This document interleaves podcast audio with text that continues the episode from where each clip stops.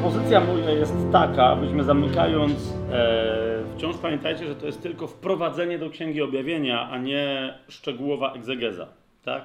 Ale ze względu na to wszystko, co, o czym jeszcze potrzebujemy powiedzieć, e, studiując Księgę Objawienia, moja propozycja jest taka, żeby dzisiaj pomodlić się e, w większości proroczym e, psalmem 68, Pro, i, i, I to mówię proroczym w sensie absolutnie nowotestamentowym.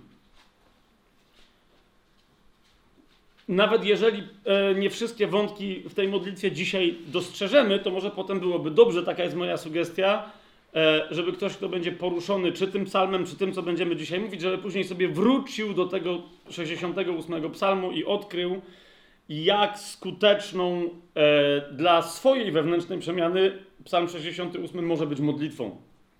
Jak e, Psalm 68 przywraca nas do lektury Księgi Objawienia, a Księga Objawienia, jak wiecie, e, kiedy się samemu czyta, albo kiedy się słucha, kiedy czyta ktoś inny, kiedy się tę księgę rozważa, przynosi pocieszenie. Nie? Więc e, Psalm 68 jest jedną z takich modlitw, czy jednym z takich tekstów biblijnych, który stanowi kwintesencję pewnych tematów. E, wręcz powiedziałbym, co do niektórych tematów stanowi dodatkowe naświetlenie, bo jest parę miejsc w Księdze Objawienia, mnóstwo miejsc, które się odnoszą między innymi do takich proroctw. Ale jeszcze raz, nie będziemy teraz e, e, Psalmu 68 roztrząsać, tylko chcemy się nim pomodlić, w którym miejscu e, ktoś z nas wie, co się tam dzieje i ma głębie zrozumienia danego wersetu czy fragmentu tego psalmu świetnie, gdzie nie ma, Duch Święty nam pomoże, tak czy siak. Chcę, żebyśmy to rozumieli, że wiecie, ten psalm był napisany w kontekście jakimś tam historycznym przez Dawida e, wiele set lat przed Chrystusem, ale jednocześnie to jest psalm, hymn zapisany przez Ducha Świętego do modlitwy dla nas dzisiaj i on jest absolutnie e, aktualny. Nie? Więc jako takim się nim pomódlmy. Ja go przeczytam, może tu i ówdzie, e, nieco zmieniając to, jak sądzę, że, że dany fragment był przetłumaczony, albo nawet nie, bo nie wiem, czy ma to sens, żeby teraz to ruszać, bo nie będę przecież tłumaczył, ale niczego więcej dzisiaj do tej naszej modlitwy e, nie dodam. Jak już zacznę czytać ten psalm. Duchu Święty, dziękujemy Ci za to, gdzie nas doprowadziłeś przez tych 15 sezonów tajemnego planu gdzie nas e, doprowadziłeś w ramach tego studium Księgi Objawienia. Dziękujemy Ci, że będziemy dalej studiować Słowo Boże, bo to nie jest koniec tej misji, nie jest koniec tego dzieła. Nawet jeżeli to siedmioletnie dzieło wprowadzenia do wszystkich ksiąg właśnie e, dzisiaj e, dociera do mety. Duchu Święty, e, my wiemy, że nie jest E, celem poznanie Biblii, ale takie jej przyswajanie, aby ona, Słowo Boże, e, stała się w nas w pełni żyjącym duchem. Aby przez słuchanie, karmienie Słowa Bożego, słuchanie się Słowem Bożym, aby Chrystus, który się w nas kształtuje, który w nas mieszka, stał się w nas, w każdej, w każdym z nas, ale też w nas jako w Kościele, stał się e, pełnią dojrzałości, bo to jest pragnienie Chrystusa. W Psalmu 68, e, Panie, dzisiaj Ojcze, w imieniu e, Jezusa i w Duchu Świętym, od czwartego wersetu chcemy Ci oddać chwałę. Śpiewajcie Bogu. Śpiewajcie psalmy Jego imieniu. Wywyższajcie tego, który przemierza niebiosa. Jahwe to jest jego imię. Radujcie się przed jego obliczem. Ojcem dla sierot i sędzią dla wdów jest Bóg w swoim świętym przybytku. Bóg samotnym daje dom, więźniów uwalnia z okowów, ale oporni mieszkają w suchej ziemi. Boże, gdy wyruszałeś przed swoim ludem, gdy kroczyłeś przez pustynię Sela, ziemia się trzęsła, a niebiosa rozpływały się przed obliczem Boga i sama góra Synaj drżała przed obliczem Boga, Boga Izraela. Zesłałeś obfity deszcz, Boże, otrzeźwiłeś swoje dziedzictwo, gdy omdlewało. Twoje zastępy w nim mieszkają. Ty, Boże, w swojej dobroci przygotowałeś je dla ubogiego. Pan dał swoje słowo. Wielki był zastęp zwiastujących dobre nowiny. Królowie wojsk uciekali, uciekali, a ta, która doglądała domu, dzieliła łupy. Chociaż musieliście leżeć wśród kotłów, będziecie jak skrzydła gołębicy pokryte srebrem, a jej pióra żółtym złotem. Gdy wszechmogący rozproszył królów w ziemi, była biała jak śnieg na górze Salmon. Góra Boża jest jak góra Baszanu, wzgórze najwyższe, wyższe niż góra Baszanu. Dlaczego wyskakujecie wzgórza wysokie? Na tej górze spodobało się Bogu mieszkać. Tam Jahwe będzie mieszkał na wieki. Rydwanów Bożych jest dwadzieścia tysięcy, wiele tysięcy aniołów. Pan przebywa wśród nich w świątyni na swoim Synaju. Wstąpiłeś na wysokość, Panie, poprowadziłeś pojmanych jeńców, przyjąłeś dary dla ludzi, nawet dla buntowników, aby Jahwe Bóg mógł z nimi wreszcie zamieszkać. Błogosławiony jest ten Pan. Codziennie obsypuje nas swoimi dobrami Bóg naszego zbawienia. Sela. Amen. Kochani, zaczniemy dzisiaj od e, jednej obiekcji, e, którą ktoś mi e, zgłosił, ale potem się okazało, że parę jeszcze innych osób o to pyta. E, pytania, wątpliwości. E, nazwałem to obiekcją, bo właśnie e, może nawet tak mocno trzeba, trzeba to, to, te, te pytania czy, czy, czy niejasności nazwać. Dobrze, że się takie pojawiły. Po ostatnim naszym nauczaniu jedna osoba je wyraziła dosyć tam głośno, potem się okazało, że ktoś z, te, z testerów i tak dalej. Powiedziałem mianowicie, że ludzie, którzy w wielkim ucisku oddadzą pokłon bestii, nieważne ile jeszcze będą mieli czasu, zwróćcie uwagę, że no niespecjalnie będą mieli wiele czasu, tak? Ale nieważne ile jeszcze będą mieli czasu do swojej fizycznej śmierci, wygląda na to w Księdze Objawienia, i mówiłem o tym, żeby to sprawdzić, tam wygląda na to, że nie będą już mieli szansy kolejnej na nawrócenie i na zbawienie. Decyzja na pokłonienie się bestii, uznaniu jej za Boga, za swojego Pana, będzie decyzją ostateczną. I nawet nie tyle, jakby większość tych obiekcji była taka na zasadzie, czemu tak, czemu będzie taki czas, kiedyś w historii ludzkości, że nie będą mieli ludzie szansy aż do samej śmierci. Tylko obiekcja była bardziej taka, jakby, a co jeżeli ja nie będę pochwycona, nie będę pochwycony, jeżeli dożyję do takiego czasu, i jeżeli będą tak przerażające tam historie się działy, e, że mnie zmuszą do tego, żeby od, coś, tortury, e, nie wiem, groźby wobec moich bliskich i tak dalej, że mnie zmuszą do tego, aby oddać pokłon bestii. Więc teraz tylko szybciutko, kochani, zanim do dzisiejszego, do dzisiejszych tematów przejdziemy, chcę to wyjaśnić, żebyśmy mieli to raz na zawsze e, zrobione. Po pierwsze, jeszcze raz, e, jak sobie, e, nie będę wszystkich, bo mówię, to za dużo czasu by nam dzisiaj zajęło, ale taki kluczowy tekst, który nam o tym mówi, że oddanie pokłonu bestii, e, uczczenie bestii jako Boga, uznanie bestii za Boga jest końcem tematu osobistego usprawiedliwienia i zbawienia. Jest jeden taki kluczowy fragment w Księdze Objawienia, który o tym mówi, ale wiele innych go potwierdza. Tylko nie będę, jeśli pozwolicie, więcej ich mówił, bo to jest łatwo sobie sprawdzić. Natomiast ten sam w sobie jest wystarczająco mocny i w dodatku ma dwukrotne potwierdzenie, że tak, ludzie, którzy za swojego życia oddadzą e, pokłon bestii, nawet jeżeli potem jeszcze przez jakiś czas będą żyli, nie będą mieli już jakby duchowo możliwości, żeby yy, yy, przyjąć usprawiedliwienie w Chrystusie. Jasne? Który to jest fragment? To jest czternasty rozdział Księgi Objawienia, rzecz jasna. I jak w nim czytamy w wersetach od 9 do 11, tam przychodzi anioł, który prorokuje jedną konkretną rzecz, tą, o której teraz mówimy, i on ją stwierdza jako fakt.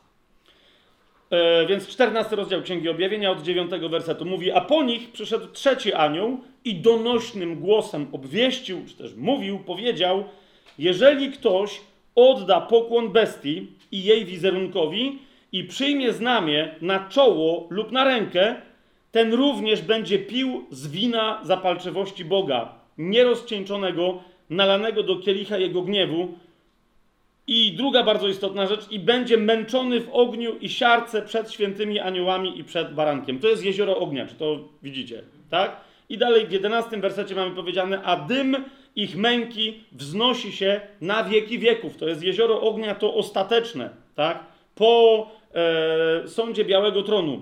I nie zaznają odpoczynku we dnie i w nocy. Kto? Jeszcze raz jest potwierdzone, ci, którzy oddadzą pokłon bestii, no też tu mamy WBG, którzy oddają pokłon bestii i jej wizerunkowi, i ten, kto przyjmuje znamię jej imienia. Jasne? Jest tu wyraźnie powiedziane, że z tym jest związane potępienie wieczne. Tu jest, to, jest, to jest wybór. Teraz, e, kochani, pierwsza, najważniejsza rzecz, bo ludzie mówią, że no tak, ale e, czyli e, ktoś nas. Okej, okay, nie możemy być wrobieni w to nieświadomie, ale co jeżeli nas okoliczności zmuszą? Kochani, jeszcze raz, zobaczcie, jaki jest kontekst w księdze objawienia. Żeby dojść do miejsca, w którym człowiek odda cześć bestii, najpierw trzeba przejść przez miejsce, że tak powiem, w czasie, w którym można być opieczętowanym jako sługa Boży. A więc rozumiecie, zanim e, bestia będzie zmuszać ludzi, żeby jej oddawali cześć, ci ludzie staną przed ostatecznym wyborem. Rozumiecie? Zobaczcie, e, e, owszem, e, Księga Objawienia konkretnie mówi tutaj o, e, że, że ta sytuacja będzie miała miejsce nawet w czasie wielkiego ucisku wobec e, synów Izraela, ale, ale zasada jest taka, że nikt nie może być poddany wpływowi bestii, takiego naciskom bestii, takiego czy innego rodzaju, e, jeżeli nie zost- y, y, jeżeli, y, jeżeli nie może być poddany bestii, jeżeli e, czy inaczej, będzie poddany bestii, jeżeli wcześniej odmówił bycia opieczętowanym. Może w ten sposób, tak? Spójrzcie, e, w Księdze Rodzaju e, jest mowa o tym, że ci, którzy oddadzą bestii pokłon, czyli przyjmą na siebie, na siebie znamię bestii. Zauważcie, kto może przy, przyjąć na siebie znamię bestii? Ten, kto ma na sobie miejsce, żeby przyjąć to znamię. Zauważcie, 14 rozdział zaczyna się od pokazania ludzi, którzy już nie mają takiego miejsca. I do nich bestia się nawet nie będzie zwracać, żeby ich zmuszać, żeby oni przyjęli be, y, znamię bestii na siebie, tylko będzie ich zabijać, ale nie będzie ich do tego zmuszać. Rozumiecie? Zobaczcie, 14 rozdział, pierwszy werset zaczyna się od pokazania ludzi, którzy, właśnie mówiąc obrazowo, nie mają na sobie miejsca na znamię bestii. 14 rozdział Księgi Objawienia, pierwszy werset. I zobaczyłem, a oto baranek stał na górze Syjon, a z nim 144 tysiące tych, którzy mieli imię jego ojca wypisane na czołach. Rozumiecie? Jak ktoś ma imię ojca wypisane na czole, to tam nie ma miejsca, żeby następnie, jak, jaką siłę ma bestia, żeby zmazać imię ojca i wpisać tam swoje imię. Rozumiecie? Albo ktoś, kto je już przyjął. Nie? To a propos całej też dywagacji o, e, w, w kwestii możliwej utracalności zbawienia. Nie? Człowiek sam sobie nie może napisać tego imienia na czole i nie może sobie go zmazać. Po prostu. Ponieważ e, to jest oznaczenie własności Bożej własność nie może zmienić swojego właściciela, bo jest własnością i nie ma związku z prawem własności do samej siebie. Ma to sens, co powiedziałem? Ok. Siódmy rozdział nam już wcześniej to e, pokazywał. To jest siódmy rozdział. E, trzeci werset, tam jest inny anioł, ma się zacząć sąd nad ziemią, e, kataklizmy na ziemi i tak dalej, e, ale pojawia się informacja dla tych, którzy tam mają je, e, e, te, te, te, te, kary Boże i sądy Boże wnieść na ziemię, dowiadują się, siódmy rozdział, trzeci i czwarty werset, nie wyrządzajcie szkody ziemi, ani morzu, ani drzewom, dopóki nie opieczętujemy sług naszego Boga na ich czołach. Nie? Widzicie, to są ci, którzy, ta pieczęć to jest imię Ojca na czole później e, dla tych, którzy chodzą za barankiem, dopóki jeszcze fizycznie są na ziemi. Ma to y, sens dla wszystkich, tak? Okej. Okay. Zatem rozumiecie, kto przyjmie znamie bestii? Ktoś, kto najpierw przeklnie Jezusa. A więc rozumiecie, to jest, to jest naturalna konsekwencja świadomego, ostatecznego odrzucenia zbawienia, które przychodzi od Boga. Jasne?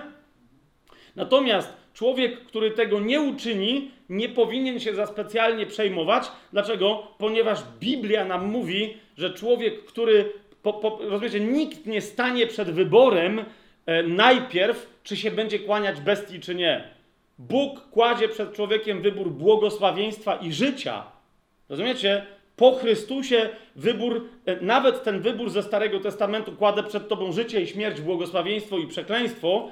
E, zauważcie, że w Nowym Przymierzu się nieco zmienia. My korzystamy zwykle z tamtego fragmentu, żeby przywołać, e, kiedy głosimy Ewangelię ludziom, ten obraz, zrozumienie, że Bóg co mógł, to zrobił. Teraz jest ich kolej, teraz jest Twój wybór, ale rozumiecie, prawda jest taka, jak na przykład trzeci rozdział Ewangelii Jana nam o tym mówi, że e, Jezus przyszedł i On najpierw dokonał wyboru i umarł za wszystkich ludzi, wszystkich pokoleń. Tak? A więc On odkupił wszystkich, nie tylko odkupienie nie jest tylko dla tych, którzy coś wybiorą, nie? Więc wybór tak naprawdę jest na co? Nie, żeby się dokonało odkupienie. Wybór polega na przyjęciu tego, co już jest dokonane. Tak? Kto tego nie zrobi, zauważcie, nie jest tak, że dopiero wybiera nieszczęście, wybiera przekleństwo, wybiera potępienie. Wszyscy ludzie, którzy nie przyjmują życia, już są potępieni, jak mówi Jezus w trzecim rozdziale Ewangelii Jana. Tak? Kto nie uwierzył, już jest potępiony, lub też jak inne jest tłumaczenie, już sam siebie potępił, bo nie uwierzył. Nie? To, nie, to, wiecie, to nie jest tak, że czyli ktoś stoi przed wyborem. Wiecie, w tym sensie to jest trochę fałszywe, jak mówię, mówię, cytujemy ten Stary Testament, ale musimy naprawdę ludziom bardzo precyzyjnie to powiedzieć. To nie jest tak, że ludzie się znajdują w jakimś neutralnym stanie, że rozumiecie, co ja mówię, no nie? I jakby, bo ja nawet kiedyś byłem świadkiem takiej rozmowy, ktoś mówi, dobra, ale dopóki się nie zdecydowałem, to jeszcze mam luzy. Dosłownie taki tekst padł, nie? Ja mówię, jakie luzy? Ale to tak było ogłoszone, no wybierasz albo życie, albo śmierć. Mówi, to ja na razie nie wiem. Na razie mogę, czy, czy mogę sobie żyć, to, jest, to nie jest rozum. Ewangelia Jana mówi coś yy, wręcz przeciwnego. Ty, ty już jesteś w pewnym stanie. Zobaczcie Ewangelię Jana, trzeci rozdział, żebyśmy to wyraźnie przeczytali. Tak? Yy, świat całkowicie jest odkupiony i trzeba świadomie się zdecydować na nieprzyjęcie tego daru, tak? E, dlatego głoszenie Ewangelii jest tak istotne. Trzeba się świadomie zdecydować na nieprzyjęcie tego daru, żeby zostać potępionym. Ale kiedy już ktoś stoi wobec tego rodzaju głoszenia i w sercu ma się dokonać, rozumiecie, w nim e, akt uwierzenia e, Jezusowi, to ten ktoś tam stoi jako już potępiony grzesznik. Czy rozumiecie o co mi chodzi? A nie ktoś jest neutralny i kto dopiero wybierze życie albo śmierć. Jasne? Tam stoi już potępiony grzesznik, ktoś, kto jest skazany na potępienie. Zobaczcie, trzeci rozdział Ewangelii Jana, 17 i 18 werset. Bóg nie posłał swojego syna na świat, aby potępił świat, lecz aby świat był przez niego zbawiony. No i został zbawiony, tak? 18 werset. Kto wierzy w niego, nie będzie potępiony, ale kto nie wierzy, już jest potępiony, bo nie uwierzył w imię jednorodzonego Syna Bożego. Dopóki nie uwierzysz, jesteś w stanie potępienia, a nie w jakimś neutralnym stanie, po którym dopiero e, wybierzesz albo życie, albo śmierć. To, to, to, jest jasne, więc to sobie musimy zawsze doprecyzowywać. Teraz, kochani, e, kiedy ktoś uwierzył w sercu Jezusowi, przez samo to, co się dzieje w sercu, nie żadne akty zewnętrzne, nie czyny cielesne, Pamiętajcie, że nawet wyznanie Jezusa swoim Panem jest już aktem cielesnym i on nie może być zbawczy, tak? Przynajmniej usprawiedliwiający, bądźmy precyzyjni, ponieważ usprawiedliwia cię tylko i wyłącznie wiara w sercu, tak? Dzięki niej stajesz się nowonarodzonym stworzeniem, które ma nowe serce i nowego ducha, i ten nowy duch nakłania cię do pierwszego aktu zbawiennego, wynikającego z Twojej wiary, wynikającego z Twojego usprawiedliwienia, którym jest wyznanie ustami Jezusa jako swojego Pana. Tak? I teraz, jak o tej sytuacji y, mówi nam y, y, o stanie takiego człowieka, właśnie w kontekście bycia prześladowanym, Paweł w pierwszym liście do Koryntian. Jak sobie otworzymy 12 rozdział, zobaczcie, on y, co prawda tam mówi o darach duchowych, ale zaczyna od tego, e, że darami się ludzie mogą posługiwać jak chcą. Ale w 12 rozdziale, w trzecim wersecie mówi, że jest pewna rzecz, której my jakby no, nie mamy pełnej, w ogóle nie mamy kontroli nad nią. Jaka to jest rzecz? Zobaczcie, 12 rozdział, trzeci werset. Paweł mówi, dlatego oznajmiam wam, że nikt, kto mówi przez Ducha Bożego, nie powie, że Jezus jest przeklęty. Tutaj się pojawia to niesławne słowo greckie anatema, tak? Nie, nie może, nie, po prostu nie, nikt, kto ma Ducha Świętego w sobie, czyli nowonarodzona osoba, nie przeklnie Jezusa. Rozumiecie o co chodzi? Jeszcze raz, powinniśmy się przestać bać, że jak staniemy wobec jakiegoś sądu, próby, pokusy, aby, aby rozumiecie, żeby się zaprzeć Jezusa, powinniśmy się po pierwsze przestać bać, bo Duch Święty nam na to nie pozwoli. Czy to jest jasne? Nie? Podobnie zwróćcie uwagę, nikt też, dalej w tym trzecim wersecie, nikt też nie może powiedzieć, że Jezus jest Panem, jak tylko przez Ducha Świętego. Ludzie, którzy, którzy mówią innym, że jak wyznasz Jezusa swoim Zbawicielem i Panem, to będziesz usprawiedliwiony, są w błędzie. Bo nie może ktoś być usprawiedliwiony przez wyznanie Jezusa swoim Panem, bo nie ma Ducha Świętego. Tak? To się dzieje tylko i wyłącznie przez akt wiary. Tak? Ma, mamy to? Niewypowiedzianej. To jest to. Sercem wierzy się ku sprawiedliwości, a wyznaje ustami ku zbawieniu. Amen? List do Rzymian, 10 rozdział, Ok, więc to jest pierwsze. Jak mamy Ducha Świętego, nie powinniśmy się bać. I teraz rozumiecie, czas najwyższy, żebyśmy przyjęli właściwą, właściwe rozumienie słów, które Pan Jezus na ten sam temat powiedział. Bo pamiętajcie, Paweł powiedział: Jak masz Ducha Świętego, nie wyrzekniesz się Jezusa, nie przeklniesz go. Tak? Możesz się powstrzymać, żeby się nie przyznać do niego jako do swojego Pana publicznie, ale nie przeklniesz go publicznie. Tak? Więc ja teraz pomijam, czy w ogóle będzie ktokolwiek z kościoła, żeby jeszcze, wiecie, w czasie wielkiego ucisku tam miał być prześladowany i żeby go ktoś miał zmuszać. Rozumiecie, o co mi idzie? Zwłaszcza, że ewidentnie Księga Objawienia tam sugeruje, e, że tam kościoła już nie będzie. Jeszcze raz, o pochwyceniu my jeszcze kiedyś jeszcze więcej powiemy niż to, co kiedyś do tej pory e, już zostało powiedziane.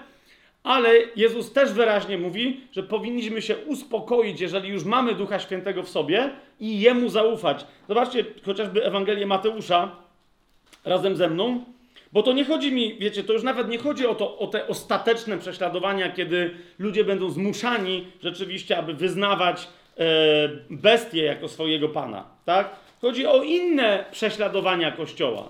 To jest cały czas to samo. Nikt nie ma takiej władzy, żeby, rozumiesz, żeby zmusić Twojego ducha, który jest wypełniony Duchem Świętym, do tego, żeby się zaprzeć Jezusa. Tak? Zobaczcie Ewangelia Mateusza, 10 rozdział, od 17 do 20 wersetu Pan, Pan Jezus mówi tak. I strzeżcie się ludzi. Z 10 rozdział od 17 do 20 wersetu. I strzeżcie się ludzi, mówi. Będą was bowiem wydawać radom i będą was biczować w swoich synagogach. Także przed namiestników i przed królów będą was prowadzić z mojego powodu na, na świadectwo przeciwko nimi poganom. Widzicie, co jest grane? Jezus wie, że kiedy jego uczniowie, nowonarodzone osoby są prowadzone przed różnego rodzaju trybunały sądzące, to to, czego my się mamy, jak my to mamy rozumieć, to jest, że my tam idziemy na świadectwo. Żeby dać świadectwo, nic innego się nie może wydarzyć. I dlatego Pan Jezus mówi, ale gdy was wydadzą, nie martwcie się, jak i co macie mówić. Zobaczcie na to. Będzie wam bowiem dane w tej godzinie, co macie mówić. No i tutaj jest absolutnie genialne, fantastycznie pocieszające zdanie, bo nie wy mówicie, ale duch waszego ojca mówi w was. Czy rozumiecie? To jest dokładnie. Połączcie sobie, ja wiecie. Y, y, myślę, że powinniśmy mieć taką starą korelację, stałą korelację. Ja mojej w starej Biblii, e, takiej pierwszej, w której zrobiłem bardzo dużo notatek, żeby właśnie tego typu połączenia sobie zapamiętać. Miałem tutaj zawsze zapisane e, połączenie z 1 do Koryntian 12:3. I przy 1 do Koryntian 12:3 miałem Mateusza 10:20. Bo nie wy mówicie, ale duch waszego ojca mówi w was. Rozumiecie? To jest jedna i Y, jedna i ta sama instancja. Teraz tylko dodam, kochani, jeszcze jedną rzecz i na tym skończę, bo myślę, że to jest jasne, tak? Nie ma się co tym przejmować, że jakakolwiek siła, jeżeli jesteś nowonarodzoną osobą, e, odwiedzie cię od wyznawania Jezusa albo zmusi cię do wyznania bestii. Po prostu. Gdyby tak było, zwróćcie uwagę na to, gdyby prześladowanie, nawet takie jak będzie za czasów bestii, mogło zmusić kogoś do wyznania wierzącego, nowonarodzonego do wyznania imienia bestii, to rzeczywiście usprawiedliwienie byłoby utracalne. Tak? Ale nie jest. I do, do, dokładnie Słowo Boże nam o tym mówi. To, co, nas, co nam daje usprawiedliwienie przez wiarę w sercu, nie może już być odebrane. I dlatego rozumiecie, my nie mamy wolności w pos- y, mamy wolność w posługiwaniu się darami. 12 rozdział jest o darach Ducha Świętego, tak? Ale Paweł zaczyna od tego, że ale ten dar nie, y, y, jest już dany i Duch Święty zawsze przejmuje wtedy twoje wyznanie. Jeżeli chcesz zaprzeć się Jezusa, on cię na to nie pozwoli. Po prostu nie, nie możesz przeciwko niemu zbluźnić. W ten sposób też nie możesz już od tej pory zgrzeszyć przeciwko Duchowi Świętemu i zaprzeczyć wierze, która przyprowadziła cię do nowego narodzenia. Czy to jest jasne? Natomiast, kochani, dodam na koniec jeszcze jedną bardzo istotną rzecz, bo tam, gdzie się ten wyraz anatema pojawia, to on się potem pojawia, czyli w pierwszym liście do Koryntian, on się tam pojawia nieraz, to jest bardzo rzadki wyraz, e, ale właśnie się pojawia w 12 rozdziale, że nikt nie może ogłosić anatemy w swoim życiu na Jezusa. Ale mamy też taki inny fragment, yy, to jest 16 rozdział pierwszego listu do Koryntian, który dla, nie, dla wielu ludzi jest zdumiewający. Niektórzy znowu mówią, ojej, to jest trudny fragment, więc może uznajmy, że ktoś go może dopisał. No, ktoś go dopisał, jest wyraźnie napisane, że Paweł, wła- Paweł własną ręką dopisał, więc jakby halo, to nie jest dopisek kogoś, to jest natchniony dopisek, tak? Nawet y, y, przesławna y, angielska King James Version, czyli Biblia Króla Jakuba, e, w tym miejscu e, obawia się tłumaczenia i z, tego co pamiętam, nie wiem, czy to jest King James, tak, to jest King James, e, więc mamy 16 rozdział, 22 werset. E, I tam nawet po angielsku, z tego co pamiętam, to było dla mnie zawsze takie, co oni tu piszą, a w każdym razie mamy werset, który mówi, jeżeli ktoś nie miłuje Pana Jezusa Chrystusa, i w języku angielskim, pamiętam, że to chyba jest King James, sprawdźcie mnie, jeżeli nie, ale tam nie ma w ogóle wtedy tłumaczenia, tylko jest e, tam if someone e, has got not love, coś takiego, bo to jest ten stary angielski, ale w każdym razie, jeżeli ktoś nie kocha Jezusa Chrystusa, anatema maranata. To jest jest takie tłumaczenie. Ja pamiętam, jak pierwszy raz po angielsku czytałem, myślę, e, serio, wszędzie wiecie, co to znaczy, a tu nie wiecie, co to znaczy? Bo, bo, nawet wtedy tłumacz miał problem.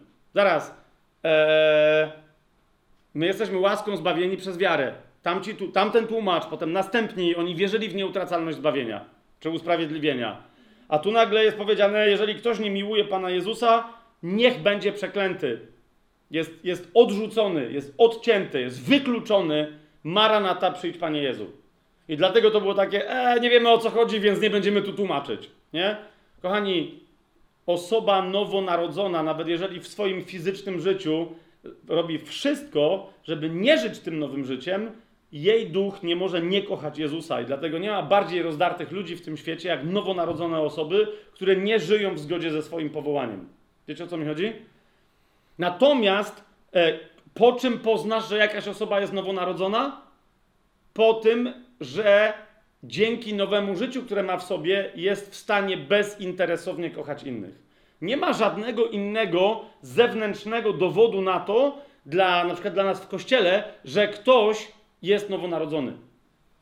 Kapujecie? Pierwszy list Jana, y, i, i, y, ale teraz ktoś powie, no ale tu jest mowa nie o ludziach, tylko o miłowaniu Pana Jezusa. Pierwszy list Jana mówi wyraźnie, że jeżeli nie kochasz bliźniego, którego widać, a twierdzisz, że kochasz Boga, którego nie widać, to jesteś kłamcą. Wyrazem Twojej miłości do Jezusa jest Twoja miłość najpierw do sióstr i braci, a potem do wszystkich innych bliźnich, włącznie z Twoimi wrogami. Ok? E, otwórzmy sobie pierwszy list Jana.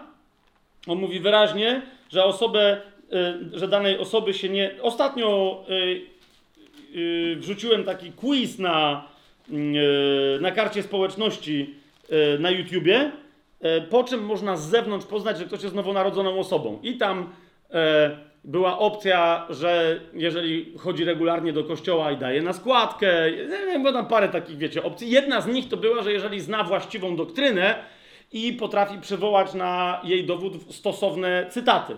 Nie? I teraz chodzi o to, nie chcę absolutnie nikogo tam jakoś urazić w tym momencie, e, e, ale jedna z odpowiedzi brzmiała, że tylko po tym, czy ma miłość do bliźnich taką jak Jezus. Nie? I ktoś tam odpisał, że no, dał taką odpowiedź że dobrze, ale tam właśnie był taki jeden komentarz, nie wiem kogo, bo tam z tego co pamiętam, to chyba jakaś tam anonimowa osoba, ale ktoś tam dał taki komentarz, że Okej, okay, no on okazuje się, że według autora tego quizu dał dobrą odpowiedź, ale według niego powinno być, że miłuje bliźnich i, i zna doktrynę i potrafi przywołać właściwe, e, właściwe cytaty. Nie? E, Ktoś tam jeszcze inny mi tam w rozmowie zasugerował, że jednak chodzenie do kościoła też by się przydało. Czy nawet ten ktoś chyba napisał, że, że chodzi do kościoła i zna doktrynę i tak dalej, i tak dalej. Nie? E, ja już pomijam chodzenie do kościoła, kochani, bo zauważcie, że w Nowym Testamencie nikt nigdy nie chodził do kościoła, bo nie było czegoś takiego, do czego by się chodziło. Nie ma chodzenia do kościoła.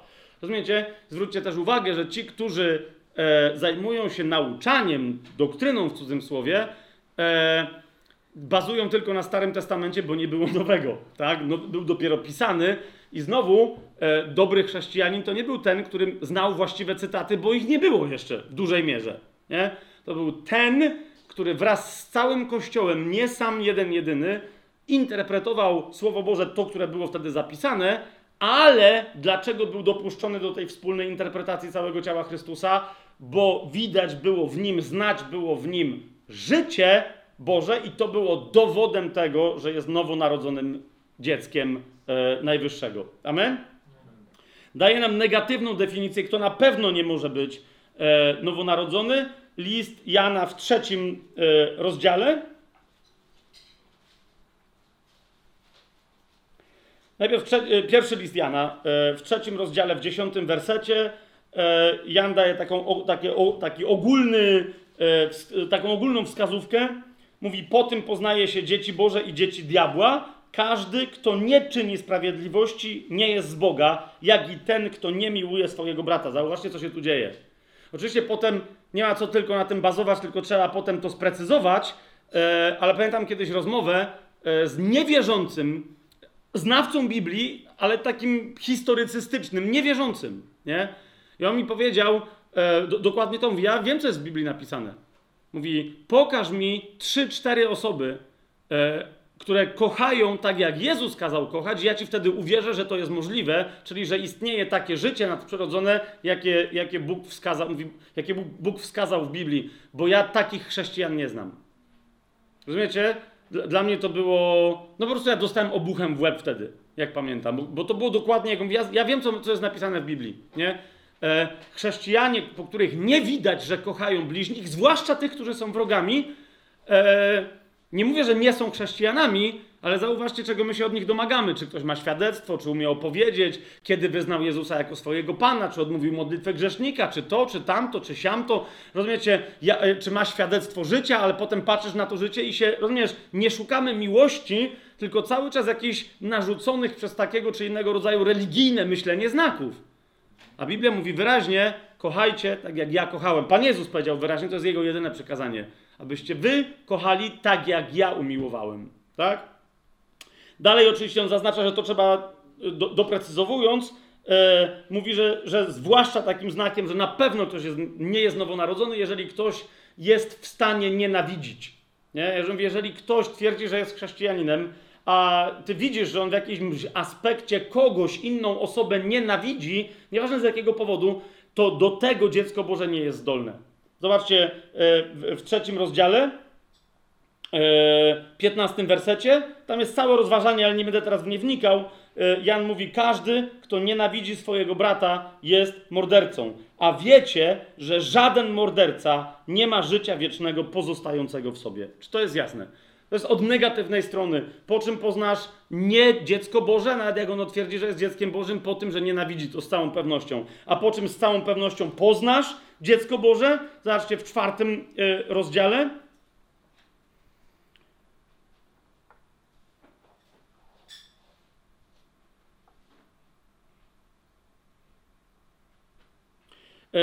w czwartym rozdziale, y, zobaczmy, dwunasty werset.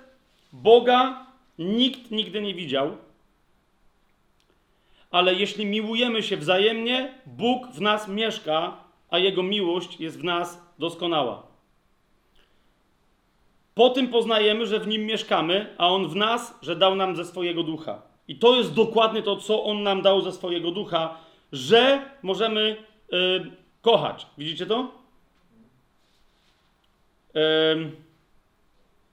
20 werset. Jeżeli ktoś mówi, miłuje Boga, a nienawidzi swojego brata, jest kłamcą. Kto bowiem nie miłuje swojego brata, którego widzi, jak może miłować Boga, którego nie widzi? Eee, I jeszcze jedna bardzo istotna e, rzecz, bo to jest rozwinięcie tej, tej, tej myśli, ale teraz ja skonkluduję w czwartym rozdziale, bo cała ta myśl zaczyna się od siódmego wersetu. Umiłowani, miłujmy się wzajemnie, gdyż miłość jest z Boga. I każdy, kto miłuje, narodził się z Boga i zna Boga. Jasne? Jest jeszcze innym tematem. Ja osobiście bym chciał zrobić cały ciąg w ogóle nauczań e, na ten temat. E, ale nie będę teraz w to, w to wchodzić. Mianowicie, czym się różni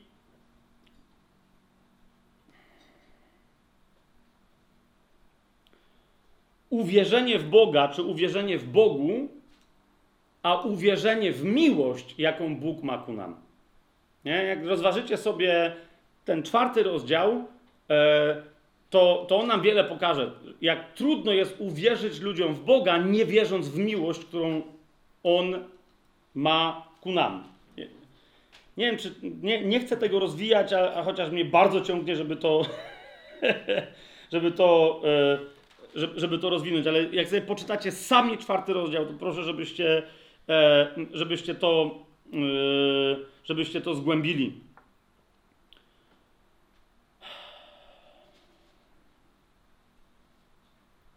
Tyle. Zostawiam, zostawiam ten temat. Więc jeszcze raz, jeszcze raz, jeżeli ktoś, powin, jeżeli ktoś chce się upewnić, czy jest nowonarodzony, powinien się upewnić, czy jest w stanie kochać bezinteresownie tak jak Jezus. To jest najważniejsze chrześcijańskie zadanie. Na tym polega cała droga naszego poszukiwania i realizacji swojego osobistego powołania. E, nie na realizacji marzeń, pasji, realizowaniu talentów, e, e, samospełnianiu się i innych tego typu bredniach. Okay? Zawsze znajdziemy swoje powołanie tam, kiedy wychodzimy z siebie, aby służyć innym w miłości, tak jak to zrobił Jezus. Nie ma żadnego innego osobistego powołania, jak, jak, jakie Pan mógł komukolwiek dać. Więc jeżeli masz pewność co do tego, możesz mieć też pewność, że żadna bestia cię nie zmusi, żeby się jej kłaniać. Amen? Amen? Amen? Żeby już nie było co do tego żadnych wątpliwości i żadnych obiekcji. I teraz, kochani, przechodzimy do e, e, najważniejszych tematów drugiej części Księgi Objawienia. E, mam na myśli proroctwa Księgi Objawienia. Jedna była chronologiczna i to zrobiliśmy ostatnim razem. A teraz zajmiemy się opisami poszczególnych zjawisk.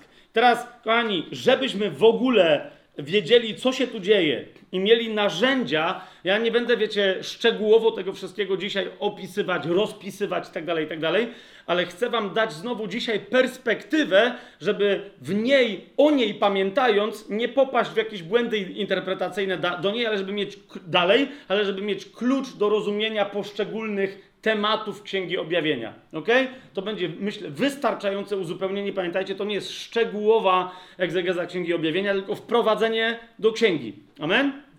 I teraz, kochani, e, Księga, e, e, opis tego, co się ma jeszcze wydarzyć do momentu przyjścia Pana Jezusa, chronologiczny, jak pamiętacie, kończy się w 11, e, w 11 rozdziale. Tak?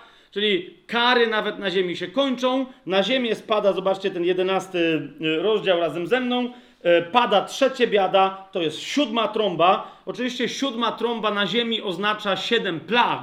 Okay? O tym jeszcze dzisiaj sobie nieco, nieco więcej powiemy, ale te wszystkie plagi, e, jakby no, w niebie to jest jasne, że Jezus wyrusza na ziemię, aby objąć swoje królestwo. 15 werset 11 rozdziału Księgi Objawienia mówi: Zatrąbił siódmy anioł i odezwały się donośne głosy w niebie, mówiące, tu bym dodał, oto, właśnie w tym momencie, królestwa świata, wszystkie królestwa świata stały się królestwem naszego Pana i Jego Chrystusa i będzie królować na wieki wieków. Jasne? Natomiast na ziemi on, on już wtedy rusza objąć to królestwo. Ci wszyscy królowie na ziemi wiedzą, że już nie mają władzy. Teraz jest tylko kwestia pokonania ich, osądzenia ich dotychczasowych e, rządów, e, scalenia, ustalenia, które narody przechodzą do milenium, które nie przechodzą. To wiecie o co mi chodzi, tak? I, za, i, i zapoczątkowania tysiącletniego królestwa i jego porządku. E, y, ta ostateczna bitwa, kiedy Jezus schodzi na ziemię i pokonuje, bo znaczy bitwa, e, Jezus schodzi na ziemię, bo jest koniec, no, tak to nazywam jakąś. Tam jest ekipa ustawiona do bitwy, tak, która jakimś cudem przetrwa te ostatnie plagi. Pamiętajcie, że e, kiedy w niebie otwiera, kiedy się niebo otwiera, żeby Jezus zaczął stępować, to jest 19 werset. e, Na ziemi też się dzieją konkretne rzeczy. Potem otworzyła się świątynia Boga w niebie i arka jego przymierza ukazała się w jego świątyni. I na ziemi nastąpiły błyskawice, głosy, grzmoty, trzęsienia ziemi i wielki grad. Jasne to jest? Coś, co się dzieje w niebie, co się dzieje na ziemi. Teraz od tego momentu Jezus wstępuje na ziemię.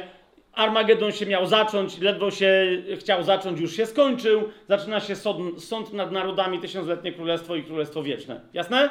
To jest koniec opisu chronologicznego tutaj. Tak? Do momentu zstąpienia Jezusa na ziemię. Od 12 rozdziału, od pierwszego wersetu natomiast zaczyna się uzupełnianie tego chronologicznego opisu.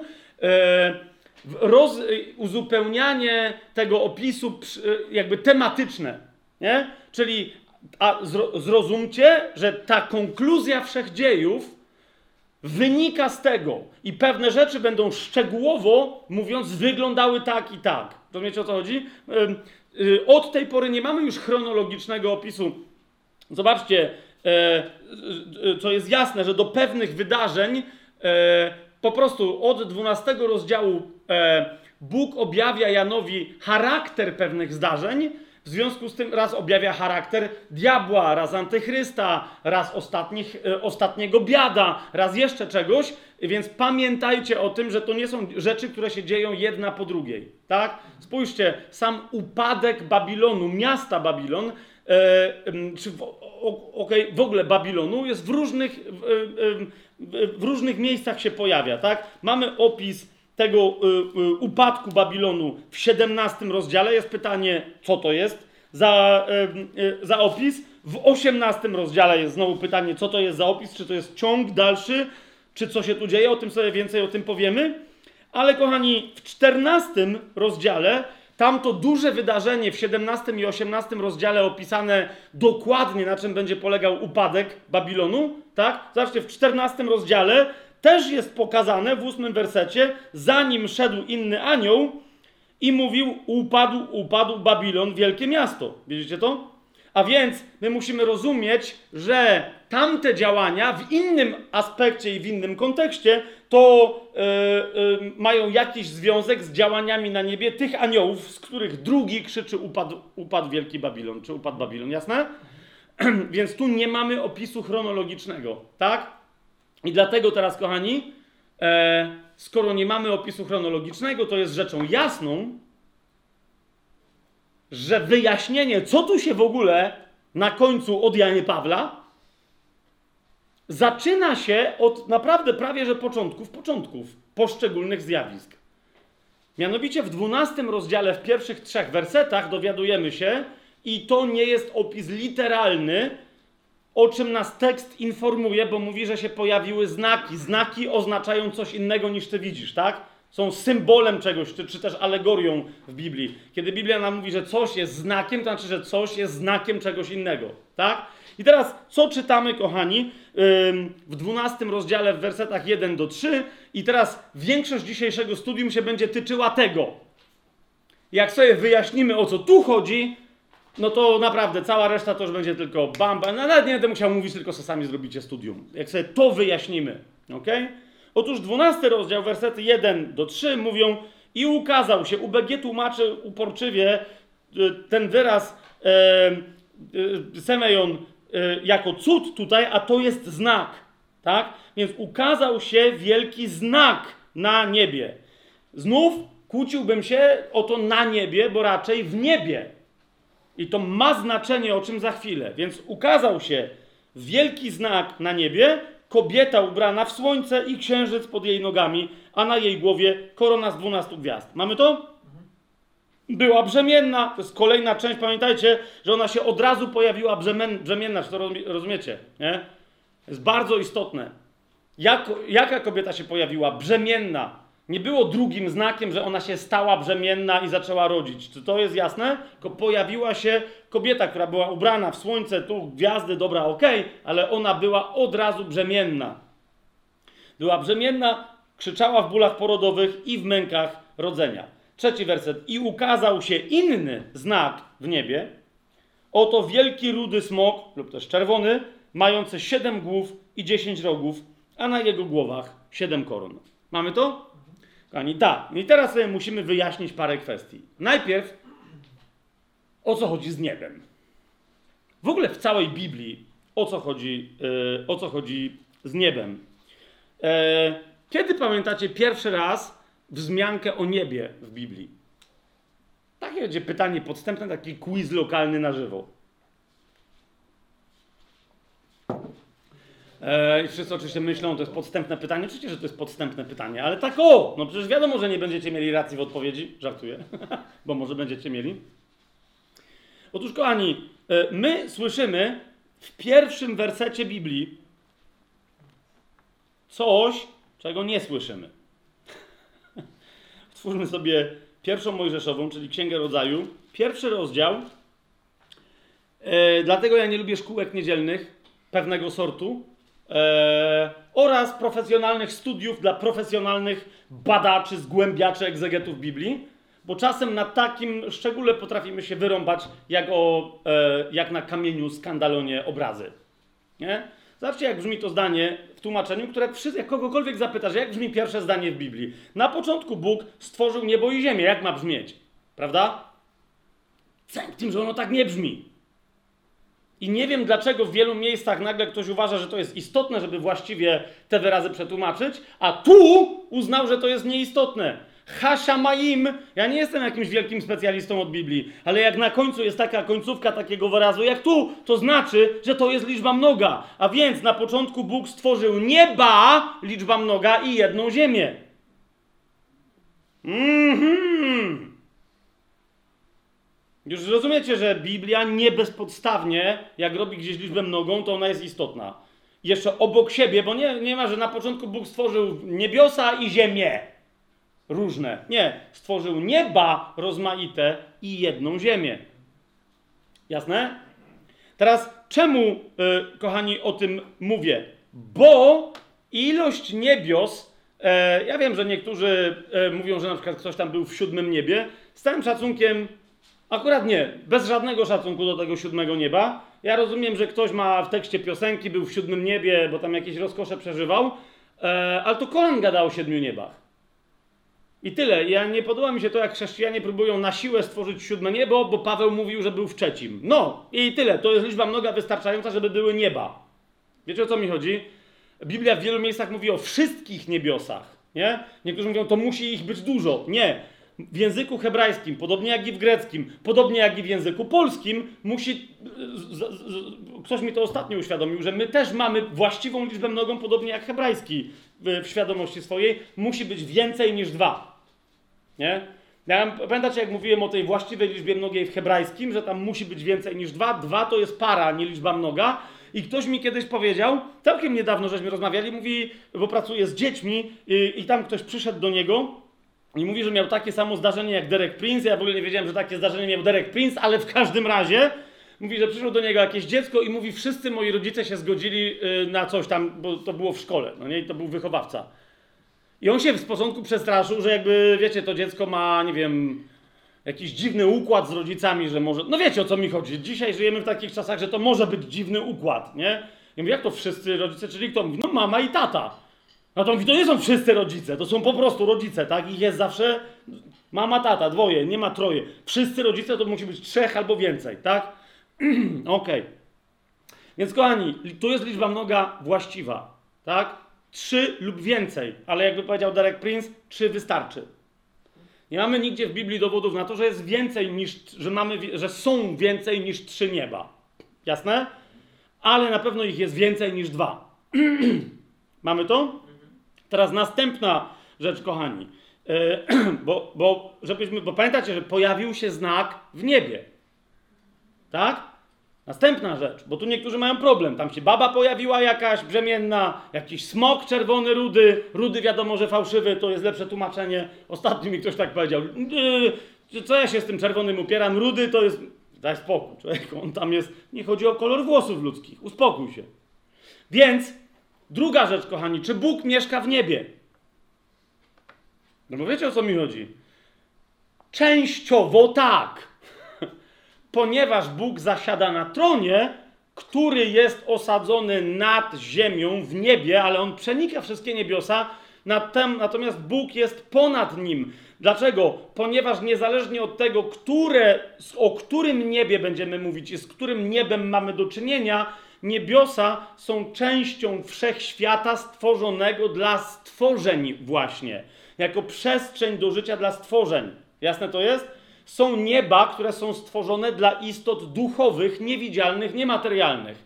Dla istot materialnych, czyli dla ludzi, zostało stworzone specjalne niebo, no jedno z tych przynajmniej trzech, i ziemia. Ziemia znajduje się pod tym jednym niebem. Kapujecie? Inne niebiosa w jakimś porządku rzeczy są może ponad tym niebem, nie wnikam w to teraz, ale chodzi mi o to, że my znamy Ziemię i niebo, które jest ponad naszą Ziemią, tak? Ale są inne nieba, w których zamieszkuje, zamieszkują aniołowie czy istoty duchowe, tak? Natomiast co jest bardzo istotne, kochani, to nie jest właściwe zamieszkanie Boga. Ok? To jest część jego, jakby, wiecie, ale jego chwała się objawia i w niebach, i na ziemi. Tak?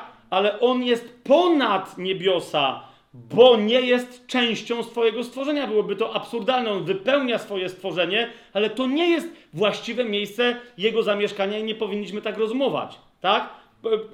Nie, wiecie, nie mamy na to czasu, tylko chcę na pewien, pewien aspekt Wam zwrócić uwagę i dzisiaj będziemy doprecyzować parę takich pojęć, które, które nieświadomie wyznajemy niezgodnie ze Słowem Bożym. Otwórzmy sobie Psalm 57, potem sobie możecie sprawdzić w wielu innych miejscach to, o czym teraz mówię, bo zaraz sobie pewną zasadę sformułujemy, tak? Ale zobaczcie razem ze mną, Psalm, Psalm 57. Ehm, Nie? Jeżeli Bóg ma odebrać właściwą chwałę, to zobaczcie w 50 e, psalmie, werset 5. Bądź wywyższony, Boże, ponad niebiosa. To jest pełna liczba mnoga, rozumiecie? Ponad wszystkie możliwe niebiosa. To jest tak, tak mówi hebrajski, 57 psalm, 5 werset.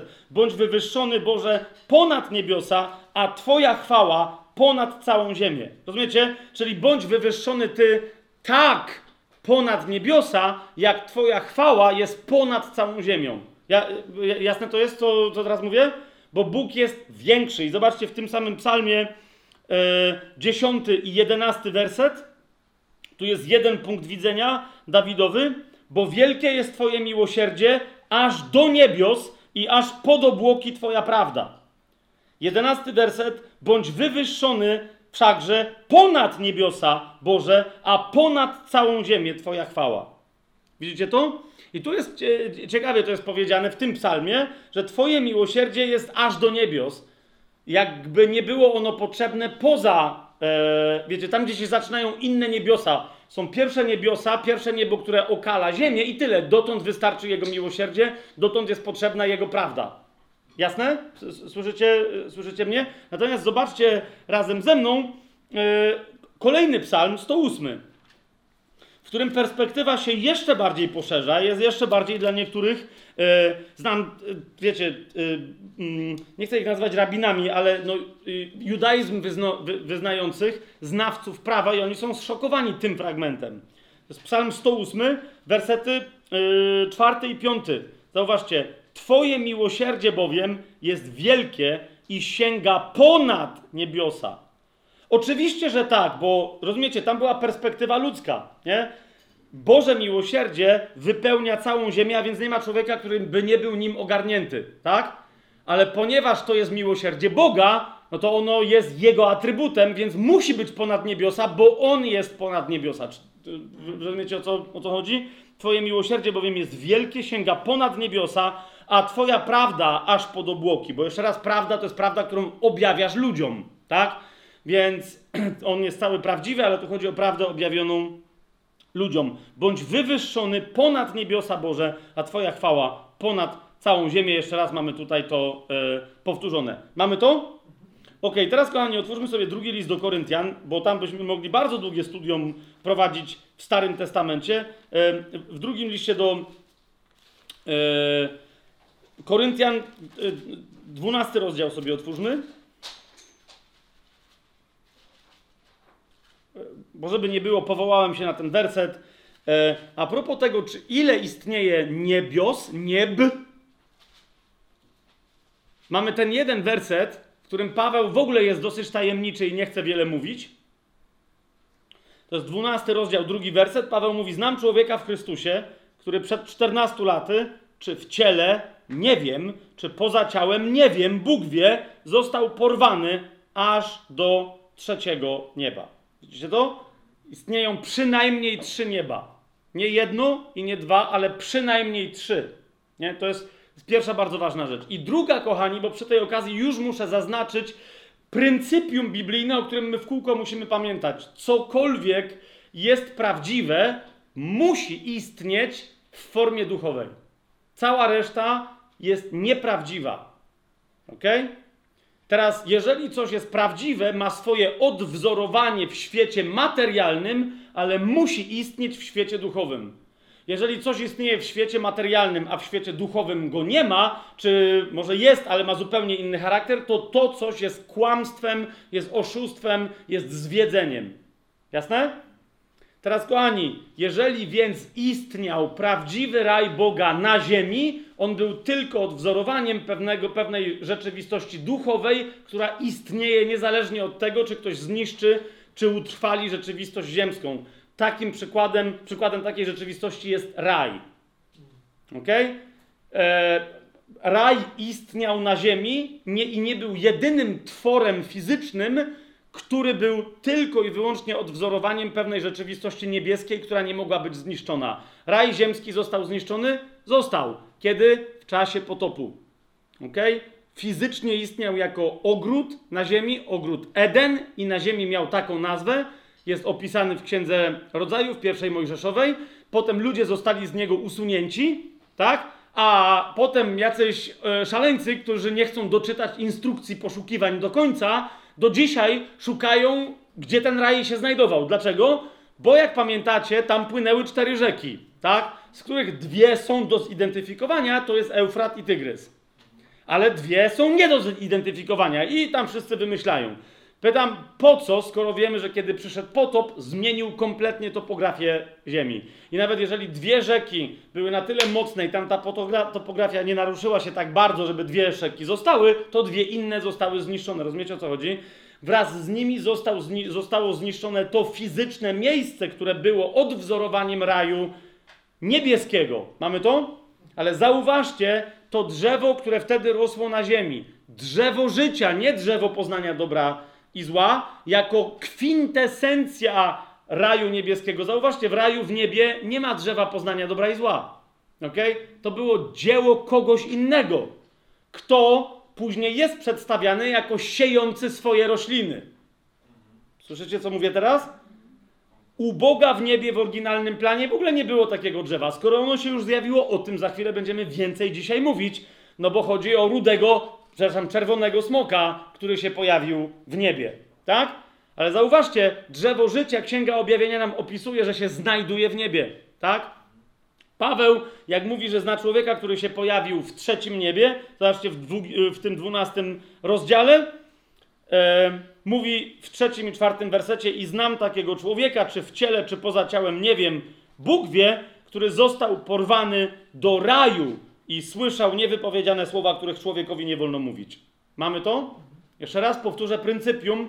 Prawdziwe Boże rzeczy, skoro istnieją, to istnieją najpierw w świecie duchowym. Dlaczego? Bo świat duchowy jest, ja teraz się posłużę trochę takim pleonazmem, e, e, ale jednak się e, ta, tautologią swoistą, ale jednak powiem, e, prawdziwa rzeczywistość jest tylko i wyłącznie duchowa.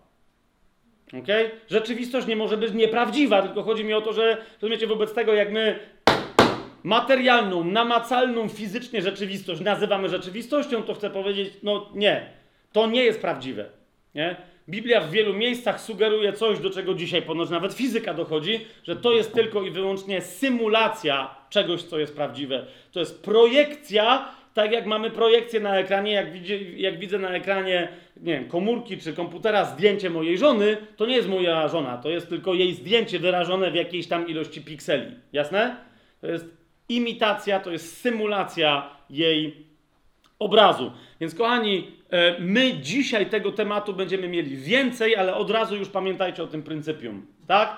Cokolwiek pojawia się i jest wyrazem prawdy na ziemi, musi być prawdą e, i istnieć w świecie duchowym. Inaczej jest kłamstwem, oszustwem, jest iluzją, ułudą i zwiedzeniem. Amen?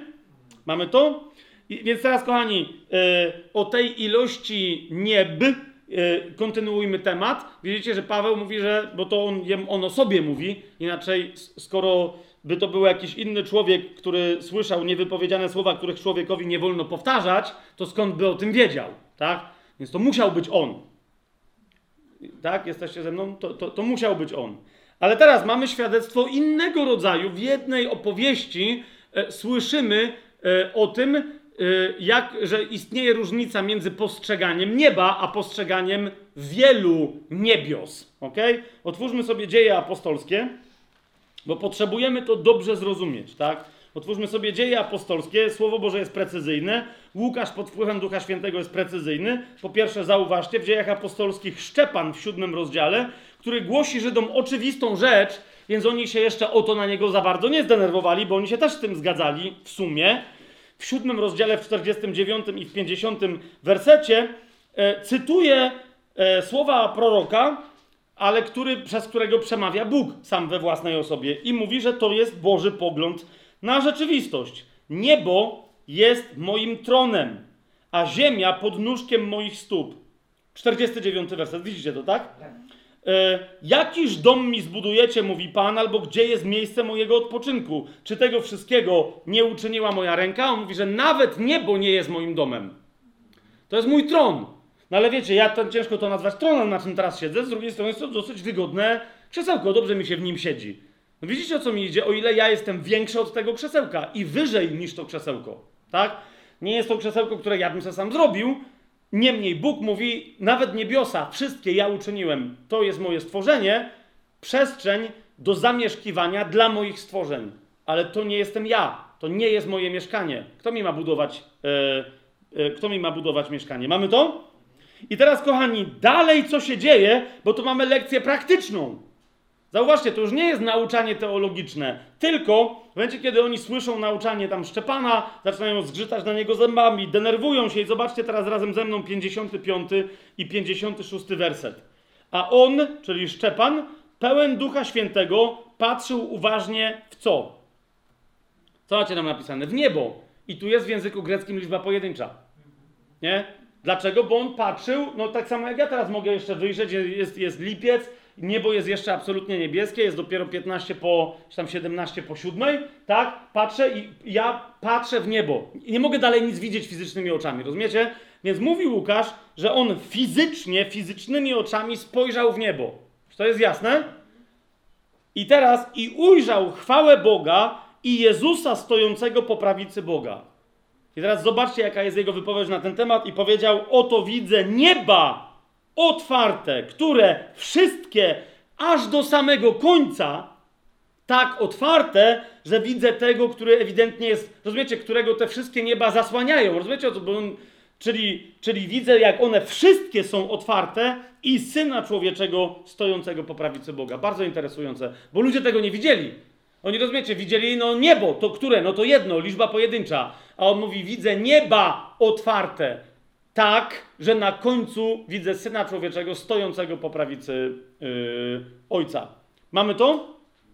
Gdyby ktoś miał wątpliwość, kochani, że tak jest, że Jezus, skoro zasiadł na tronie razem z Ojcem, a on mówi wyraźnie, że zasiada na tronie razem z Ojcem, choćby w Księdze Objawienia, ale nie tylko, Słowo Boże o tym świadczy, to znaczy, że on musiał wyjść w swojej chwale, w swoim wywyższeniu poza wszystkie niebiosa. Tak? Z tego opisu to wynika, zauważcie, to jest doświadczenie praktyczne. Szczepan z całym szacunkiem, oni go tu chcą zabić. On tu nie ma rozważania teologicznego, rozumiecie? On po prostu mówi ostatnie słowa, co na, czego naprawdę doświadcza, tak? Ale zobaczcie razem ze mną list do Efezjan, który bardzo wyraźnie potwierdza dokładnie to, że Chrystus jako Bóg jest dokładnie większy od niebios. Jest ponad niebiosami. To jest niezwykle istotne dla wszystkiego, o czym za chwilę będziemy mówić. Pierwsza bardzo ważna sprawa perspektywy. Otóż mamy powiedziane, zauważcie, chociażby w liście do Efezjan, czwartym rozdziale, w wersecie dziesiątym, o Chrystu... dziewiątym i dziesiątym, tak? Lecz to, że wstąpił, bo tu jest mowa o Chrystusie, który wstąpił najpierw do piekieł, do Szeolu, żeby potem wstąpić gdzie? I my wszyscy mówimy, że on wstąpił do nieba, ale zauważcie, kiedy jest potrzebna precyzja, Paweł bardzo precyzyjnie mówi, co ma na myśli, co my musimy mieć na myśli, kiedy to mówimy. Lecz to, że wstąpił, cóż oznacza, jeśli nie to, że najpierw wstąpił do niższych regionów ziemi? Ten, który tam wstąpił, patrzcie na to, jest i tym, który wstąpił wysoko ponad wszystkie niebiosa, aby napełnić wszystko. Mamy to? Że nawet nie ma liczby mnogiej, że wstąpił ponad niebiosa, ale jest wyraźnie powiedziane, wstąpił ponad wszystkie niebiosa. Tak? Teraz, kochani, niektórzy powiadają, yy, no właśnie, yy, no właśnie, Fabian, no ale czasem jest mowa, że Jezus jest w niebie, że jest jakby jest, jest liczba pojedyncza i tam chodzi o jakieś duchowe rzeczy. Otóż, kochani, kiedy pojawia się niebo w liczbie pojedynczej, e, to są zasadniczo w Biblii tylko dwie instancje. Ok? Albo chodzi o określenie rzeczywistości ponad ziemią, dokładnie tego, co my nazywamy niebem. Słyszycie, co, co mówię? I wtedy zawsze, i teraz zwróćcie, to niekoniecznie musi być złożenie niebo i ziemia, ale wtedy jest zawsze niebo i ziemia, Teraz ktoś powie, no ale w pierwszym rozdziale, w pierwszym wersecie są nieba, bo tam chodzi o całość stworzenia. Ale później będziecie mieli złożenie niebo i ziemia. Ziemia i niebo. Niekoniecznie w takim jednym e, ciągu, ale będzie opis, że jest niebo, że coś się dzieje na niebie i coś się, ale potem się coś dzieje na ziemi. Wtedy chodzi o fizyczne niebo. Czy to jest jasne? Jeżeli nie ma tego kontrastu i tej dychotomii ziemia i niebo, i pojawia się niebo w liczbie pojedynczej, o co chodzi? Chodzi o rozróżnienie, o nazwanie rzeczywistości duchowej, niewidzialnej i niematerialnej. Czy to jest jasne? Więc nie chodzi wtedy o to fizyczne niebo, ale nieważne ile jest nieb, ile jest warstw nieba, ile jest wysokości nieba, chodzi o to, że kiedy pojawia się pojedynczy wyraz niebo w Biblii bez kontrastowania go ziemią, wtedy chodzi o rzeczywistość niewidzialną, niematerialną i duchową. Tak? Niekoniecznie o rzeczywistość boską. Czy my to mamy teraz? Tylko, bo rozumiecie, czyli na przykład e, dlatego nawet po upadku, i teraz o upadkach będziemy nieco więcej mówić, o całej historii szatana, taki ostatni mamy temat, tak? Głoszenia dobrej nowiny przez 15 sezonów i 7 lat. Zaraz zobaczycie. Ale chodzi mi o to, że kiedy na przykład Słowo Boże mówi, że my walczymy ze zwierzchnościami absolutnie upadłymi, zauważcie, nie jest powiedziane, że one są e, w niebie, ale że się znajdują w przestrzeniach niebieskich, czyli że one są te zwierzchności niematerialne. To tylko to oznacza, a nie, że mają dalej dostęp do najwyższego nieba, zwłaszcza do, jej świę, do jego świętych warstw, które zamieszkuje Bóg, które należą do tronu i tak Czy słyszycie to, co mówię? Jeszcze raz, jeżeli mamy w tekście kontrast, w którym niebo, liczba pojedyncza jest skontrastowane z ziemią, chodzi dosłownie o to niebo, na którym w nocy widać gwiazdy, a w dzień widać słońce e, i chmury i błękit. Tak? Jeżeli nie ma e, dychotomii z ziemią, wówczas niebo w liczbie pojedynczej najczęściej oznacza rzeczywistość niematerialną, i dopiero potem musisz się zastanowić, którą część tej rzeczywistości niematerialnej ma na myśli autor w danym miejscu. Czy jestem dość precyzyjny teraz? Podam Wam tylko jeden przykład, żeby się nie rozgadywać na ten temat. Otwórzmy sobie list do Kolosan. Tam zobaczycie, że dokładnie w tym kontekście się Paweł tym terminem posługuje. List do Kolosan, rozdział pierwszy, werset szesnasty. List do Kolosan, rozdział pierwszy, werset 16. O Chrystusie jest powiedziane, przez Niego bowiem wszystko, co zostało stworzone, to, co w niebie i to, co na ziemi. I teraz ktoś powie, aha, czyli chodzi tylko o to fizyczne niebo. Nie, jeszcze raz, bo Paweł tu mówi, w tym wypadku posługuje się tym rozróżnieniem, e, oddzielając niebo od ziemi. Niebem nazywam to, co niewidzialne, wszystko to, co niewidzialne, a ziemią wszystko to, co materialne, czyli widzialne. Tak, widzicie to? Przez niego bowiem wszystko, co zostało stworzone, to, co w niebie i to, co na ziemi, to, co widzialne i to, co niewidzialne, a niewidzialne są co? Czy to trony, czy panowania, czy zwierzchności, czy władze, wszystko przez niego i dla niego zostało stworzone. Jasne? Bardzo istotne rozróżnienie, bo ono się nam zaraz e, przyda. Do czego? Otóż, kochani, dowiadujemy się, żeby zrozumieć, kim jest w ogóle kobieta, która się pojawia w niebie. Inaczej, kogo oznacza znak kobiety, który się pojawił w niebie, musimy sobie odpowiedzieć, bo nam się szybko bardzo wydaje, że my rozumiemy, co oznacza znak smoka, który się pojawił w niebie. Nie wiem, czy słyszycie, co ja teraz powiedziałem. Bo zauważcie, jeżeli my wiemy, że kobieta jest znakiem czegoś, to zwróćcie uwagę, że smok, który się pojawił w niebie, jest też znakiem czegoś. Nie jest szatanem we własnej osobie. Proszę was. Jest wyraźnie powiedziane, że to jest znak. Tak? Więc jeżeli kobieta coś symbolizuje, to ten smok też coś symbolizuje. Później wiemy, że on symbolizuje w części. Otwórzmy sobie, e, otwórzmy sobie e, ten dwunasty rozdział Księgi Objawienia. Popatrzcie, bo, bo niektórzy robią bardzo szybkie przejście. Nie, popatrzcie, 12 rozdział, 9 werset. I zrzucony został, macie 12 rozdział, 9 werset. I zrzucony został wielki smok, wąż starodawny, zwany diabłem i szatanem, zwodzący cały świat. Widzicie to? Kogo tu mamy opisanego? Konkretną duchową osobę. Ok? Której są różne imiona w Biblii przypisane. Nie jest jej przypisana nazwa czy też imię Lucyfer. No proszę was. Nawet jak w UBG mi znajdziecie ten wyraz, tak? Tam nie ma takiego wyrazu. To jest łaciński wyraz, a tam jest hebrajski wyraz, więc jakby halo, tak? Natomiast owszem, żydowscy uczeni w piśmie nazywali tę osobę na przykład Belzebubem. I wyraźnie mówili Belzebub, władca wszystkich demonów lub też władca złych duchów. E, w, w, Ewangeliach trzykrotnie bodaj słyszymy dokładnie takie, nie określenie Belzebub, ale Belzebub władca demonów, czy też y, przywódca złych duchów. Tak? Paweł mówi, co ma wspólnego Belial z Chrystusem. Jest inne imię na określenie tej osoby, tak? Szatan, diabeł, mimo że bardzo dobrze opisują te osoby i w niektórych momentach te słowa są traktowane jak imię własne wręcz, to nie są imiona własne, tak? Szatan oznacza adwersarza, przeciwnika, e, diabolos, diabeł oznacza e, oskarżyciela zasadniczo. Napastnika oskarżającego, niekoniecznie napastnika, kto ma siłę zaatakować fizycznie czy zbrojnie, ale kto oskarża skutecznie, tak żeby ktoś był potępiony. Tak? Natomiast my, my nie wiemy i nam jest to w ogóle do niczego niepotrzebne, żeby wiedzieć, jak się to coś nazywa. Tak? Ale to coś jako osoba, zwracam Waszą uwagę, jest opisane w dziewiątym wersecie. I teraz uwaga, to coś jest tylko częścią tego znaku, który jest w trzecim wersecie opisany. Tak? Ukazał się inny znak na niebie. Oto wielki, rudy smok mający siedem głów i dziesięć rogów, a na jego głowach siedem koron. Ktoś powie, e, zaraz, to to nie jest szatan? Od razu, żeby się nie rozwijać, bo jeszcze raz to nie jest szczegółowa egzegeza, ale sprawdźcie później sami to, co powiedziałem. Nie, Szatan jest bardzo istotny dla tego zjawiska, ale to zjawisko tutaj to jest królestwo szatana.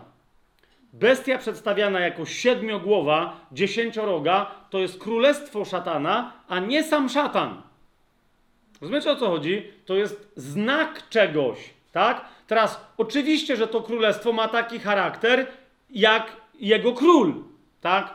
Więc ma, ponieważ to jest uzurpator, to to królestwo całe ma charakter uzurpacji i tak dalej, i tak dalej. Ale jeszcze raz, to jest coś więcej niż sama osoba szatana. Rozumiecie o co idzie? Ten ktoś, według Biblii, wielu egzegetów się z tym zgadza, że kiedy doprowadził do buntu w niebie, e, pociągnął do tego buntu aż jedną trzecią stworzonych w tamtym czasie rozmaitych istot. Tronów, władzy, zwierzchności, mocy, zwał jak zwał, cherubinów i innych tam, wiecie, zawodników, tak? I zawodniczek. Nie wiemy, e, jak, czy to w ogóle płciowo jakoś charakteryzować. No ale wiecie o co mi idzie, tak? Aż jedną trzecią. E, więc, e, więc i, i stworzył jakąś tam swoją hierarchię, jakieś, wiecie, nowe, bo oni zostali wszyscy odrzuceni, sami postanowili się potępić, tak? Więc o ile on nimi wszystkimi włada i oni odbijają jego osobowość, że się tak wyrażę, to nadal nie są nim. Tak? Dobrze. Teraz ktoś powie, jak to szatan ma jakieś królestwo? Co się w ogóle dzieje?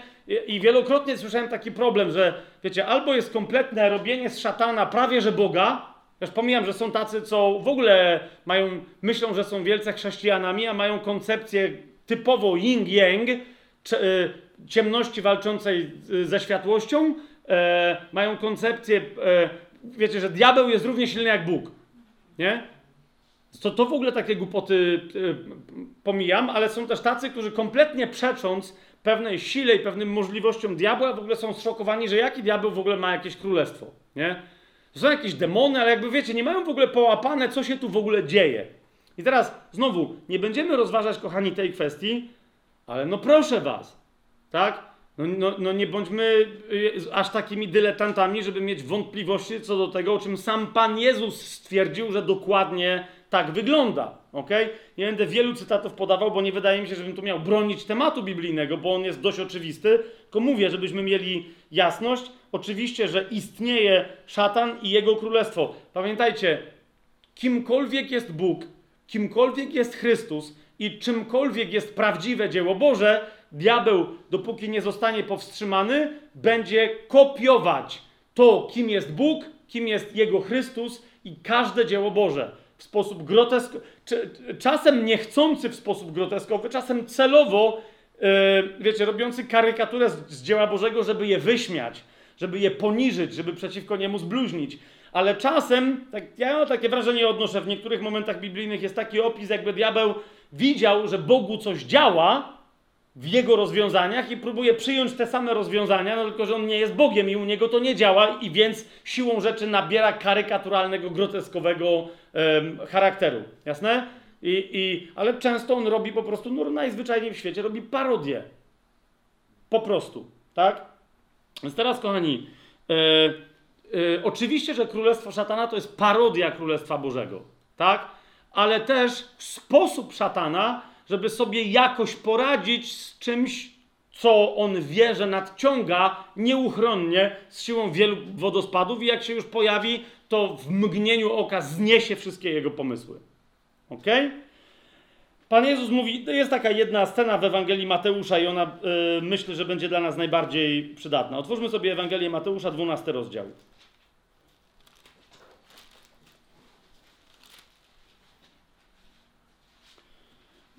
Bo tam Pan Jezus o tych różnych rzeczywistościach naraz przy, przy jednej okazji mówi, tak?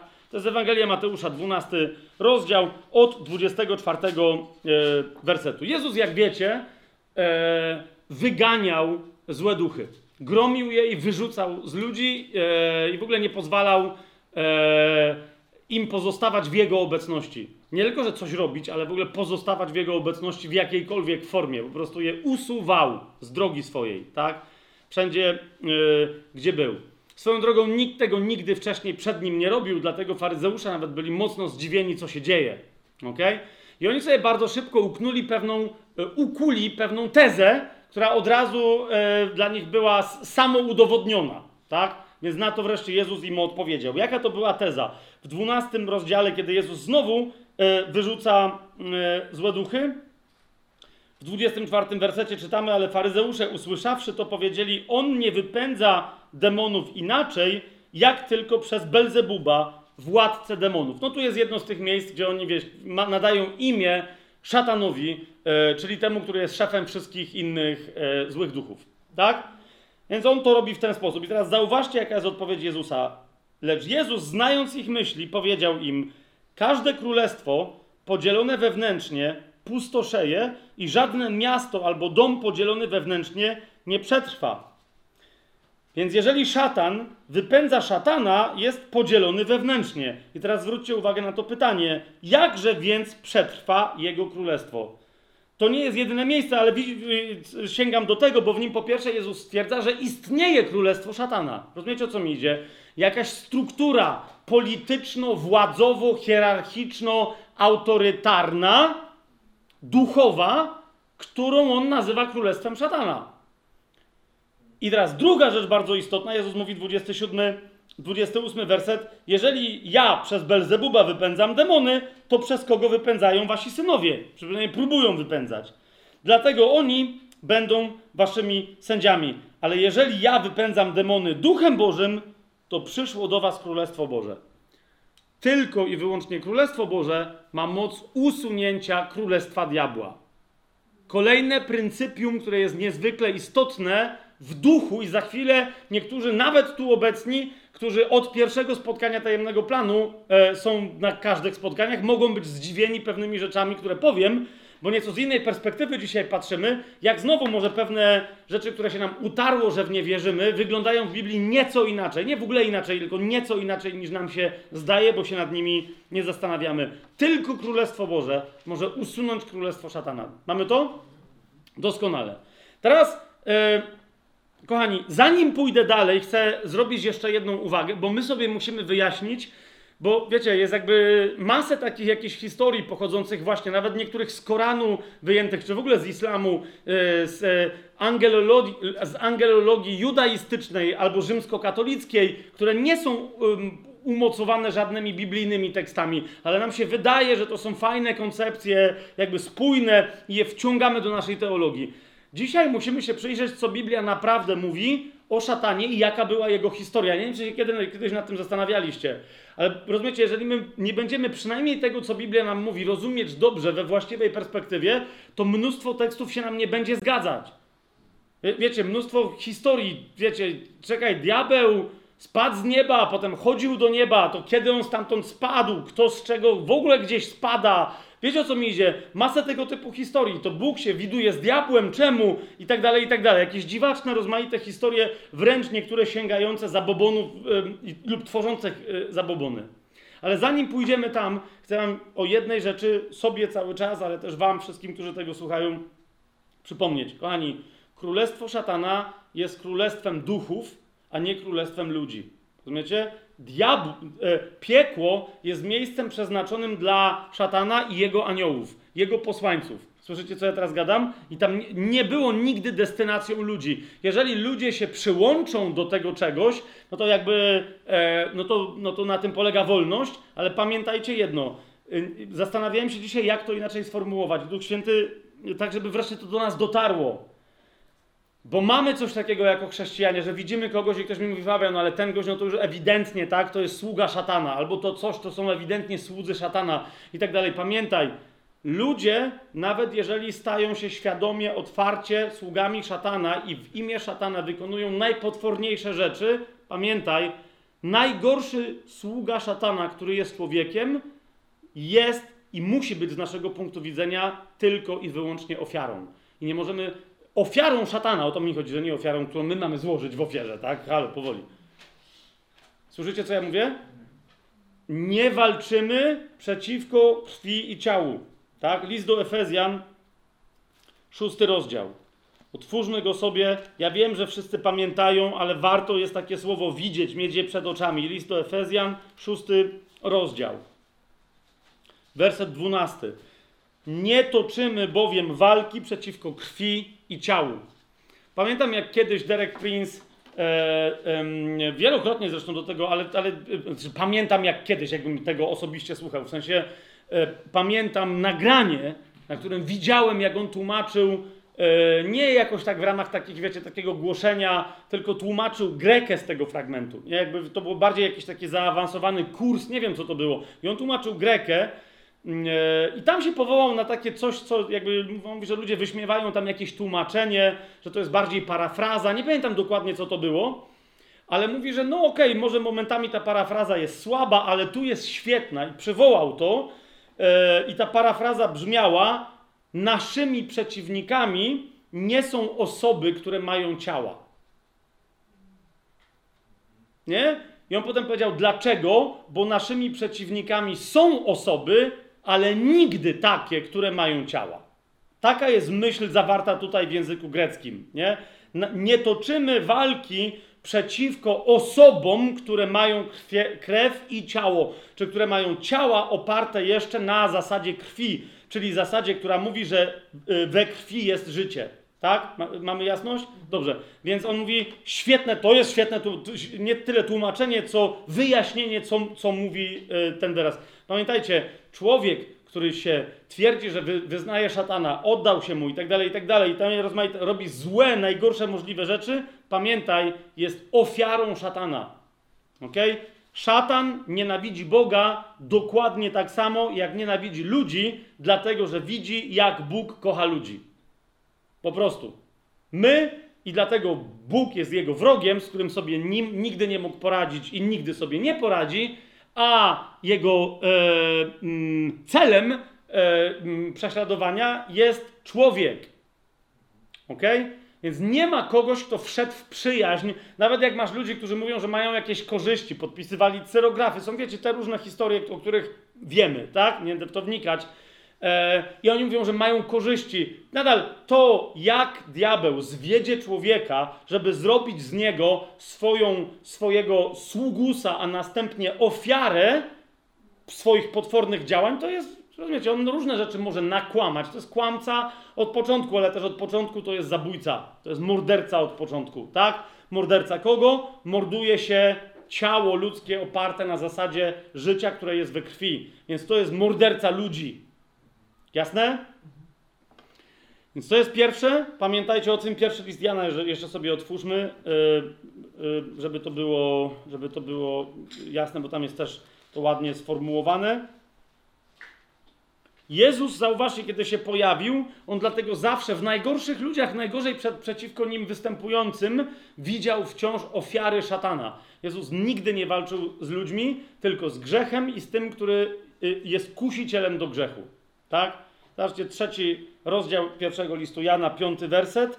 Wiecie, że on się objawił, tutaj chodzi o Jezusa, że Jezus się objawił, aby zgładzić nasze grzechy, a w nim nie ma grzechu. Jasne?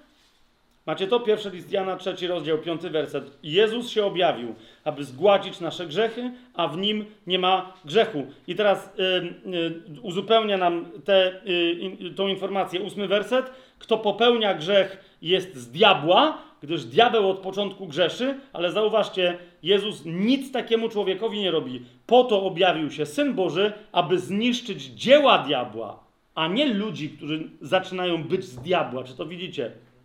Tak? Więc my również powinniśmy o tym pamiętać. Jeżeli ja teraz będę o pewnych rzeczach mówił, żebyśmy sobie teraz nie wiecie, żebyście nie zaczęli czasem myśleć o kimś, kto reprezentuje królestwo szatana. Owszem, ono się manifestuje na ziemi, ale jeżeli manifestuje się w ludziach, pamiętaj, to są ludzie, którzy mają być uwolnieni od duchowych dzieł złego. Tak? A oni nie są duchowym dziełem złego. Jasne? To są ludzie, za których Chrystus umarł, którzy są odkupieni, i to jest nieszczęście, które się dzieje na naszych oczach, jeżeli ktoś taki oddaje się w ręce szatana, bo jest zwiedziony i źle skończy jako ofiara kłamcy i mordercy od początku. Dobrze. Więc teraz, kochani, jak już to e, mamy powiedziane, no to sięgnijmy, zróbmy sobie możliwy opis, taki jaki jest możliwy, historii szatana i jego królestwa. Znowu doda bardzo ważna wzmianka, żebyście potem, kochani, nie, nie chcę powiedzieć niczego więcej. Jeżeli ktoś z Was, na przykład ja nie powiem, a ktoś pomyśli, że ja coś miałem na myśli, a tego nie ma w Biblii, to ja tak nie powiedziałem. Jeżeli ja bym coś niechcący wrzucił albo coś nadrzucił, co by mu dało komuś taką sugestię, że ja coś dodaję, jeszcze raz. Chcę, żebyśmy wiedzieli tylko to, co jest napisane w Biblii, a nie to, co w teorii można z niej wykoncypować. Tak? Dlaczego, kochani, y, takie zastrzeżenie robię? Ponieważ historia duchów, historia e, e, i tych upadłych, i nieupadłych, nie jest naszą historią, a Biblia nie jest książką o ich historii. Kapujecie? Biblia jest dziełem e, napisanym przez Boga dla nas, ze względu na naszą historię. I jeżeli Biblia gdzieś nam zdradza cokolwiek na temat szatana, jego królestwa, jakichś starć w niebie, wie, wiecie o, czym, o, co mi mówi, o, o co mi chodzi? To mówi je dla, dla nas tylko tyle i o tyle, o ile jest to nam do czegoś potrzebne. I nie mówi nic więcej, jeżeli to jest nam niepotrzebne, żebyśmy się nie rozpraszali, bo my mamy swoją historię niedokończoną i swoje sprawy. Jasność? Na to, więc dzisiaj to nie będzie moje, wiecie, próbuję na podstawie Biblii pokazać wam pew, jakby to, co myślę, że możemy powiedzieć w miarę z pewnością. Tak? Jak to wyglądało? Jeszcze raz, żebyśmy wiedzieli, o czym mówi 12 rozdział Księgi Objawienia, ale i następne, bo tam historia szatana jest domknięta i zakończona. Natomiast o co mi idzie, kochani? My nie bardzo wiemy, kiedy ona się zaczęła i na czym dokładnie ten dziwny początek jego historii jako szatana polegał. Tak? Wiemy tylko, że Bóg stworzył, i Biblia o tym w wielu miejscach mówi, ale nie będziemy teraz ich przywoływać, bo to jest oczywiste. Bóg stworzył, zanim stworzył e, człowieka, zanim stworzył świat materialny dla człowieka, stworzył niebiosa jako przestrzeń, jako świat do życia dla swoich duchowych stworzeń, które my potocznie od wielu pokoleń nazywamy aniołami, ale chodzi o duchowe istoty. Tak, e, serafinów, cherubinów, moce, zwierzchności, władze, rozmaite gatunki duchowych istot. Tak? Bóg stworzył całą mnogość tych, ist, y, tych te całe mnóstwo tych istot, różnych ich gatunków i my nie znamy ich historii. Tak? Wiemy tylko, że w pewnym momencie, kiedy zaczynało się stworzenie, być może, czy kiedy objawił plan stworzenia tym wszystkim istotom Bóg, z paru fragmentów możemy wnioskować, zwykle jak czytamy te fragmenty, to jesteśmy na czymś innym skupieni, ale teraz Wam pokażę jeden z nich. Wygląda na to, że, jedn, że istniała jeszcze jedność wśród wszystkich tych istot. Otwórzmy sobie chociażby Księgę Hioba. I jeszcze raz, zwróćcie uwagę, ja teraz mówię, że nie wiem. Tak? I że nie, a nie znalazłem w Biblii jednoznacznej odpowiedzi na to pytanie. Tylko popatrzcie na przykład na ten fragment. To jest Księga Hioba, 38 rozdział. Swoją drogą e, Hiob i wiele w nim opisów, wiecie, genialnie uzupełniają e, Księgę Objawienia. Nie, nie wierzę, że ktoś dobrze rozumie zagadnienia Księgi Objawienia, jeżeli nie przeczytał dobrze Księgi Hioba. Nie? Zauważcie, grad, który jest początkiem absolutnego końca Ziemi, ostatnim zjawiskiem fizycznym, po którym Jezus schodzi na Ziemię.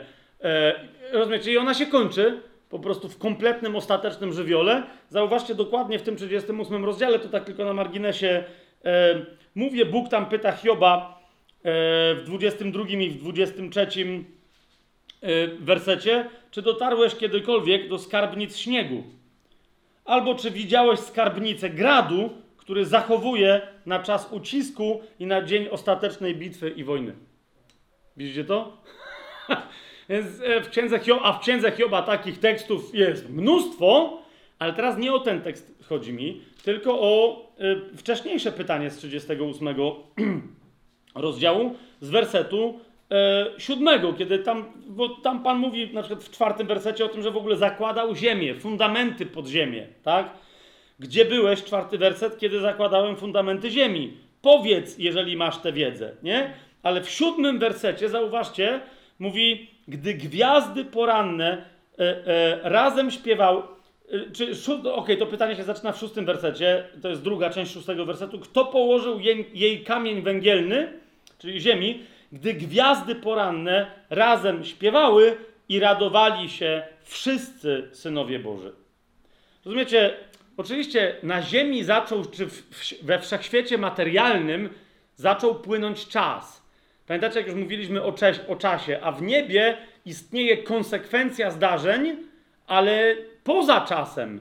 Więc jakby wygląda mi na to, na przykład z tego fragmentu, nie tylko z tego, ale nie będę dalej tej myśli rozwijał, że jeszcze kiedy Bóg stwarzał ziemię, był jakiś taki moment w niebie, kiedy to się zaczynało dziać, że nie doszło do buntu. Rozumiecie o co mi chodzi?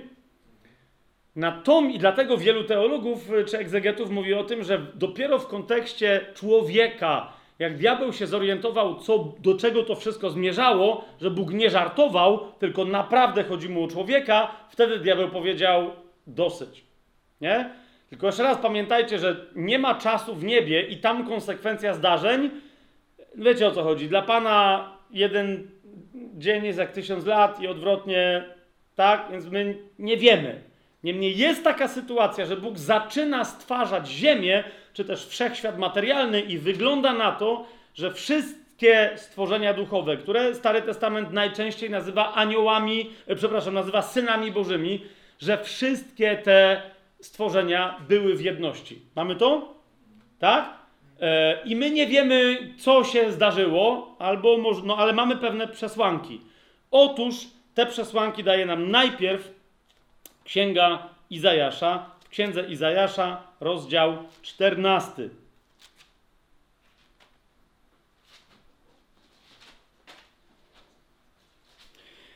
Albo wiecie co? Pff. Albo dobra. No bo tu mamy dwa podejścia. Księga Izajasza, rozdział 14. Wie- Wiecie, tu niestety byłem świadkiem wielu kłótni naprawdę o to takich nie, nie, yy, niedobrze w ogóle wyglądających, że, to, że tutaj w ogóle nie ma mowy o żadnej duchowej istocie. Tylko, że całe to proroctwo, zobaczcie rozdział e, 14, e,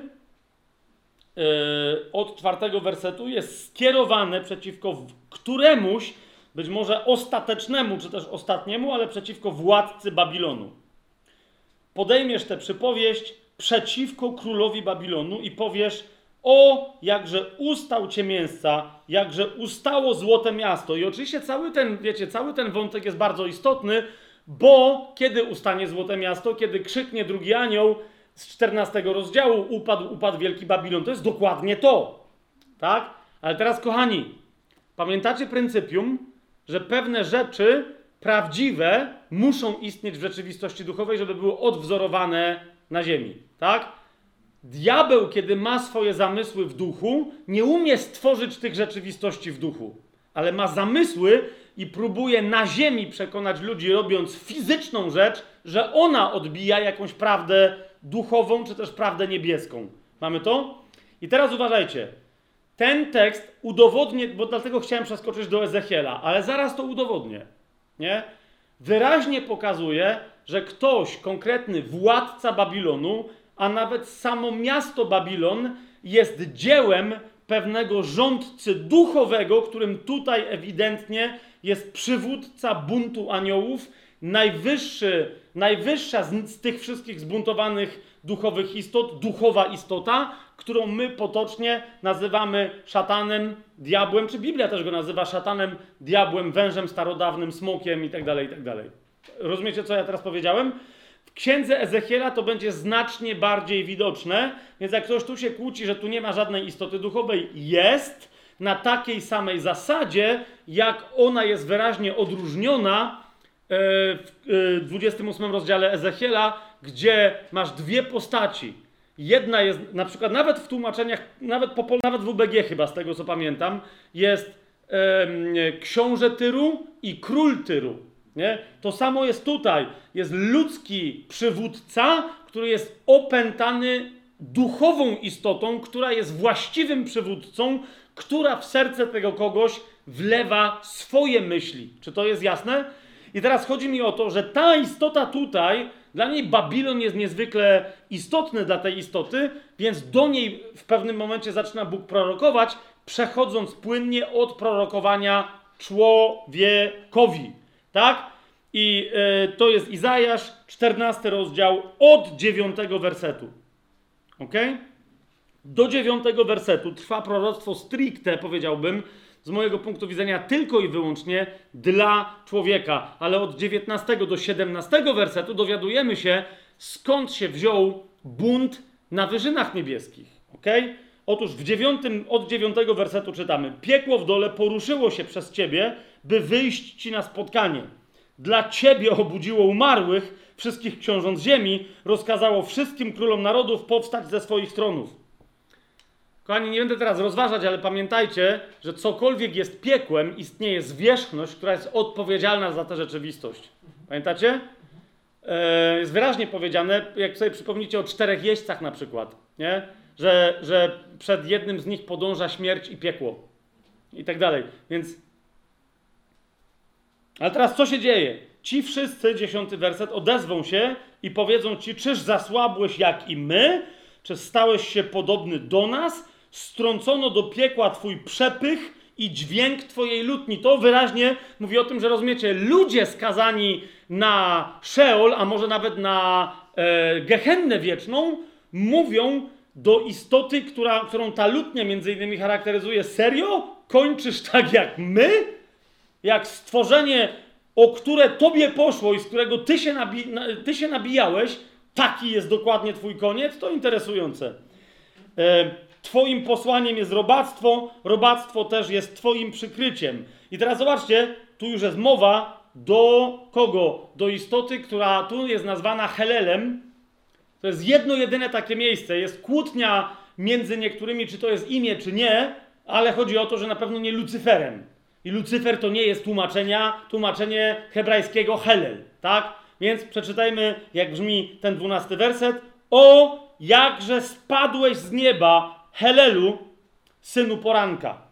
I znowu, nie synu, no chyba, że jutrzenka jest znakiem poranka, ale chodzi o to, że to jest syn poranka, czy brzasku porannego, rozumiecie? Ale tej pory, pory dnia pierwszej, a nie ostatniej pory nocy, tak?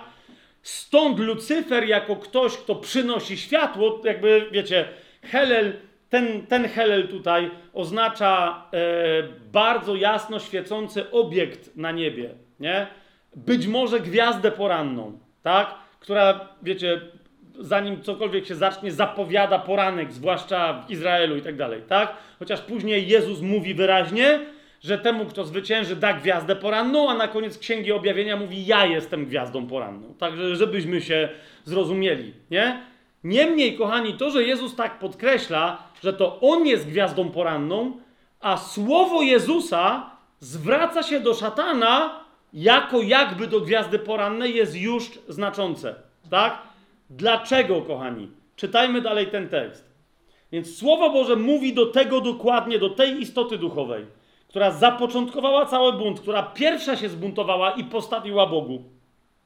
O jakże spadłeś z nieba, Helelu, tu jest Helel, e, synu poranka, powalony jesteś, no albo też o jakże spadłeś z nieba, gwiazdo poranna, jeżeli nie chcemy z tego robić imienia, synu poranka, powalony jesteś aż na ziemię, ty, który osłabiałeś narody, całe, wszystkie, Dlaczego został powalony? Ty bowiem, ponieważ jest tak, ponieważ ty mówiłeś, czy powiedziałeś w swoim sercu, uważajcie na to, wstąpię do nieba, i tu myśl hebrajska jest do najwyższego nieba. Ok? Ale teraz popatrzcie, nie powyżej nieba. To jest bardzo istotne. Nie? Nie będziemy snuć abstrakcyjnych tu stąd jakichś dalej, wiecie, wniosków, ale to jest istotne. Nie powyżej nieba. Wstąpię do nieba, ponad gwiazdy Boga wywyższę swój tron. Często gwiazdami Boga są nazywani synowie Boży. Zresztą zauważcie, on tu też jest nazwany gwiazdą, poranną. Tak? Więc mówi, będę wyższy niż wszyscy inni aniołowie, wszyscy inni synowie Boży, wszystkie inne stworzenia duchowe. Ponad gwiazdy Boga wywyższę mój tron. Zasiądę na górze zgromadzenia na krańcach północy. Rozumiecie, krańce północy oznaczają zawsze dla ludzi, jak myślą, oznaczają koń, najwyższy punkt, na przykład my mamy na mapie, Izraelici dokładnie też tak mieli, tak? Północ była zawsze na górze, ale tutaj też chodzi o najwyższy punkt stworzonego świata. Słyszycie co ja mówię jeszcze raz? Siądę w najwyższym niebie, ale on nie mówi o siedzeniu na razie tutaj ponad niebem, tak? Wzniosę się nad szczyty obłoków, będę równy Najwyższemu. I teraz wielu egzegetów co mówi? Pamiętajcie, że Żydzi o tym nie wiedzieli. Izajasz o tym nie wiedział i rozumienie tego było trzymane w pewnym sensie trochę w tajemnicy. Ale diabeł wiedział, że Bóg jest dziwny, że Bóg jest jeden, ale jest w trzech osobach. Słyszycie to? I teraz, zanim istniał diabeł, rozumiecie, przed stworzeniem świata, światów, wszelkich uniwersów możliwych, Bóg już zdecydował, rozumiecie, że nawet aniołów za, zanim stworzył, z wielu fragmentów Biblii to wynika, już zdecydował, że druga osoba Trójcy Świętej, rozumiecie, dokona wieczystego przymierza z właściwym, docelowym, że się tak wyrażę, stworzeniem, czyli z człowiekiem. I dlatego od początku druga osoba Trójcy Świętej, czyli Syn Boży, jest przedwiecznym i wieczystym Chrystusem, którego celem było wcielenie się, aby dopełnić stworzenia, czy też nowego stworzenia człowieka. Czy słyszycie, co, co mówię? I teraz wielu na tej podstawie, ja teraz wam mówię, że nawet wam nie mówię, czy się zgadzam, czy nie, tylko to jest właściwa podstawa. Oni mówią, szatan nie tyle chciał się postawić Bogu, bo jakby nie, tylko chciał się postawić jego idei umiłowania człowieka, którą wyraził w planie, dla y, y, którym był odwieczny Chrystus. Czy to jest dalej, ma to sens, co ja mówię? Jeszcze raz, jeżeli nie ma, poszczególne te hasła wrzucajcie sobie w przeglądarkę tematów na stronie tajemnyplan.pl i tam, czy wieczysty Chrystus, czy to się wszystkie te tematy tam znajdą, tak? Więc ale na podstawie tego oni mówią, że on zobaczył, że jedna osoba w Bogu, że cały Bóg tak umiłował człowieka, że wręcz jedna osoba w Bogu, a inni mówią, no w zasadzie to cały Bóg wygląda jak człowiek. Rozumiecie, że kiedy on zaczyna wyglądać, a więc nawet tym istotom duchowym widzącym jakoś, to on im zaczyna wyglądać, wiecie, nie jak abstrakcja duchowa, tylko ma kształt czegoś, czego oni nie wiedzą, do czego to porównać. Nie? Jak się nagle okazuje, że Bóg mówi, uczyńmy człowieka na nasz obraz i na nasze podobieństwo, to pierwowzorem człowieka jest Chrystus wieczysty, a nie Chrystus e, wziął ciało, bo człowiek wyglądał jak wyglądał. Słyszycie, co, co mówię teraz? Bóg mówi, na nasz wzór i na nasze podobieństwo uczyńmy człowieka. Nie? Uczyńmy mężczyznę i uczyńmy kobietę. Ej, po, tu jest dopiero pobudka. Nie? Nawet jeżeli odwieczny Chrystus mógłby mieć cechy mężczyzny Jezusa, to musi w Bogu istnieć, rozumiecie, pierwowzór kobiety, bo Bóg wyraźnie powiedział, że człowiek to jest mężczyzna i kobieta i mówi, oni będą naszym odwzorowaniem. Tak? Dlatego za każdym razem, kiedy nawet w Księdze Objawienia jest powiedziane o Bogu, który zasiada na tronie. W Księdze Ezechiela, zwróćcie uwagę, jest powiedziane, że tam siedzi ktoś podobny do istoty ludzkiej. Nie? Wiele tłumaczeń preferuje, że to jest jakby syn człowieczy, albo jakby mężczyzna, jakby człowiek, ale tam zwłaszcza hebrajski nie do końca się kłania takiej koncepcji. Słyszycie, co, co mówię? Tam jest osoba ludzka. ok? I teraz kochani, więc, więc wszyscy mówią, ci, którzy się w te tematy tutaj zagłębiają, że on nie tyle liczył na to, że się przeciwstawi Bogu, tak? Ale że stanie się równy przynajmniej drugiej osobie boskiej w tej, wiecie, w, w tym jej obrazowaniu człowieka, nie? Jego ideą było stać się równym Bogu i na koniec, jak ktoś popełnia w swoim sercu grzech pychy, pycha nie zna umiaru i potem, rozumiecie, koniec końców robi z kogoś takiego kogoś, kto się chce stać większym nawet od Boga. Bo ja wiem, co my przeczytamy w księdze Ezechiela, ale pamiętajcie, wielu egzegetów mówi, że tu był początek jego grzechów, w jego sercu. Nie?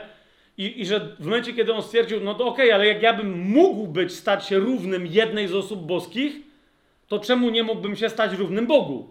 Albo wręcz czemu nie mógłbym go pokonać, nie mógłbym jego przewyższyć? Nie o co? I stać się nowym Bogiem uniwersum.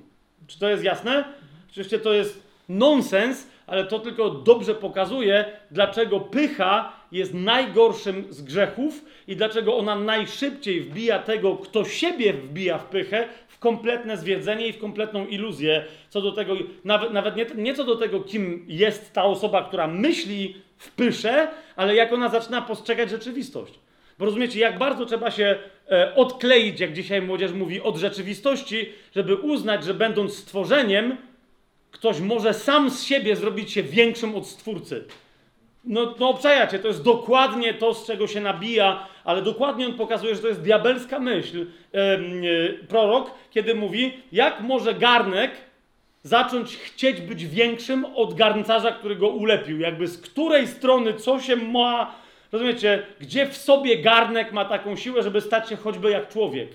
Teraz my również musimy mieć właściwy punkt odniesienia, kim my jesteśmy a, jako stworzenie, a kim jest Bóg. Niemniej nawet tak inteligentnej istocie jak tej e, przyszło do głowy, że e, w sumie kiedy uznała, rozumiecie, kiedy tylko pomyślała sobie, że może być większa niż ta wielkość, od tej wielkości, którą Bóg dla niej zamierzył, tak? Wtedy nagle jej przyszło tej istocie do głowy, że może, może przewyższyć Boga samego.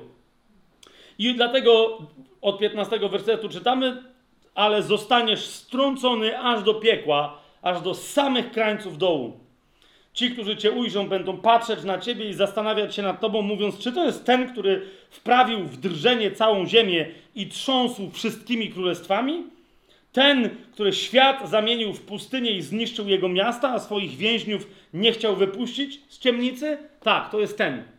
Więc widzicie, nie wiemy dokładnie, kiedy się to stało, bo mówię, są pewne fragmenty biblijne, które sugerują, że jak Bóg zaczynał stwarzać świat, to jeszcze się nic nie stało, ale jak przyszło do stworzenia człowieka, nagle ten gość zrozumiał, ty, to na serio się dzieje i naprawdę człowiek, bo wiecie, jak potem są wszystkie duchowe istoty przedstawiane, że oni koniec końców, będąc wyżsi od ludzi, koniec końców staną się sługami ludzi.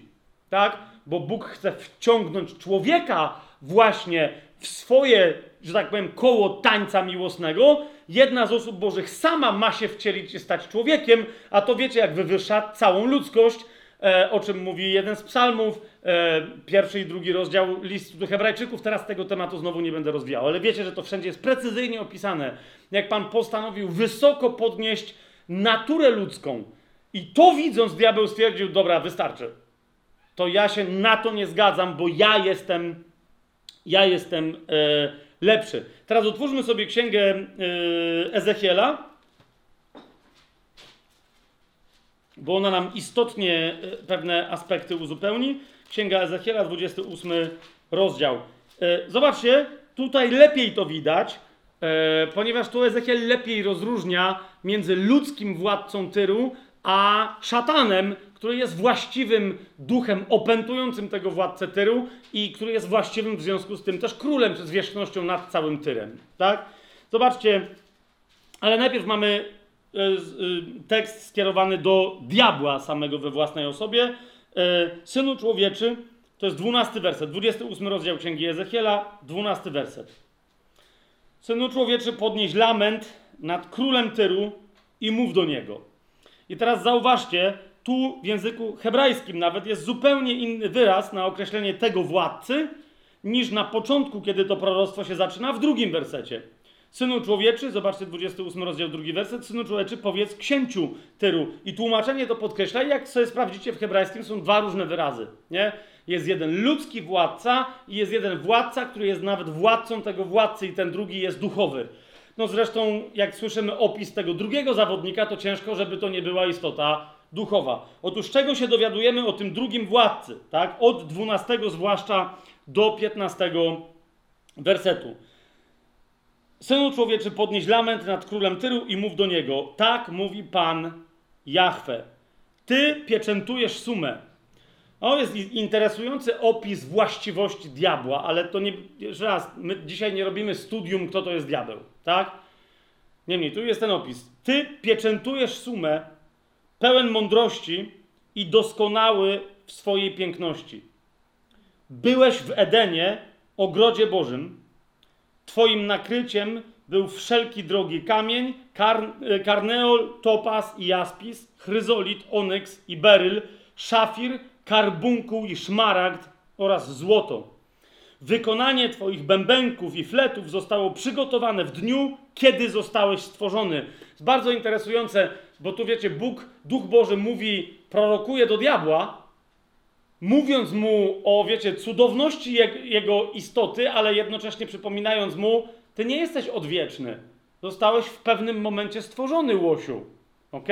I teraz rozumiecie, ten opis, mimo że jest fizyczny, no to rozumiecie, że on nie odzwie... Gdyby on się pojawił w fizycznej postaci, bo aniołowie mają taką możliwość, to wtedy byłoby widać dosyć dziwne rzeczy. No bo umówmy się, jak mamy kogoś, czasem ludzi nazywamy, że ktoś jest człowiek orkiestra, tutaj był anioł orkiestra, nie? On się cały składał z instrumentów i tak dalej, i tak dalej. Swoją drogą do dzisiaj uważam, i nie tylko ja tak uważam, tylko wielu innych podziela tę opinię, e, że o ile muzyka, czy posługiwanie się muzyką nie zostanie w odpowiedni sposób uwolnione spod e, wpływów diabelskich, to to jest jedna z jego dziedzin. Ok? Muzyka. I dlatego chrześcijanie uprawiający muzykę muszą bardzo dobrze się przyglądać. Nie, żeby nie powinni jej uprawiać, ale powinni się dobrze zastanowić, rozważyć, co konkretnie kiedy y, robią. Ponieważ to jest jeden z atrybutów oryginalnie diabelskich. Ok? Ym, I teraz dowiadujemy się, że ten to, to stworzenie Boże, za chwilę nazwane cherubem, jednym z cherubów, czy cherubinów, znajdowało się w ogrodzie Eden. Zauważcie, miało dostęp do Edenu, kiedy jeszcze nie wyglądało tak, jak później wiemy, że zaczęło wyglądać, ponieważ później zmieniło swoją fizyczną postać.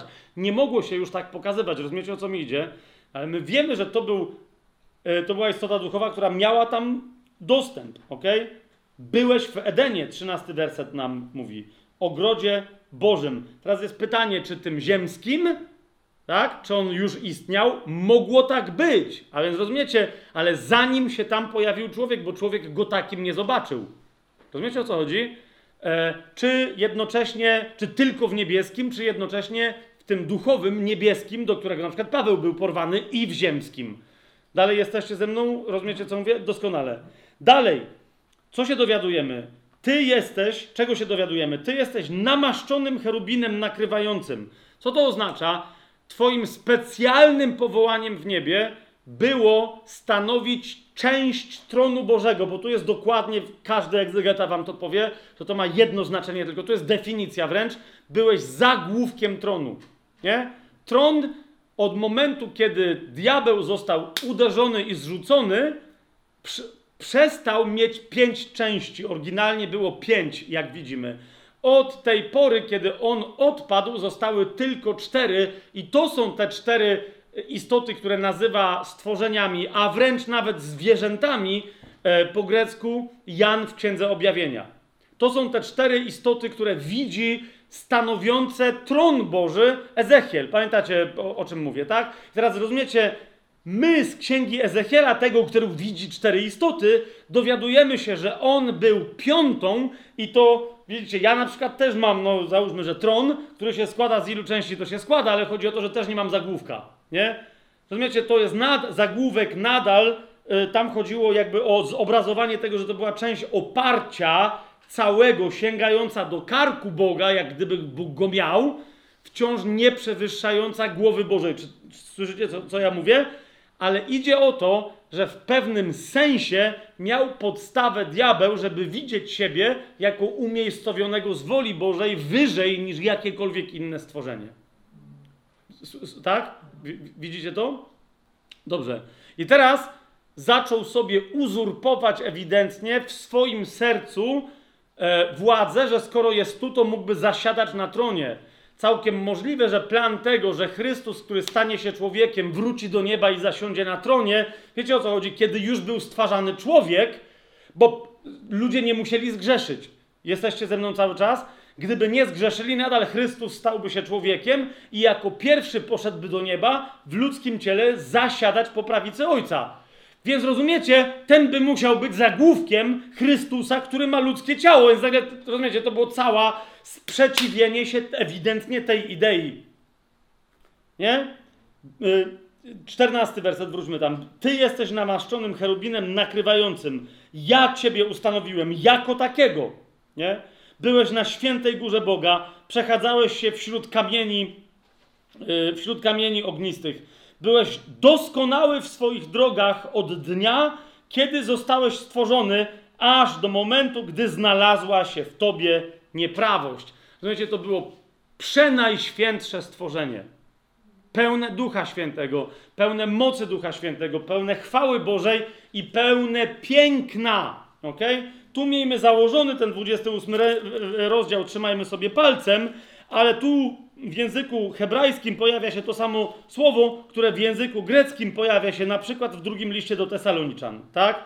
Czyli rozumiecie, byłeś elegancki, super, superowy, przepiękny, prześliczny, czysty, święty, doskonały, aż dopóki nie pojawiła się w tobie nieprawość.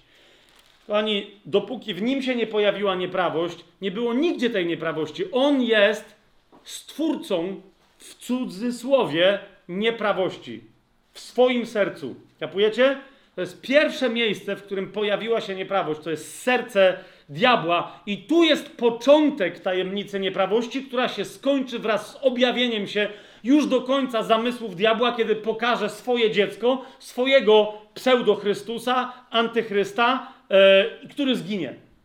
Kapujecie? Dlatego yy, o dokładnie tym początku mówi Ezechiel i o tym początku mówi drugi list do Tesaloniczan, drugi rozdział, siódmy werset, kiedy mówi tajemnica nieprawości, bowiem już działa.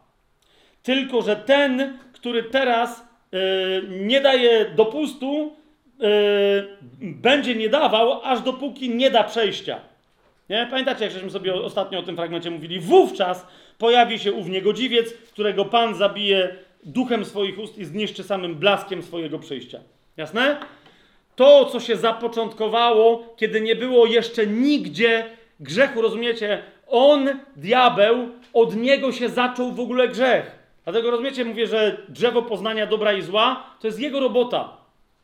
Jemu, y, gdzie on miał dostęp do Edenu, widzicie to, nie? Z jakiegoś powodu Bóg na to pozwolił. Ale, ale to, o tym musimy pamiętać, bo zauważcie, ile z tego wynika, yy, jakie to ma implikacje niesamowite. Nie? Tam się zaczęła tajemnica nieprawości, ale ona się rozlewa i skończy się wraz z ostatnim owocem, brzydkim e, e, rakiem, bo w tym sensie to jest taki wykwit e, całego tego zjawiska nieprawości, nim jest antychryst. I wtedy e, cała ta tajemnica nieprawości zostanie zmiażdżona, zniszczona, e, prawie że ostatecznie, bo ostatecznie to będzie wtedy, kiedy sam diabeł trafi jeszcze po tysiącu latach do, e, po tysiącu lat do jeziora ognia. Nie? Wróćmy do 20. Może nie, nie do 28 rozdziału, tylko do księgi rodzaju. Przeskoczmy.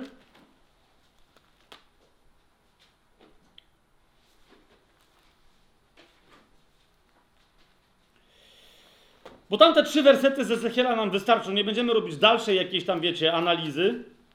Ale zobaczcie, w trzecim rozdziale diabeł postanowił w swoim sercu, i zaraz się dowiemy, bo on następnie przelewa swoje emocje na ludzi. Nie? Zauważcie, często my przypisujemy jemu intencje, które widzimy, że on wzbudza w ludziach. My nigdy, tak naprawdę zauważcie, my nigdy w Biblii nie, nie widzimy diabła, który sam myśli, że mógłby przewyższyć Boga. Ale on dokładnie ośmiela się do tego nakłaniać i do tego kusić ludzi. Nie? Zauważcie, pierwsze kuszenie e, e, pierwszego człowieka, czyli mężczyzny i kobiety, zwanych potocznie Adamem i Ewą, na czym polegało? Trzeci rozdział e, Księgi Rodzaju, czy też pierwszej Mojżeszowej, piąty, czwarty i piąty werset.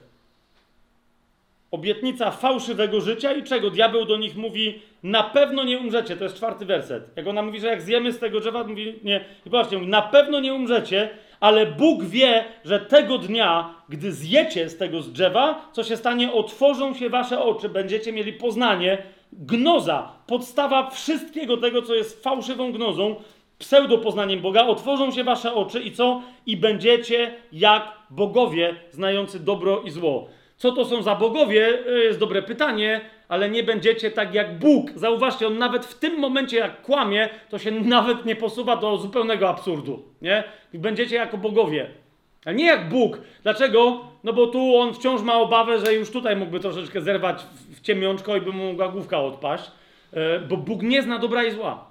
I on, te, nawet on czegoś takiego nie ośmiela się powiedzieć. Będziecie jako bogowie, którzy znają dobro ale którzy też znają zło. I teraz wróćmy do Ezechiela, do tego 28 rozdziału, do opisu tego, co zrobił w sercu księcia Tyru, tenże król Tyru, czyli co zrobił w sercu ludzkiego władcy Tyru, który jest jednym z pierwowzorów antychrysta i takich archetypów, bym wręcz powiedział, arche, y, anty, an, y, tak, y, antychrysta, co w niego sercu zrobił diabeł. I oczywiście ostatecznie to są wymysły diabelskie, ale zauważcie, on chce, żeby one w sposób bluźnierczy były zrealizowane przez człowieka. Owszem, to są jego myśli, ale jeszcze raz, wielu egzegetów na to zwraca uwagę, o, to są myśli, do których on pobudza ludzi. Nie znajdziesz wprost, stricte wypowiedzi, która by ściśle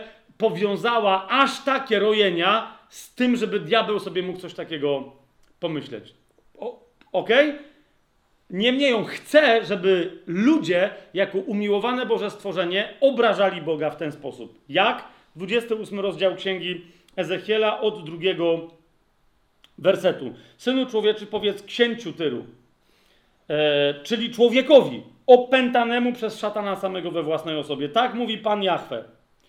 Ponieważ uniosło się Twoje serce i powiedziałeś, ja jestem Bogiem, zasiadam na Bożym tronie w sercu mórz, a Ty jesteś człowiekiem, a nie Bogiem, chociaż Twoje serce stawiasz na równi z sercem Boga. No widzicie? No bo nawet człowiek nie jest na tyle głupi, żeby nie widzieć, że no nie siedzi w niebie nawet, a co dopiero ponad niebem, nie? Ale w sercu już się posadził. Nawiasem mówiąc, zauważcie, w co uderza szatan, kiedy później my, już tu siedząc, będąc nowozrodzeni w Chrystusie, w nim już w naszych sercach zasiadamy naprawdę na tronie Bożym. Słyszycie, co ja gadam teraz? A diabeł mówi: Ja ci pozwolę to zrobić bez Chrystusa i bez Boga. Dorównasz Bogu na innym tronie w swoim sercu. Zobaczcie, jak każde Boże dzieło jest, diabeł próbuje wyprzedzić i zademonstrować, ośmieszywszy to dzieło, pokazać jego karykaturę groteskową, okay? parodię głupią. No więc, ale Bóg tu mówi do tego człowieka, tak? Jesteś człowiekiem. Trzeci werset. Oto jesteś mądrzejszy od Daniela. Słyszycie y, sarkazm i ironię. Mam nadzieję, tak? Oto jesteś mądrzejszy od Daniela. Żadna tajemnica nie jest zakryta przed tobą i tu powinno się pojawić taki, wiesz, jaki, wiecie, jakiś taki gif, taki memiczny really. Wiecie o co mi chodzi? Któryś z wielu tego typu. Hmm? Żadna tajemnica nie jest zakryta e, przed tobą. John Cena tu powinien wyjść, wiecie o co mi chodzi, bo tego mema akurat lubię. Powinien are you sure about it? Do, dokładnie to ale ten Bóg do niego gada. Rozumiecie, że taka, tak opętana osoba może uznać, że, ej, no proszę bardzo, nawet Bóg potwierdza. Swoją mądrością i roztropnością zdobyłeś sobie bogactwo, nagromadziłeś złota i srebra w swoich skarbcach. Dzięki wielkości Twojej mądrości i Twojemu kupiectwu rozmnożyłeś swoje bogactwa, a tak uniosło się Twoje serce z powodu Twoich bogactw. Dlatego tak mówi Pan Jahwe. Ponieważ postawiłeś swoje serce jak serce Boga chodzi o to, że na tym samym poziomie, że ono jest, ma taką samą wartość, taką samą moc, taką samą władzę, oto sprowadzę na ciebie cudzoziemców, najsroższe z narodów, dobędą swoje miecze przeciwko piękności Twej mądrości i splugawią Twój blask. Strącę, strącą Cię do dołu i umrzesz srogą śmiercią w sercu mórz. Dziewiąty werset, uważajcie na to. Czy powiesz przed tym, wtedy, który Cię będzie zabijać, Jestem Bogiem? Bo przecież jesteś człowiekiem, a nie Bogiem w ręku tego, który cię zabije. Nie? To jest pytanie Boga, czy się teraz chcesz otrzeźwić, czy dopiero wtedy, jak przyjdzie na ciebie koniec. Zwróćcie uwagę na wszystkich tyranów. Nie wiem, czy kiedyś mieliś. Wie, wiecie, ja zwykle z facetami o tym rozmawiam. Nie wiem, czemu kobiet to nie interesuje. I tylko faceci rozważają różnych psychopatów postaci lub tyranów historycznych. Ciekawe, co? W każdym razie, jak rozważamy te tematy, czasem jeden czy drugi facet mi mówi, ty, ale naprawdę ten gość, on nie znał historii innych tyranów, naprawdę on uważał, że jego to nie spotka, że w, co, w końcu go dorwą i, i, go zatłuką, po prostu, że ktoś, jak go ktoś nie zatłucze, to że on wreszcie umrze. Jak ktoś może uwierzyć, że jest Bogiem? Bo wiecie, jest wiele tego typu, popatrzcie, choćby na cesarzy rzymskich, ale nie tylko. I jak? No właśnie to jest dokładnie to. Bóg do serc takich ludzi mówi, ale widzicie, kto w sercach tych ludzi zasiał jakie myśli. To musi, kiedy masz do czynienia z takim człowiekiem, to musi być szatan e, we, własnej, e, we własnej osobie. Mamy to? I potem mamy jeszcze 16, 17 werset, ale e, kochani, tyle. Podsumujmy na razie to, co do tej pory było powiedziane. Po pierwsze, istnieje królestwo szatana. Jasne to jest? Po drugie, e, o, pamiętajcie o tym, jeszcze raz to powtórzę. Ludzie, nawet ten król Tyru tutaj, to nie jest ktoś, z kim Bóg by chciał, żeby prorocy walczyli. Bóg, zauważcie, cały czas go ostrzega bardzo surowym językiem, ale mówi, naprawdę muszą przyjść zabójcy, żebyś się kapnął, że nie jesteś Bogiem. Tak? Ludzie są zawsze ofiarami. Słyszycie, co mówię? Więc oni mogą służyć królestwu szatana, ale nigdy nie stanowią integralnej, wewnętrznej części królestwa szatana. Jasne? Dalej, e, skąd się wzięło to królestwo? Z tego buntu szatana, który miał miejsce prawdopodobnie, e, znaczy na pewno przeciwko Bogu, prawdopodobnie w związku ze stworzeniem człowieka. Widzimy przynajmniej w duchowym Edenie, szatana, który wygląda inaczej niż następnie, kiedy w Edenie pojawiają się ziemskim ludzie. On, czyli już wtedy, kiedy on się wtedy poja tam pojawia ludziom, on już jest zbuntowany, przegrany i upadły. Słyszycie, co powiedziałem? Doskonale. Dalej, czwarty punkt to mam zapisane, do rebelii, kiedy musiało dojść przed stworzeniem człowieka, Dokładnie to jest mój czwarty punkt tu zapisany, dlatego że ten cherub jest opisany, że w niebie, przepraszam, w Edenie, czyli w raju wyglądał inaczej niż później pojawił się ludziom. Biblia wyraźnie w ten sposób zaznacza, w łączności wszystkich tekstów, że gdzieś wtedy musiał już istnieć raj i że później, kiedy w nim pojawił się człowiek, diabeł już był upadły. A więc już zapoczątkowało się jego królestwo. Z innych tekstów wiemy, że ten jego upadek, ten jego bunt pociągnął innych aniołów. Słyszycie, co, co mówię? I oni e, później, zauważcie, współdziałają e, na ziemi z tym diabłem. On na ziemi doprowadził do usunięcia ludzi z ziemskiego Edenu. Jasne? Zauważcie, inni aniołowie, którzy byli na ziemi, nie bardzo wiedzieli, co robić. Na, jedni z nich wpadli na jakiś taki przedziwny pomysł, żeby sobie stworzyć swoje hybrydy ludzi E, mimo że mogli robić pewne rzeczy, tego nie wolno im było robić. A jednak ci zaczęli robić hybrydy, e, które mieli z, e, z, kobiet. Tam pamiętacie szósty rozdział Księgi Rodzaju, nie będę w to teraz wchodzić. Więc ci, w ogóle tej części zbuntowanych aniołów, została w ogóle odebrana nawet jakakolwiek wolność poruszania się po ziemi i oni trafili do czegoś, co jest nazwane Tartarem. Tak? Piotr o tym mówi, Juda o tym mówi, w Nowym Testamencie również. E, I nie należy mieszać tych złych duchów upadłych z całą resztą, która nie popełniła jeszcze tego grzechu. Czy to jest jasne? Spadli na ziemię jedna trzecia aniołów w wyniku buntu w niebie, i z nich jakaś część jeszcze dopuściła się jeszcze jednego grzechu, jeszcze jednego złamania. Diabeł powiedział, e, Bóg powiedział diabłu hola. Nie? Tym została odebrana władza, aż dopóki czasie wielkiego ucisku nie zostaną na chwilę wypuszczeni, żeby sobie jeszcze raz zaszaleli, to będzie, oni wyjdą na ziemię w postaci tej szarańczy, e, z tej otchłani, w której do tej pory są zamknięci, którą Biblia nazywa tak jak mitologia grecka Tartarem, żeby pokazać, że to o to, dokładnie o to chodzi. To, co w mitologii jest nazwane tytanem, czy też tytanami, to są dokładnie ci zawodnicy. Mitologia nie połapała faktów, ale tak dokładnie akurat w tej kwestii połapała, mówi Słowo Boże, i to są dokładnie ci zawodnicy. Oni nie przemieszczają się po ziemi, czekają na ten jeden moment, kiedy będą wypuszczeni, żeby zgnębić ludzką, ludzkość, ale tylko tę ludzkość, która nie będzie oznakowana, pamiętajcie, tak? Więc oni już nic nie zrobią ludziom, którzy są ludźmi Boga. Nigdy. Amen?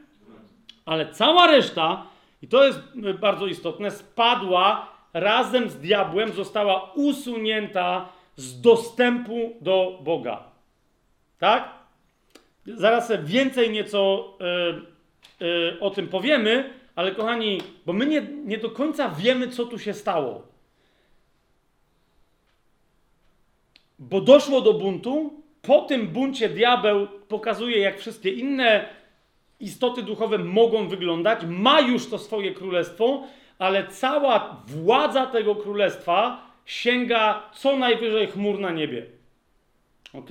Biblia mówi wyraźnie, że, i teraz od razu zastrzegam, to nie znaczy, że diabeł nie, ma dostęp, nie miał do pewnego czasu dostępu do podnóżka tronu Bożego, czyli do miejsca sądów, ale nie sięgała tam absolutnie nigdy żadna jego władza. Tego nie możemy mylić. Rozumiecie? Nawet Pan Jezus zgadza się z tym, że z pewnego punktu widzenia stało się coś takiego, że diabeł stał się jakby władcą całej ziemi z jednego powodu. I teraz się bliżej temu przyjrzymy, tak? Teraz rozumiecie, doszło do starcia w niebie albo nie doszło. Może po prostu Bóg zobaczył, co się dzieje w sercu diabła, zapytał go serio, on powiedział serio, no to nara i to było tyle. Bo my nie wiemy nic na temat jakichś wojen w niebie, które by się toczyły wcześniej. Wiemy tylko, że doszło do rozłamu w niebie, w wyniku którego diabeł zmienił swoją postać, stał się świadomym przeciwnikiem Boga i to stało się jego trwałym wyborem. Jasne? Natomiast, kochani, czego my nie wiemy? Nie, nie wiemy, do jakich ustaleń doszło. I, tu, i, I ja nie będę wymyślał teraz i nie lubię takich, co wymyślają. Bo my nie wiemy, do jakich ustaleń doszło. My tylko wiemy, że diabeł się zdecydował, że woli być ukarany i miał jakiś wybór, musiał mieć jakiś wybór, bo Bóg zawsze daje. Wiecie o co chodzi? Ale doszło w pewnym momencie do sytuacji, w której on tego wyboru dokonał na wieki. W wyniku tego wyboru Bóg postanowił stworzyć jezioro ogniste, czy ono jest fizyczne, czy duchowe, teraz nie będziemy w to wnikać, jako miejsce przeznaczenia dla diabła i dla jego aniołów. Rozumiecie, co, co mówię? I teraz, ale teraz kapujecie, to, że jest wydany wyrok sądu, to czasem w pewnych e, e, justicjach różnego sortu jest wydany wyrok, wiecie, że ktoś jest skazany na 7 lat więzienia, ale dowiaduje się, że karę ze względu na przykład na, nie wiem, przeludnienie w więzieniach od, zaczyna odbywać dopiero za 3,5 miesiąca. W pewnych stanach, w Stanach Zjednoczonych wiem, że tego typu sytuacje mają miejsce, nie? Że ktoś dostaje wyrok, no nie na 7 lat, bo to wtedy go od razu zamykają, ale typu na, na rok czy na parę miesięcy, nie?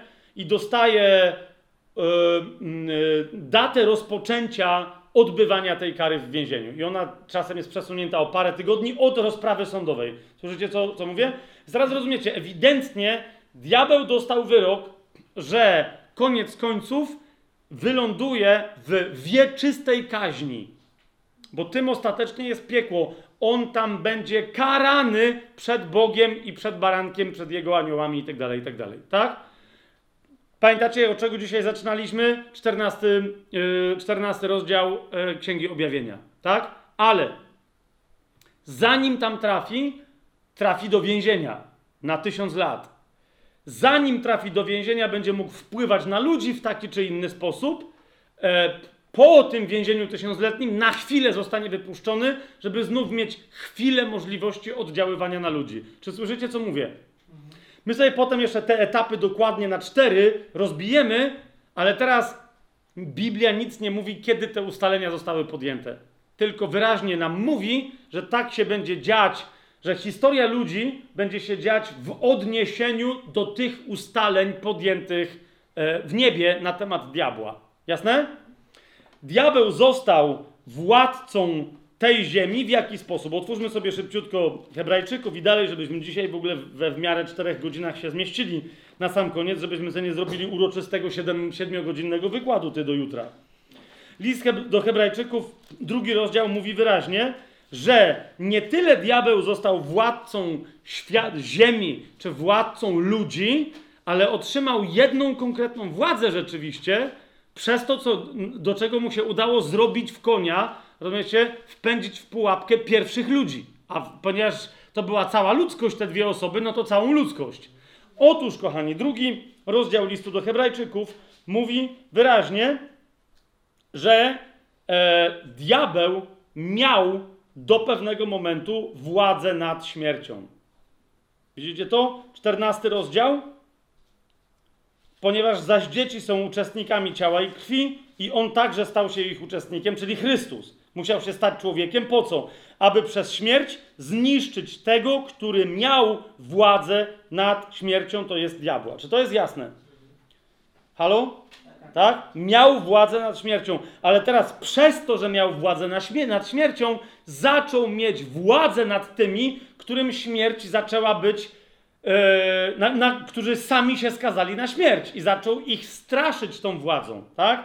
Bo on miał władzę nad śmiercią, diabeł, i, a, I teraz Jezus ich wyzwolił, to zrobił, jego pokonał po co? Aby wyzwolić tych, którzy z powodu lęku przed śmiercią przez całe życie podlegali w niewoli. Diabeł miał władzę nad śmiercią, ale straszył nią ludzi tak skutecznie, że oni bojąc się faktu, który i tak był nieuchronny, wchodzili w jego niewolę i pozwalali mu mieszać w swoich umysłach. W wielu miejscach Paweł o tym mówi, jak ludzie w wyniku tego lęku, że kiedyś muszą umrzeć, zamiast się z tym pogodzić czy coś, grzeszne ciało zaczynało się poddawać e, władcy tego świata, który działa w synach buntu dzi nawet dzisiaj, tak?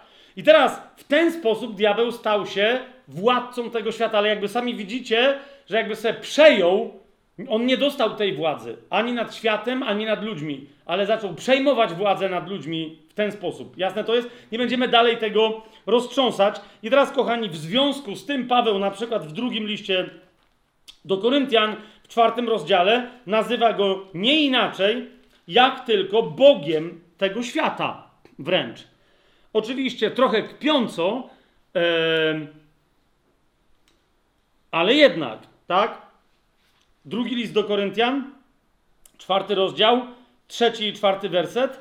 E, Paweł mówi: Nasza Ewangelia jest zakryta, to znaczy zakryta dla tych, którzy giną. Zwróćcie uwagę, w których Bóg tego świata zaślepił umysły w niewierzących, aby nie świeciła im światłość chwalebnej Ewangelii Chrystusa, który jest obrazem Boga. Widzicie to? Kto szatana tu nazywa Bogiem tego świata, ale jeszcze raz, nie dlatego, żeby Paweł, jak niektórzy mówią, uznawał, że szatan w sumie osiągnął status Boga. Tylko on jest Bogiem dla tego świata. Z greckiej gramatyki to jasno tu wynika, tak? Jest Bogiem dla tego świata, w którym on zdołał na tyle za zaślepić umysły, aby ludzie mogli zacząć go postrzegać jako Boga, jako właściwego władcę czegokolwiek. Jasne to jest? Zresztą zobaczcie list do Efezjan, tam gdzie kontekst jest nieco inny, Paweł też nieco precyzyjniej go e, nazywa w drugim rozdziale. E, pierwszy i drugi werset mówi: I was ożywił Bóg, którzy byliście umarli w upadkach i w grzechach, w których niegdyś postępowaliście, według zwyczaju tego świata i według władcy, który rządzi w powietrzu. On rządzi nad ziemią, ale, ale jeszcze raz, e, nie chodzi o to, że się unosi gdzieś ponad ziemią, niemniej to dobrze definiuje ziemię. Rozumiecie? Ziemia to jest coś, co ma atmosferę, w której jest powietrze. Im bardziej powietrze się kończy, tym bardziej kończy się, kończą się rządy tego pseudowładcy. Tak? To znaczy, to jest władca, który rządzi w powietrzu. Oczywiście e, nie należy bagatelizować zjawisk, które on może e, wywoływać, znaków, które on może tworzyć na wysokościach tego nieba. Czy to jest jasne, co mówię? Bo on jest władcą, który rządzi w powietrzu, ale jeszcze raz, to chodzi o powietrze także przede wszystkim, którym oddychają ludzie. On jest władcą tego powietrza i po, po części niechcący, chcący on, a niektórzy ludzie, większość, wszyscy niechcący przyjmują go, że tak powiem, z tym powietrzem go wchłaniają jako swojego władcę i przyjmują jego władzę, bo się boją śmierci. W liście do Galacjan e, w czwartym rozdziale, e, w ósmym wersecie, właśnie żebyśmy mieli jasność, jak, jak Paweł tego władcę powietrza nazwał w jednym miejscu Bogiem tego świata, to jedno, wiecie, on wyraźnie mówi, że no ale Bogiem nie w sensie takim jak ten prawdziwy Bóg. Nie? Zobaczcie, w czwartym rozdziale, w ósmym wersecie mówi, wprawdzie dawniej, gdy nie znaliście Boga, służyliście tym, którzy z natury nie są bogami. Więc w domyśle jakimś bogom, którzy nie są prawdziwymi bogami z natury. Widzicie to? E, również w pierwszym liście do Koryntian Paweł też to zaznacza, żeby rozróżniać, kiedy on mówi o prawdziwym Bogu, a kiedy, e, a kiedy se kpi z tych różnych, co udają bogów. W pierwszym liście do Koryntian w ósmym rozdziale, w piątym wersecie mówi, chociaż są tacy, którzy są nazywani bogami, czy to w niebie, czy na ziemi, bo wielu jest takich bogów i wielu panów, dla nas jest tylko jeden Bóg. Widzicie to? Więc on co mówi? Że jest wiele takich rzeczy, które są czczone jako bogowie, to są bogowie na ziemi. Nie? I on też mówi, że są tacy, którzy chcą uchodzić za bogów, to są ci bogowie w niebie, jeszcze raz, czyli w rzeczywistości niewidzialnej. Jasne? To jest? I, a często powiązanie jest takie, że oni wymyślają swoje własne kulty na ziemi, jakby w innych miejscach, ale już nie będziemy ich zgłębiać. Paweł, zwłaszcza Paweł pokazuje, że ludzie często oddając pokłon figurce, którą jest wyrzeźbiona, czy jakiemuś obrazkowi, ten pokłon odbiera demon, który stoi za inspiracją tej figurki. Jasne? Ale Paweł cały czas mówi jeszcze raz, nawet diabeł sam we własnej osobie jest tylko takim wymyślanym, wymyślonym dla ludzi przez samego siebie Bogiem uzurpatorem, a nie ma niczego wspólnego z prawdziwym Bogiem, bo z natury oni nie są żadnymi bogami, tylko chcą za takich uchodzić. Mamy to? Niemniej, kochani, yy, z drugiej strony, sam Pan Jezus, otwórzmy sobie 12 rozdział Ewangelii Jana, kiedy to przychodzą do Jezusa Grecy, poganie, to jest interesujące. Jedno z mało komentowanych zdarzeń, że do Jezusa przyszli Grecy z Grecji, z Achai. Rozumiecie? Wysła... Wieść o nim się rozeszła i o nich też chcieli wiedzieć. I wtedy Jezus bardzo interesująco wskazuje, tam mówi coś Filipowi. Nie będziemy teraz tego roztrząsać, ale e, e, e, woła do Boga, a Bóg wtedy słyszalnym głosem odpowiada mu z nieba. Zobaczcie 12 rozdział, 28 werset. E, on mówi, że no to już się zaczęło. W ludziach duch zaczyna działać, bo nie tylko Żydzi czekali na zbawienie. Nie, to jest jeden z tych znaków. I on mówi, że nadeszła godzina, to jest 27 werset. Teraz moja dusza jest zatrwożona i cóż powiem? Ojcze, zachowaj mnie od tej godziny, no powinno się konsekwentnie tu przetłumaczyć, zbaw mnie od tej godziny, wiecie o czym mówię? Przecież dlatego właśnie przyszedłem, na tę godzinę, mówi Chrystus, więc na to mówi Ojcze, po prostu uwielbi swoje imię. Wtedy rozległ się głos z nieba, uwielbiłem i jeszcze uwielbię. Ludzie, którzy stali i słyszeli to, mówili zagrzmiało, inni mówili anioł do niego przemówił. A Jezus komentuje to, zwróćcie uwagę, ten głos 30 werset, rozległ się nie ze względu na mnie, ale ze względu na was. Zobaczcie 31 werset, żebyście zrozumieli, co się dzieje. Bo jedna z rzeczy, która teraz właśnie zaczęła się dziać, teraz odbywa się, nie od tej pory się zacznie, ale już właśnie to, ten, ten głos jest świadectwem, że co? Teraz odbywa się sąd tego świata starej epoki. Ona wtedy otrzymała swój wyrok. I teraz władca tego świata będzie wyrzucony precz. Wow! Świat, który przyjął za swojego władcę, władcy, który nim nie był. Władcę, który nim nie był. Dalej, w 14 rozdziale Ewangelii e, Jana, w wersecie 30, Jezus mówi, to już ostatnia wieczerza, rozumiecie, to jest jeszcze później. Już nie będę z wami wiele mówił, nadchodzi bowiem władca tego świata, a on we mnie nic nie ma. Pamiętajcie jeszcze raz, gdzie jest diabeł i jego królestwo, tam nie ma królestwa Bożego. To był moment, w którym wydawało się, że królestwo Boże doświadczyło implozji. Nie eksplozji, ale implozji, że się zapadło samo w sobie, wycofało się tak, że wyglądało, że nastała epoka ciemności. Okay? epoka władania absolutnego władcy tego świata. Jezus mówi, on idzie, a on w sobie nie ma niczego ze mnie, a ja w sobie nie mam niczego z niego. To jest moje kompletne przeciwieństwo, nie mam z nim nic wspólnego. Nie? Teraz na chwilę ustąpię, ale my pamiętamy, e, co Jezus w innych miejscach powiedział, bo on na chwilę ustąpił, ale właśnie się odbywał sąd nad nim. Nie? On przyszedł, licząc, że na tym sądzie kolejny raz się wypyszczy. Nie?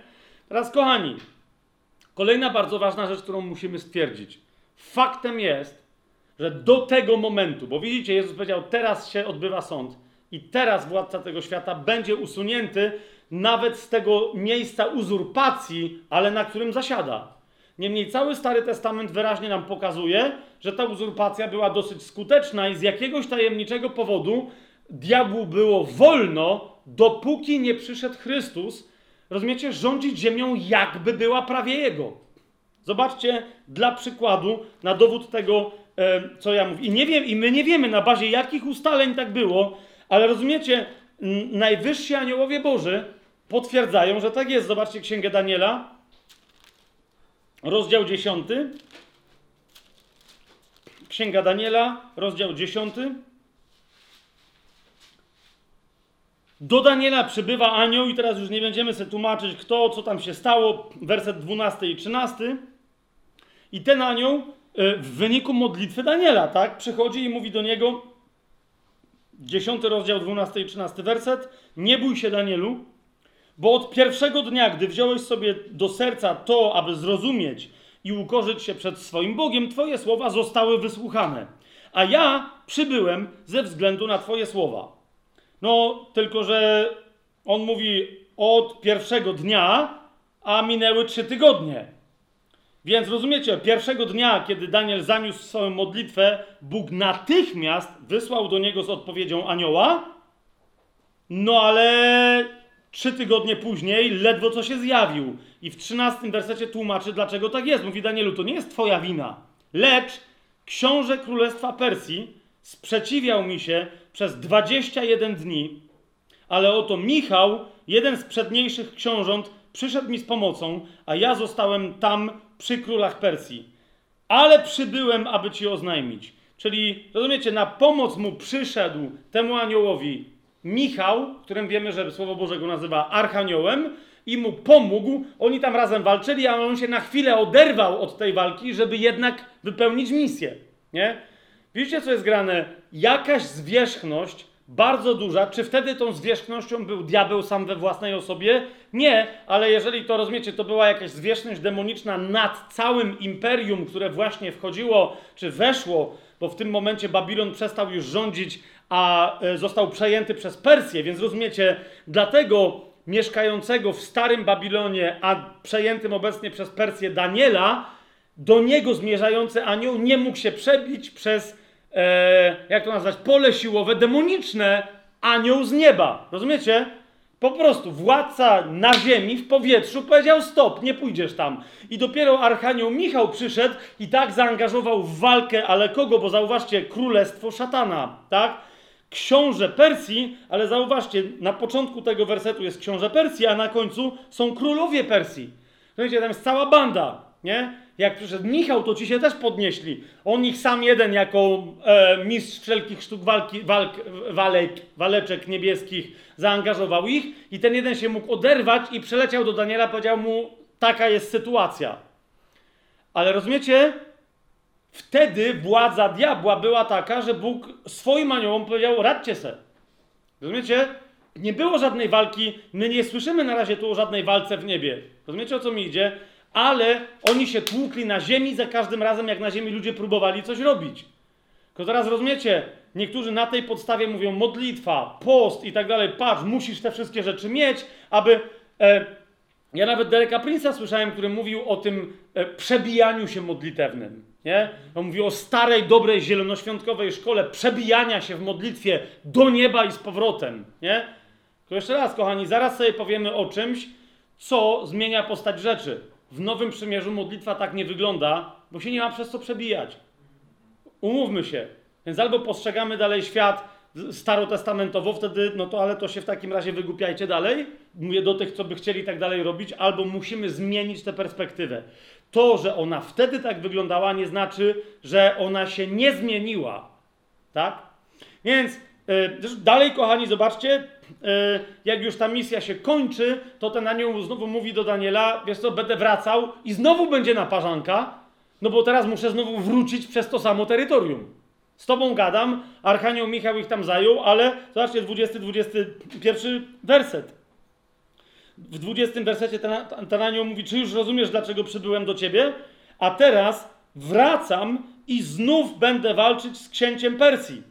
A gdy odejdę z tego miejsca, e, lub też niektórzy tłumaczą, kiedy on odejdzie z tego miejsca, przyjdzie Grecja, no bo wiecie, że to jest następny z tych imperiów i mówi, będzie jeszcze gorsza zwierzchność, rozciągnięta, bo wiecie, Babilon był wielki w swoim czasie, ale przyszła Persja, która była większa. Rozumiecie? Potem przyszła Grecja, która była jeszcze większa, a więc jeszcze potężniejsza zwierzchność musiała, czy, i, i, i struktura demoniczna, a potem przeszedł Rzym, który był tak wielki, że do, do końca czasów te, tego starego wieku ludzie będą tylko chcieli, czy diabeł będzie chciał tylko imitować tamten pomysł polityczny, a nie będzie tworzył piątego mocarstwa. Jasne? I jeszcze na jedną rzecz, kochani, zwróćcie uwagę. Popatrzcie, e, bo niektórzy mówią tak, owszem, jasne, wszystko się zgadza, ale na przykład Żydzi nie musieli mieć tego rodzaju problemu, tylko to był problem w pogańskich państwach. Serio? Ponieważ absolutnie natchniony e, przez Ducha Świętego e, nasz serdeczny brat w Chrystusie, absolutnie nowotestamentowy Juda, mówi wyraźnie o tym.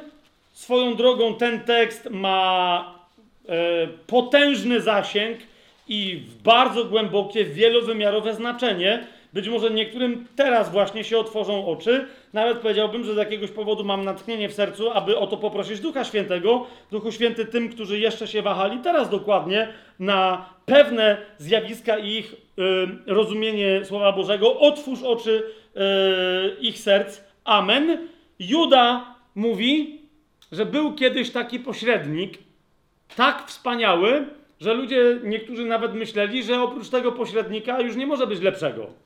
I że jak przyjdzie sam Chrystus we własnej osobie, może być tylko tak dobrym pośrednikiem jak ten. Pośrednikiem owym był Mojżesz między Bogiem a ludźmi.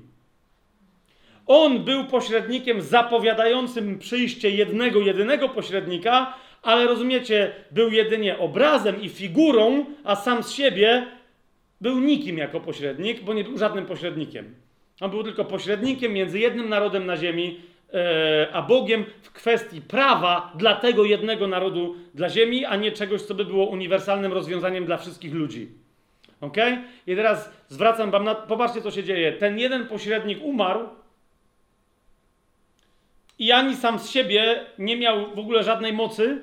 Jezus, właściwy pośrednik, jedyny między Bogiem a ludźmi, powiedział: Nikt mi życia nie odbiera.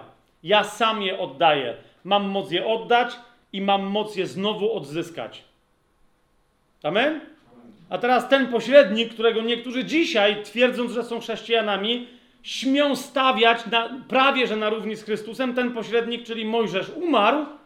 I co się stało? Nie dość, że nie miał w ogóle wpływu na to, co się dzieje z jego ciałem, to, co interesujące, bez Chrystusa znajdował się w takim stanie, że nawet Archanioł Michał nie mógł nic zrobić z jego ciałem. Najpotężniejszy z nieupadłych aniołów. Juda w dziewiątym wersecie swojego listu pisze, ale Archanioł Michał, rozprawiając z diabłem, kłócił się o ciało Mojżesza. Gdy to robił, nie, nawet on nie ośmielił się powiedzieć bluźnierczego oskarżenia, w sensie przeciwko szatanowi, ale powiedział, niech cię Pan zgromi. Co to oznacza? Nikt, rozumiecie, była sprawa między Bogiem a diabłem. Tak? Na tyle niedokończona i na tyle należna do Boga samego, że nawet Archanioł Michał nie mógł wypowiedzieć oskarżenia skutecznie potępiającego diabła. Czy rozumiecie, co ja, co ja teraz mówię? Nie mógł, nie mógł więc, bo, bo byłoby to bluźnierstwo. On nie miał prawa, nie miał podstaw w sobie żadnych. I, tak? Jest, jest bardzo ważne, żebyśmy to zrozumieli. Tak? I on mówi, nawet jak teraz, czemu oni się kłócili, o to, po, czemu diabeł chciał mieć to, to, to, to ciało Mojżesza z różnych powodów.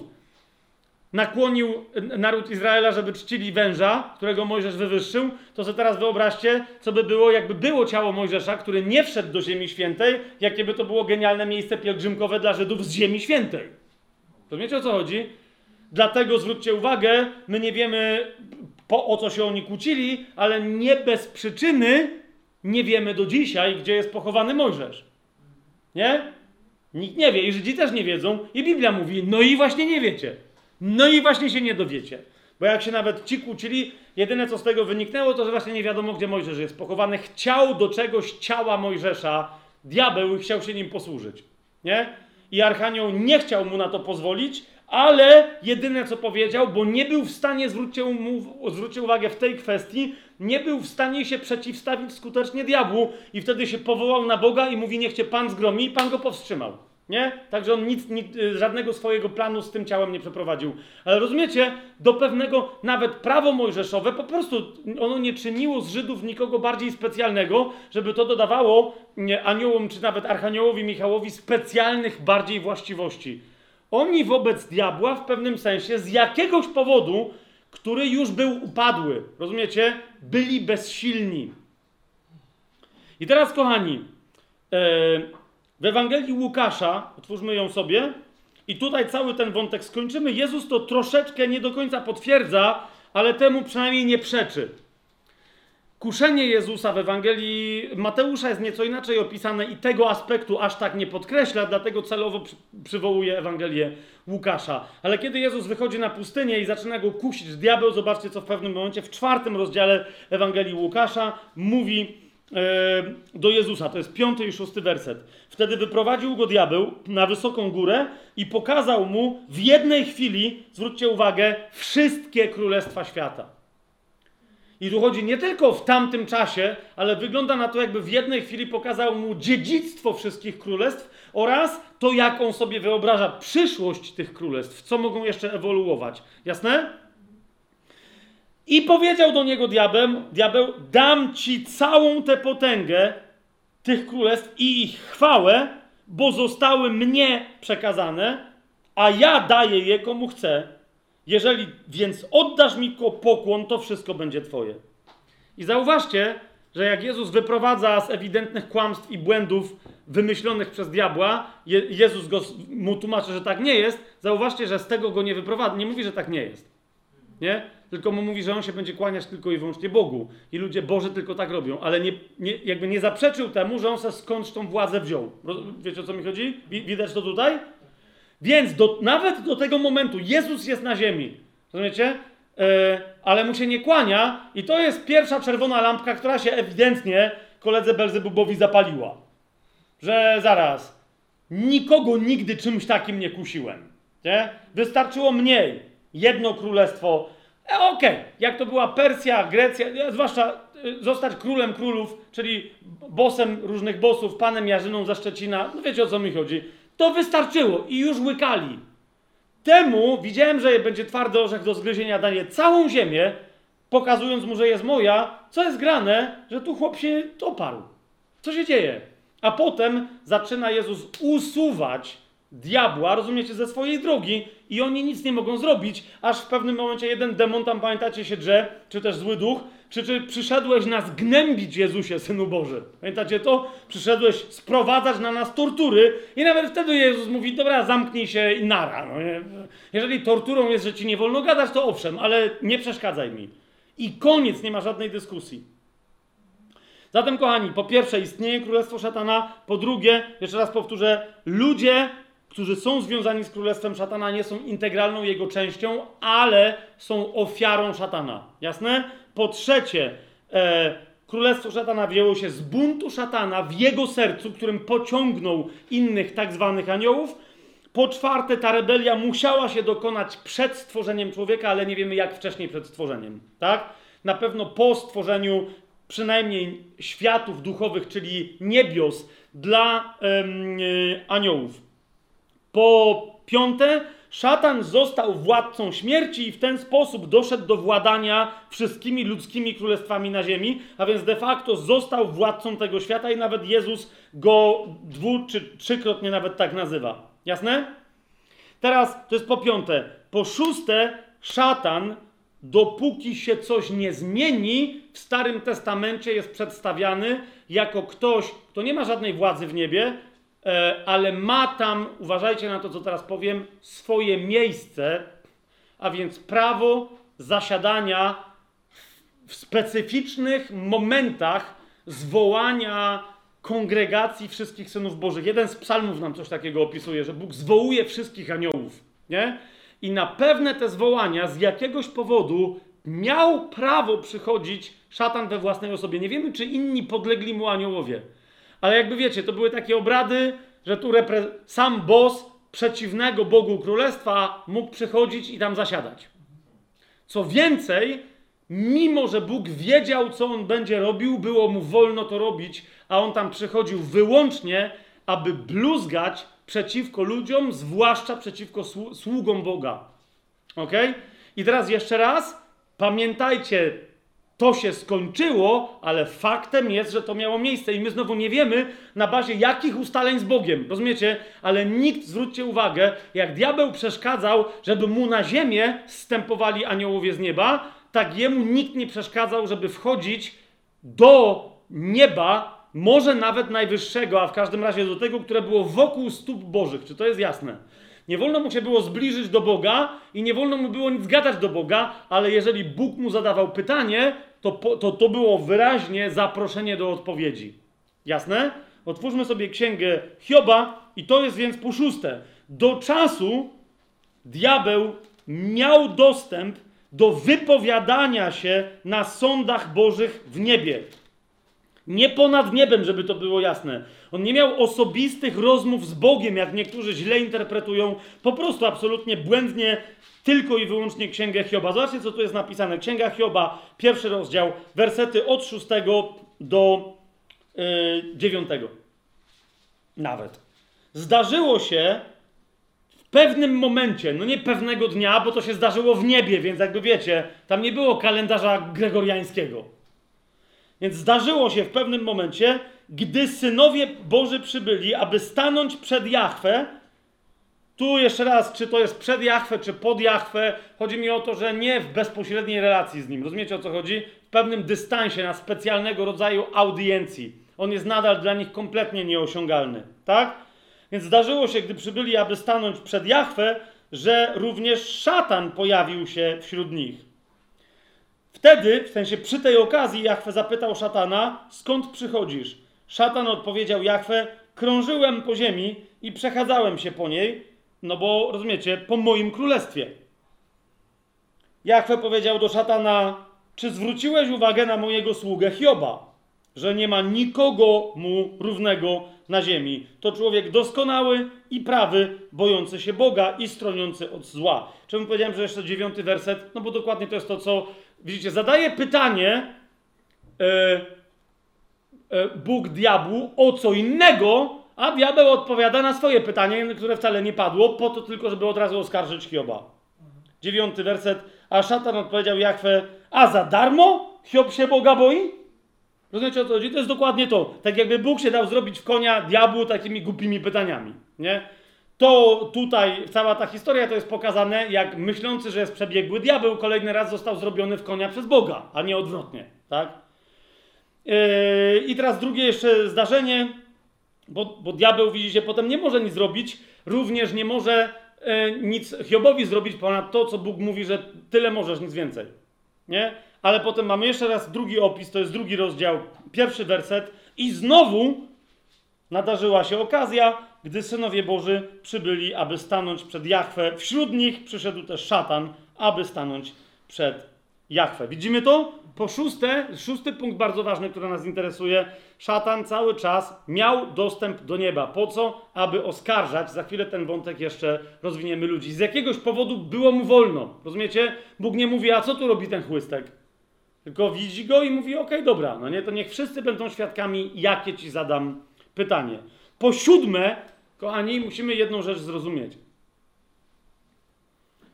E, nawet nie będę tłumaczyć dalej implikacji, bo to są, to, to są tylko prawidła potrzebne nam do zrozumienia reszty Księgi Objawienia.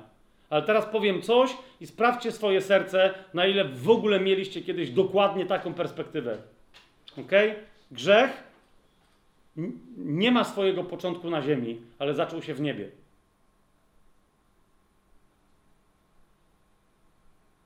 Siadło?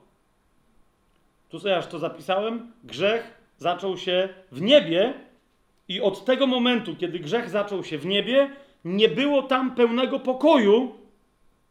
To co ja gadam teraz? Jak to w niebie nie było pokoju? Zaraz wam to udowodnię. Ale my to, tą perspektywę musimy zrozumieć. Bóg w sobie miał pokój, ale On jest ponad ostatnim z nieb. Ponad niebiosami. Rozumiecie, o co mi chodzi? Ale dopóki pewna rzecz się nie rozwiązała, ok? A jej rozwiązanie mogło być tylko jedno, dopóty, ponieważ w niebie zaczął się grzech, dopóki ta rzecz się nie rozwiązała, do, dopóty choćby tylko po to, aby w niebie oskarżać ludzi, miał prawo tam przechodzić diabeł, dopóki nigdy nie było tam pełnej harmonii i pełnego pokoju. Ok? W rzeczywistości duchowej. To nazywam niebem. Grzech się zaczął w niebie i nie było tam pełnego pokoju, dopóki szatan miał tam dostęp. Ok? Powiecie, daj dowód. Już wielokrotnie go tu podałem, ale przywołam jeden werset, który zwykle przywołujemy po coś innego. A teraz wam pokażę dokładnie, że ten werset dowodzi w powiązaniu z innymi, że dokładnie tak było. To jest pierwszy list Jana, znowu, jeden z tych wersetów, które już przywołaliśmy. Pierwszy list Jana, trzeci rozdział, ósmy werset. Kto popełnia grzech, jest z diabła. Dlaczego? Ponieważ diabeł jest tym, który grzeszy od samego początku. Słyszycie to? Gdzie diabeł zgrzeszył? Popatrzcie teraz na mnie. Prze- prze- Przepraszam, ci, którzy tego będą słuchać bez. Pokazuję na tył swojej głowy. Rozumiecie? Diabeł, zanim był diabłem, był zagłówkiem tronu Bożego. I on w tym miejscu, co na, rozumiecie, na wysokości serca Boga, bo może dotąd sięgał ten zagłówek. Rozumiecie, co mi chodzi? To było oparcie na wysokości serca Bożego, bo nie głowy Bożej, ale rozumiecie, tu, tak blisko Boga, tam się zaczął grzech. Czy to rozumiecie? w sercu istoty stworzonej i Bóg do tego dozwolił. Nie w Bogu, Bóg z tym nie miał nic wspólnego, ale jak niektórzy potem mówią, że bitwa się jakaś odbyła i tak dalej. Pamiętacie list do Hebrajczyków, który daje wyraźną zasadę, ale nie wiem, to, najpierw to widzicie to? On jest twórcą grzechu. On pierwszy zgrzeszył. Początek grzechu to jest grzech w sercu diabła, który pomyślał sobie, przecież ja mogę być taki jak Bóg. Pamiętacie to? W sercu swoim pomyślałeś. Teraz zobaczcie, e, skoro list do Hebrajczyków, otwórzmy sobie list do Hebrajczyków, 12 rozdział. Oko mnie stędzi, muszę się podrapać. A jednocześnie chcę czytać z okularami i 12 rozdział listu do Hebrajczyków, tak? Zobaczcie, 14 werset mówi nam wyraźnie: Dążcie do pokoju ze wszystkimi i do świętości, bez której nikt nie ujrzy Pana. Czy rozumiecie, że to był moment, w którym diabeł, jego nikt nie musiał zrzucać, z nim nikt nie musiał walczyć, on musiał wtedy spaść. Po, po prostu, jak jest, wiecie, tajemnica, że tam aniołowie walczyli i tak dalej. Walka aniołów się odbyła kiedy indziej i zaraz sobie o tym powiemy. Dlatego dopiero w 12 rozdziale Księgi Objawienia my się dowiadujemy, że Archanioł Michał walczył z aniołami i tak dalej. Zauważcie, wcześniej to oni się tłukli na ziemi, a nie w niebie. Tak? Natomiast tu po prostu wtedy diabeł odpadł i razem z nim odpadli wszyscy, którzy mu uwierzyli, ponieważ mieli pewną możliwość wysłuchania diabła i Bóg mówi, okej, ktoś jeszcze tak myśli? My. To nara, bam. Dlatego, że nie można przebywać w obecności Bożej, rozumiecie, bezpośredniej. Co innego być na audiencji i znajdywać się w in... rozumiecie? Czyli ta audiencja odbywała się być może, jak niektórzy mówią, w którymś z niższych warstw, w którejś z niższych warstw nieba. Tam przychodził szatan, skąd można... Pamiętacie te dusze, które są na przykład pod ołtarzem? I one wołają do Pana, jak długo jeszcze Panie, ale one nie są, rozumiecie, nie są na, tej, na tym samym poziomie. Więc niektórzy na to zwracają uwagę, że diabeł nie miał już więcej dostępu do poziomu w ogóle Boga. Rozumiecie? Tak jak pozostali na przykład cherubini, którzy są tronem Bożym, nie? Pamiętacie tych, co latają, krzyczą święty, święty, te wszystkie tam jazdy e, przedziwne, surrealistyczne, które są prawdą, a to my tylko żyjemy w dziwnym i pokracznym świecie. Więc to jest dokładnie to. Diabeł wtedy musiał odpaść, bo nie może nic dotykać się Boga, ani oglądać Boga. Rozumiecie, kto, co nie jest święte. Dążcie wy do pokoju ze wszystkimi i do świętości, bez której nikt nie ujrzy Pana. Mamy to? Wtedy diabeł odpadł. Rozumiecie, grzech tam się zaczął i stamtąd spadł ten grzech, ale zauważcie, że dalej, dopóki diabeł, ten grzesznik pierwszy, mógł chodzić nawet do któregoś niższego nieba, ale żeby wciąż gadać z Bogiem, tam cały czas nie było pokoju, czy to rozumiecie? We wszystkich tych niższych warstwach niebieskich, nie? Po ósme, dopiero Chrystus z oczywistych powodów mógł zakończyć tę część historii. Rozumiecie? Nowe przymierze, e, nawet jeżeli nie od razu się rozwinęło, trzymane przez Boga w ręce prawej, pamiętacie jak on krzyczy, kto jest godzien, żeby to otworzyć? Nie? dla nas ludzi jest istotne, kiedy on złamie wszystkie pieczęci. Rozumiecie o co chodzi? Dla całej reszty istot duchowych jest istotne, czy jest ktoś, kto w ogóle może wziąć ten zwój, żeby je łamać. Rozumiecie? I zaraz to też będziemy widzieć, bo dopóki kogoś takiego nie ma, dopóty diabeł może chodzić do nieba. Ok? Jeżeli się ten ktoś pojawia, to już kończy tę sprawę. Więc po ósme, dopiero Chrystus zakończył raz na zawsze tą sytuację i dokładnie takie było jedno z jego zadań. Kapujecie? Nikt inny nie mógł tego zrobić, tylko Bóg człowiek. Otwórzmy sobie Ewangelię Łukasza. To jest dziewiąty punkt z dziesięciu, które chciałem poruszyć, a potem zaczniemy egzegezę reszty Księgi Objawienia. Ale zobaczycie, jak ona będzie wtedy szybka. Ewangelia Łukasza, 19 rozdział. Ewangelia Łukasza, 19 rozdział sobie yy, otwórzmy.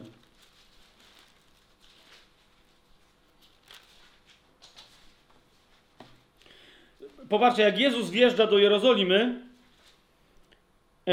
zobaczcie w 38 wersecie, co krzyczą niektórzy, i to jest bardzo interesujące pod wpływem Ducha Bożego prorokując, bo nie ma e, mm, bezpośredniego przełożenia na hebrajski tutaj. I to słysząc, e, uczeni w piśmie dostają nawet, rozumiecie, wstrząs, rozumiecie, wstrząsu mózgu, i zaraz, zaraz. Zobaczcie, co mówi 38 werset. Mówili, błogosławiony król, który przychodzi w imieniu Pana. Pokój w niebie i chwała na wysokościach. Wiecie, jak przyszli aniołowie, jak Jezus się pojawił, mówili pokój na ziemi. Pamiętacie? A ci krzyczą, to jest objawienie Mesjasza, który zaprowadzi pokój w końcu w niebie. Widzicie to? Okej, okay. zobaczcie list do Kolosan. Znowu to jest werset, który myśmy tu już przywoł przywoływali i myśmy go yy, odczytali. Ale jeszcze raz go, zobaczcie, co tu jest napisane. My wiemy, że on, nawet wiemy, kiedy on go konkretnie wprowadził. Ja dwa cytaty tylko teraz przywołuję, za chwilę jeszcze może parę, ale chodzi mi o to, sami sobie zróbcie to studium, bo dla niektórych to jest wstrząs i to jest dopiero dobra nowina. Nie? Że nawet niebo na to czekało. Nie Bóg, bo on jest ponad, ale naprawdę całe stworzenie. Zobaczcie pierwszy list do Kolosan. Pierwszy list do Kolosan. List do Kolosan, pierwszy rozdział, przepraszam najmocniej. Dziewiętnasty werset i dalej. Upodobał sobie ojciec, aby w nim, czyli w Chrystusie, zamieszkała cała pełnia. I żeby przez niego pojednał wszystko ze sobą. Uważajcie na to czyniąc pokój przez krew Jego krzyża. Przez Niego mówię. W tym, co jest na ziemi, jak i w tym, co jest w niebie. Albo też pojednawszy ze sobą to, co jest na ziemi, jak i to, co jest w niebie. Ale rozumiecie, gramatyka grecka nie mówi, żeby pojednać to, co jest na ziemi, z tym, co jest w niebie. Tylko mówi o jednaniu Ojca tego, co jest na ziemi, z tym, co jest na ziemi i z tym, co jest w niebie. I przez to te rzeczy mogą się też ze sobą zjednoczyć, niebo i ziemia, rozumiecie? Ale najpierw one muszą być niezależnie od siebie zjednoczone w pełni z Ojcem. Łapiecie? I was, którzy kiedyś byliście obcymi i wrogami umysłem w niegodziwych uczynkach, teraz pojednał. Ale to i kiedy się to dokonało, to jest dzieło Jego krzyża. Czy widzicie to? Więc pojednanie między dwiema częściami ludzkości to jest pojednanie horyzontalne pojednanie nieba z ziemią jest pojednaniem wertykalnym, ponieważ i ziemia jest pojednana cała z Ojcem, to co widzialne, i to co niewidzialne jest pojednane, e, pojednane z Ojcem, bo niebo i ziemia tutaj oznaczają dokładnie te rzeczywistości. Wszystko co widzialne i wszystko co niewidzialne. Szesnasty werset o tym mówi. Przez niego bowiem wszystko, co zostało stworzone, to co widzialne i to co niewidzialne. Tak? Wszystko to musiało być wypełnione, dotknięte E, a on tylko i wyłącznie jest pełnią. Mamy to? W liście do Efezjan w pierwszym rozdziale.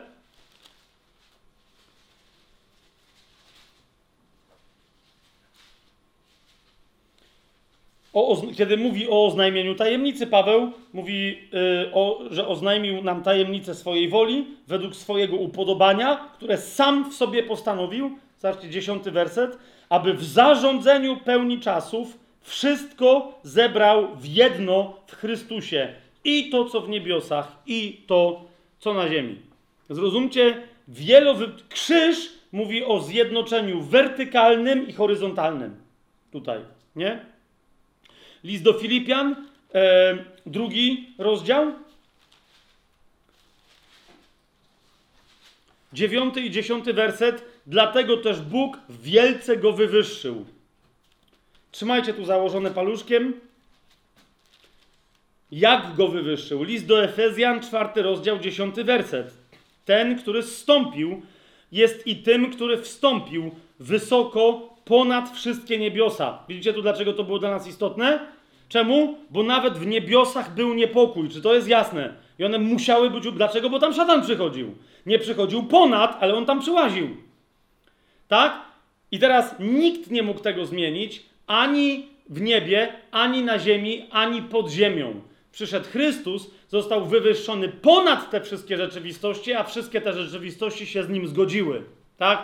Że on ma nad wszystkimi tymi, tymi wymiarami niebo, ziemia i podziemie, że on ma pełną władzę. List do Filipian, drugi rozdział. Dlatego też Bóg wielce go wywyższył. Jak?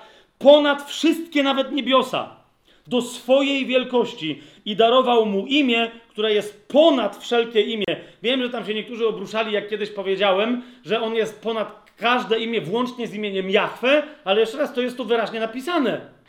Inna rzecz, że imię Jezus zawiera w sobie imię Jahwe, ale chodzi o to, że każdym imieniem, którym Bóg się do tego momentu przedstawiał, rozumiecie, e, każde z tych imion, którym się Bóg przedstawiał, Jezus otrzymał imię, które od tych imion do jego imienia e, jest większe.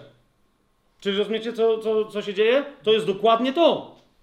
Więc nawet imię Jahwe, słyszę, że teraz niektórzy, my musimy teraz się modlić w imię Jehowy, Jahwego, coś, Jeszua.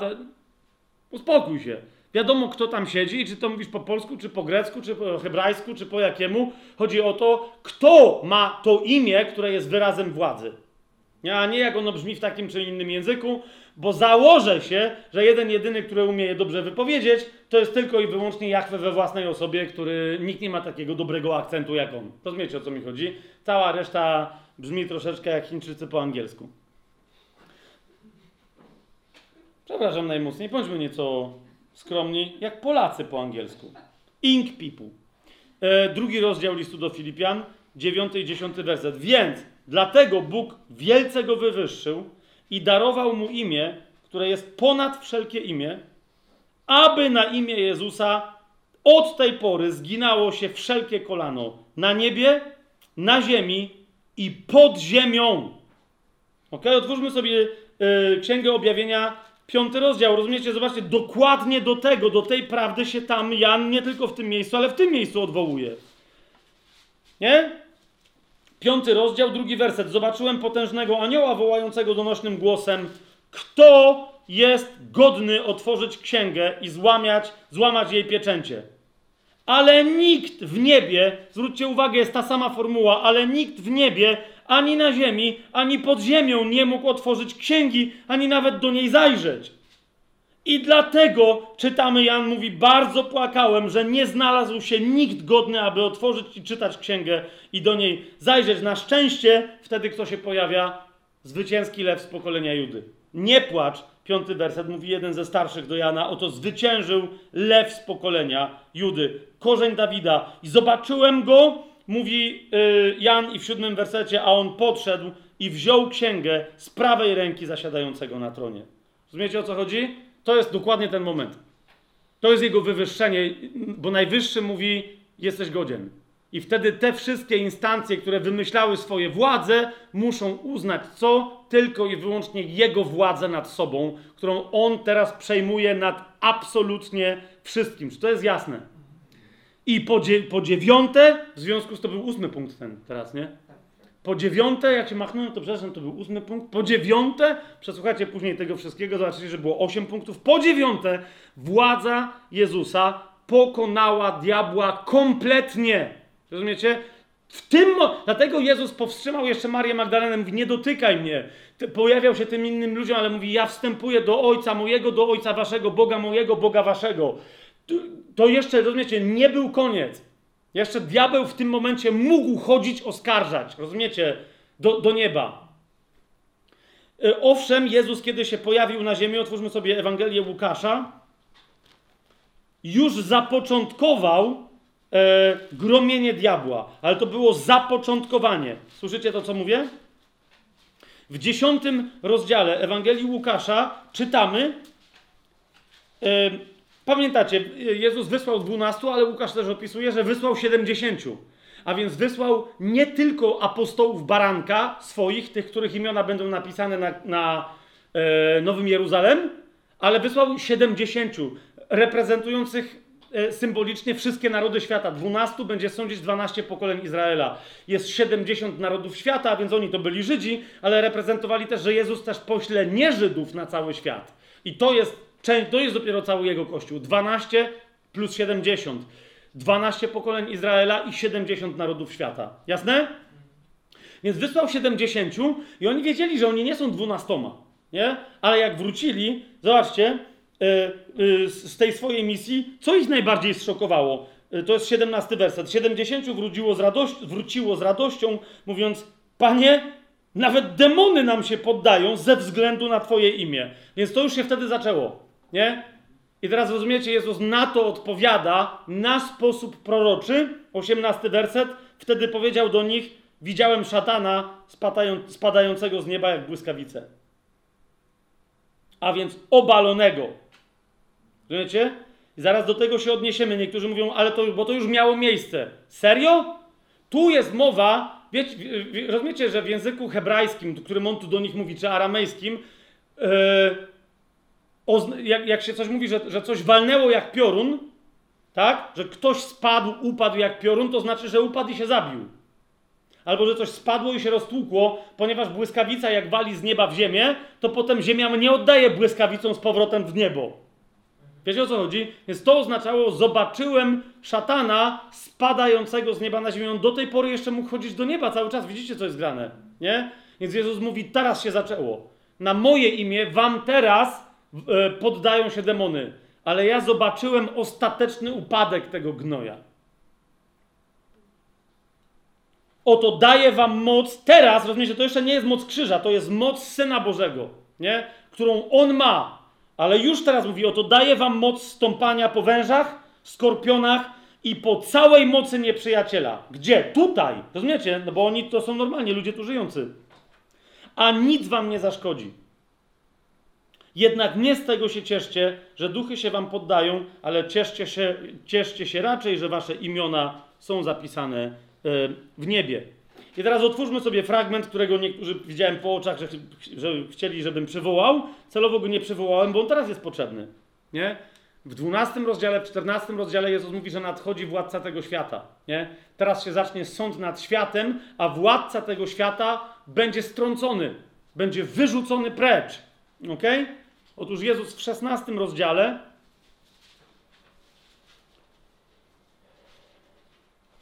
Co mówi w 11 wersecie? W ogóle mówi o tym, że Duch Święty kiedyś, za chwilę przyjdzie i zawsze jak będzie przychodził, to jest ósmy werset, co będzie robił? Gdy On przyjdzie, będzie przekonywał świat o grzechu, o sprawiedliwości i o sądzie. Czyli o czym? Całej tych wszystkich trzech elementów teraz nie potrzebujemy, ale o sprawiedliwości, ale o sądzie Jezus mówi, 16 rozdział Jana. Jana, co powiedziałem? A. Ale powiedziałem, że w 12 rozdziale i w 14 rozdziale, więc jasne, że w Ewangelii Jana, a tu jest 16 tejże samej Ewangelii, przepraszam najmocniej. W 11 wersecie e, Jezus mówi, bo tam mówi, że o grzechu, co to znaczy, o sprawiedliwości, co to znaczy, a w 11 wersecie mówi o sądzie, będzie mówić Duch Święty, czyli o czym? Mówi, bo władca tego świata właśnie w tym momencie jest sądzony. Ok? Odbywa się teraz sąd nad nim, a więc rozumiecie, on do tego momentu jeszcze był ogłoszony, że jest winien, ale nie miał rozprawy sądowej. Jego rozprawa sądowa odbyła się na krzyżu. Rozumiecie, całe niebo na to czekało. Że ten, który jest w niebie, zacznie tę rozprawę sądową aktem swoim jako wcielonego człowieka na ziemi. W Księdze Rodzaju, dokładnie tam, dostał zapowiedź diabeł i my tylko o tym wiemy, tak? Jako wcielony wąż, że tak powiem. To jest trzeci rozdział Księgi Rodzaju, czyli pierwszej Mojżeszowej jaką kto tam Biblię ma, e, e, w trzecim rozdziale, w 15 werse, wtedy, w 14 i 15 wtedy Jahwe Bóg powiedział do węża, ponieważ to uczyniłeś, będziesz przeklęty wśród wszelkiego bydła i wśród wszelkich zwierząt polnych. Na brzuchu będziesz się czołgać, proch będziesz jeść po wszystkie dni swojego życia. I wprowadzam nieprzyjaźń między tobą a kobietą, między twoim potomstwem a jej potomstwem. Ono zrani ci głowę, mimo że tobie uda się zranić mu piętę. Tak należałoby to przetłumaczyć. Dokładnie do tego fragmentu pierwszy list Jana się odwołuje, kiedy mówi, kto to są dzieci diabła, a kto to są dzieci Boże. Nie? I po czym się je rozpoznaje. To dokładnie do tego fragmentu. Nie? Jak niektórzy mówią, że diabeł fizycznie wprowadził jakieś geny i nie wszyscy ludzie są prawdziwymi ludźmi, tylko niektórzy są wężowym plemieniem i tak dalej. Jeszcze raz, przeczytajcie list, pierwszy list Jana, tam jest wyraźnie powiedziane, jak się człowiek staje dzieckiem diabła. Ok? To jest przez jego duchowy akt grzechu i trwania w grzechu, a nie przez to, że ktoś ma geny na litość boską. Więc tu jest to zapowiedziane. Ty go zranisz w piętę, a on ci zmiażdży łeb i się skończy. Ok? To musi być potomstwo ludzkie, bo to musi być potomstwo kobiety. Rozumiecie? Nie kobiety i mężczyzny, bardzo istotne, ale potomstwo kobiety. Zauważcie list do Hebrajczyków w związku z tym, co mówi. Też tam byliśmy, ale spójrzcie, jak na jeden i ten sam werset nawet można patrzeć na różne sposoby. List do Hebrajczyków, drugi rozdział, co więc nam mówi? Że dlatego cała sprawa między Bogiem a diabłem, a potem Bóg pozwolił się tej sprawie rozlać też na ludzkość. Rozumiecie? I dał jakby diabłu takie, okej, okay, no to ten swój pomysł sprzedaj ludziom, zobaczymy, co się stanie. I on, ja sprzedałem i co? I całe twoje dzieło poszło się sadzić. Ludzie, ponieważ oni sami się nie zbawią, tak? Dlatego, rozumiecie, Bóg stwierdził, zanim się z tobą rozprawię, to ty chciałeś mnie zranić, łamiąc moje serce, odbierając mi moje dziecko, którym jest ludzkość, zobaczysz, jak to moje dziecko tobie rozwala łeb.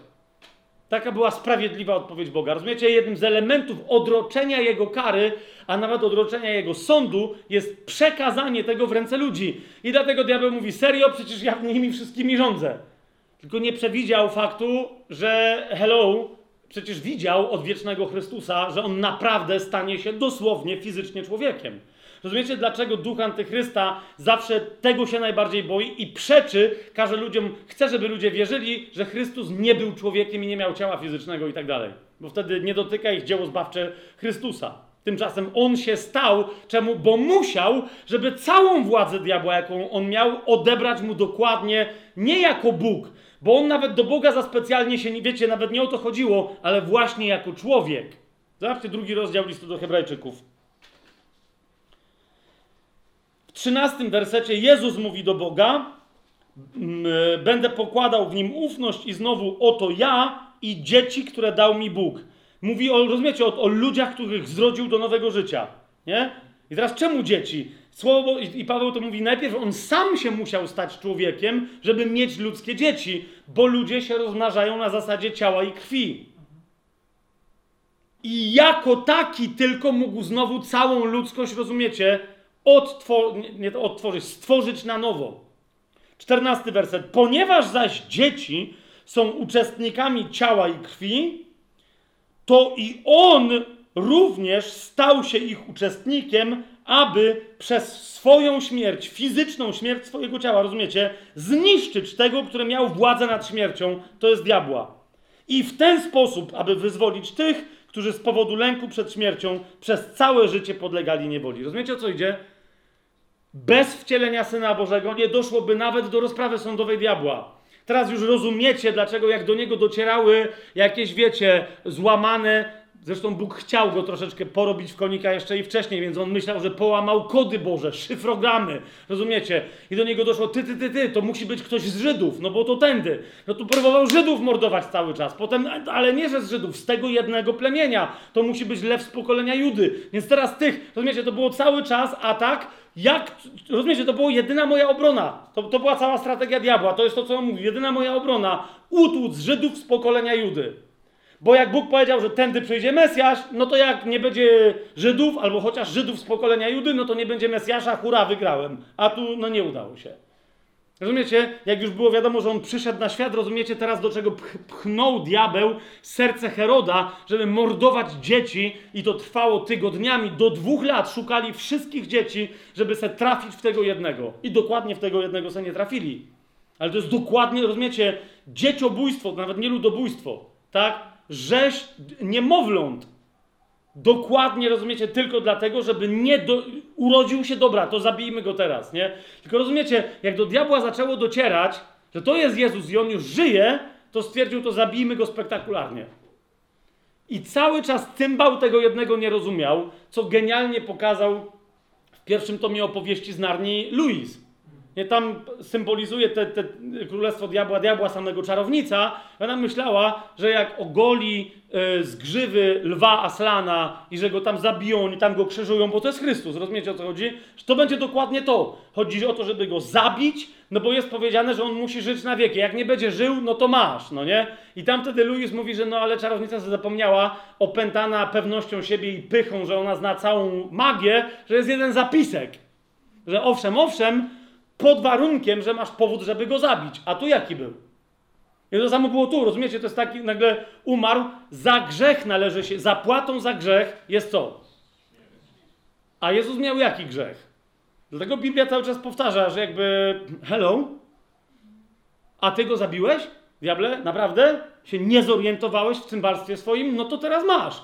W związku z tym Bóg uznał, tę ofiarę, no bo on nie musiał umierać ze względu na swój grzech, jako kompletną ofiarę zastępczą, bo kto przejdzie przez tę ofiarę, staje się nową ludzkością, nowym stworzeniem. Zatem, nara, diable, rozumiecie, co się tu wydarzyło? On musiał być y, człowiekiem. List do Kolosan zresztą mówi, że dokładnie tam się dokonało kompletne zwycięstwo i my to wreszcie musimy przyjąć, że kompletne znaczy kompletne. Jaki jest wyjątek od kompletne? Nie ma żadnego.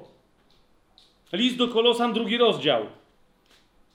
Wersety 13 do 15. I was, gdy byliście umarłymi w waszych grzechach i w nieobrzezaniu waszego ciała, razem z nim ożywił, przebaczając wam wszystkie wasze grzechy.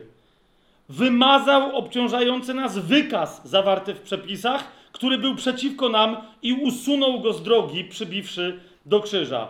I rozbroiwszy zwierzchności i władzę, jawnie wystawił je na pokaz, gdy przez niego odniósł triumf nad nimi. Czy to jest jasne? Gdzie to się stało? Na krzyżu. Jeszcze raz. Dokładnie wtedy, kiedy diabeł stwierdził, umarł i nagle stwierdził, ops, przepraszam, teraz dopiero zajarzyłem, co zrobiłem. A Jezus w swojej ludzkiej duszy, w pełni swojego bóstwa, stanął i mówił, powiedział mu, wiesz co jest grane, nie? Wziął go za łeb dokładnie pod tym krzyżem, bo jak myślicie, gdzie on stał, żeby się upewnić, czy go dobił? Oczywiście, że pod krzyżem. W pasji Chrystusa Mela Gibsona to jest świetnie pokazane, że on się tam dalej diabeł plącze, rozumiecie o co chodzi? I się cieszy, okej, okay, jak taki psychopata jeszcze na miejscu swojej zbrodni, żeby tylko go dobili. Zabili go i wtedy dokładnie staje przed nim Jezus i mówi, obczajasz, taki był plan. Więc to nie jest to, jak wiecie, ja czasem opowiadałem, że zszedł do piekieł i tam coś. No, on zszedł do piekieł, ale rozumiecie, trzymając diabła za ucho. Tako, takiego, wiesz, cymbała ostatecznego i mówi, o kogo tutaj biłeś? Kogo tutaj chciałeś smażyć w swoim piekle w przyszłości? Proszę bardzo mi pokazać. Za ucho na dół. Wszystkie klucze mu wziął.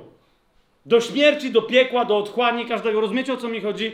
Stracił całą swoją władzę. Jezus w Księdze Objawienia się przedstawia jako ten, który mu wziął nawet te klucze, które on mógł mieć. Koniec.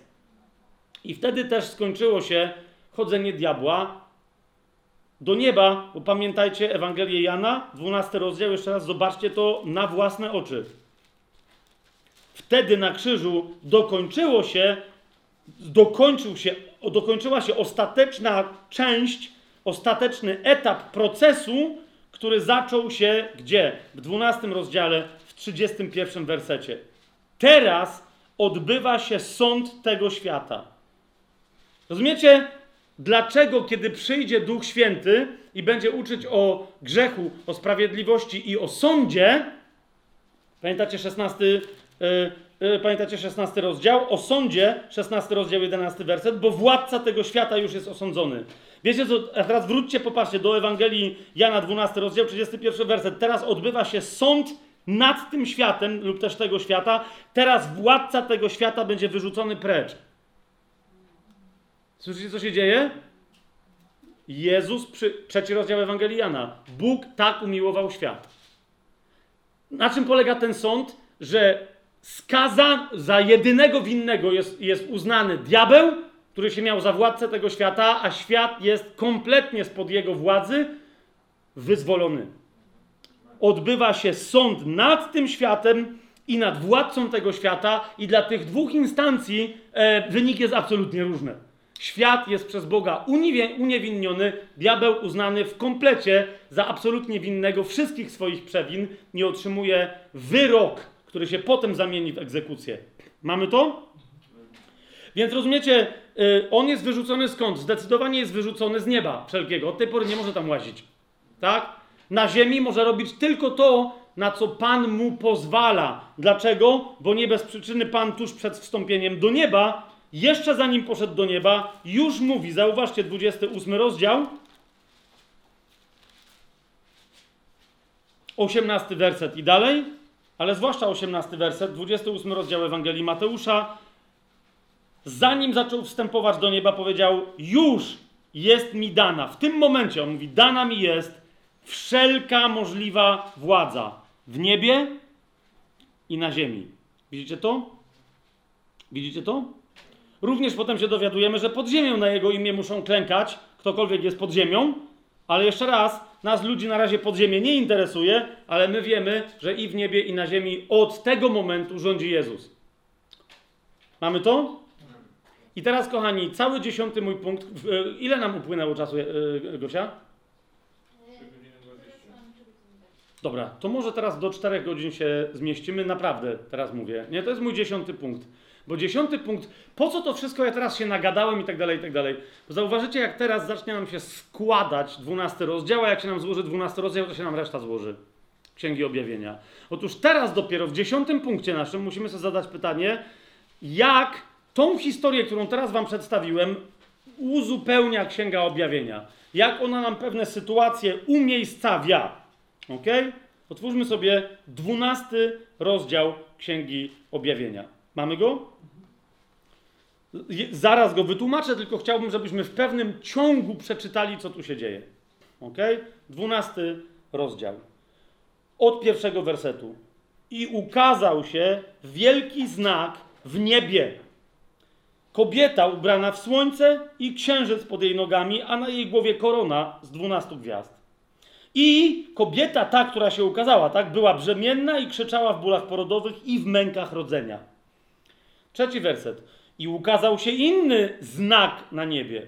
Oto wielki czerwony smok, mający siedem głów i dziesięć rogów, a na jego głowach siedem koron. I jego ogon wlókł trzecią część gwiazd nieba i zrzucił je na ziemię.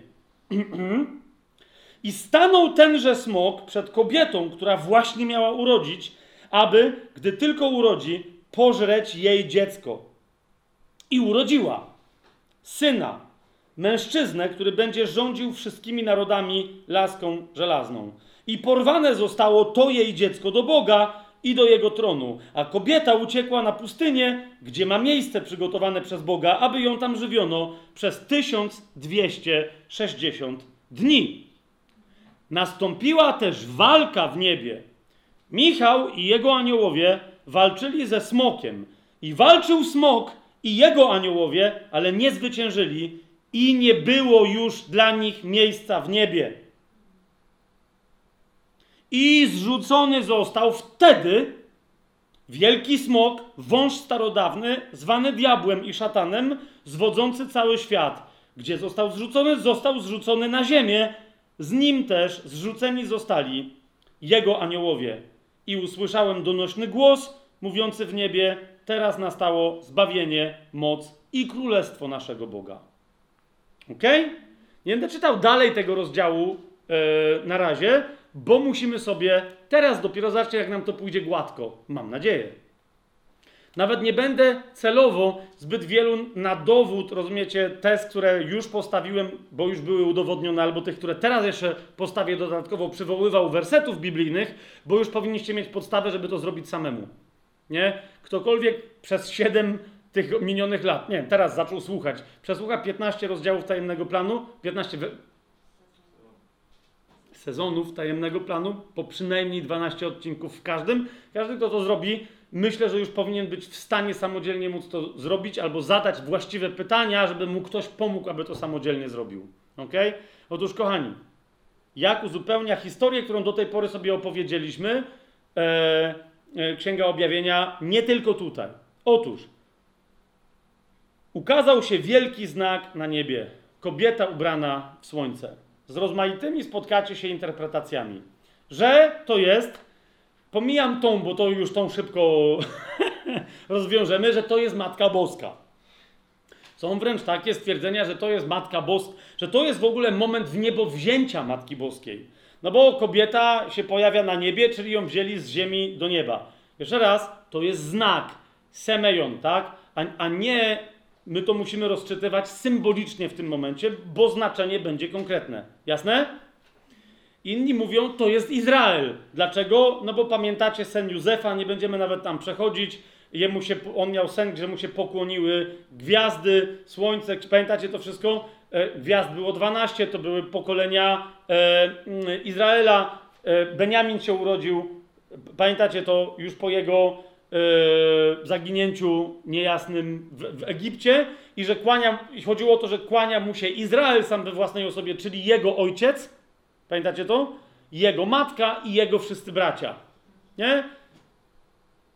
Tylko, że jeżeli, rozumiecie, ta kobieta ma reprezentować dokładnie to samo co Józef, z całym szacunkiem, to jaki to jest Izrael? Rozumiecie? Od tego musimy zacząć. Ja, jaki to jest Izrael? To Izrael pokłonił się Józefowi, a nie on, był, on nigdy nie był Izraelem.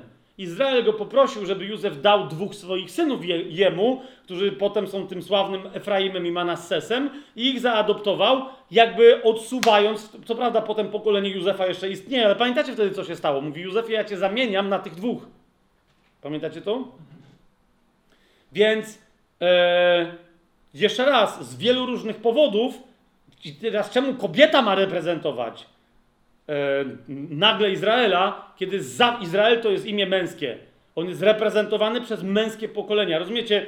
Księga Objawienia dodatkowo pokazuje nam to, że tylko mężczyźni reprezentują Izraela symbolicznie. Ok? I po drugie, że liczba 12 reprezentuje Izraela w Księdze Objawienia. 12 pokoleń Izraela, 12 po 12 tysięcy młodych mężczyzn, być może nawet chłopców jeszcze malutkich, którzy, którym jeszcze dziewczynki nie w głowie, ok? Oni reprezentują Izraela. Rozumiecie, tego, który pozostaje, nawróconą resztkę Izraela na ziemi. Sędziowie Izraela to jest, dwa, to jest 12 imion sędziów Izraela, to są imiona apostołów Baranka wypisane na 12 bramach Nowego Jeruzalem i tak dalej, i tak dalej. Rozumiecie, o co chodzi? Zatem ta kobieta ma związek z Izraelem, Izrael jest jej chwałą, jest jej koroną. Zobaczcie razem ze mną 12 rozdział.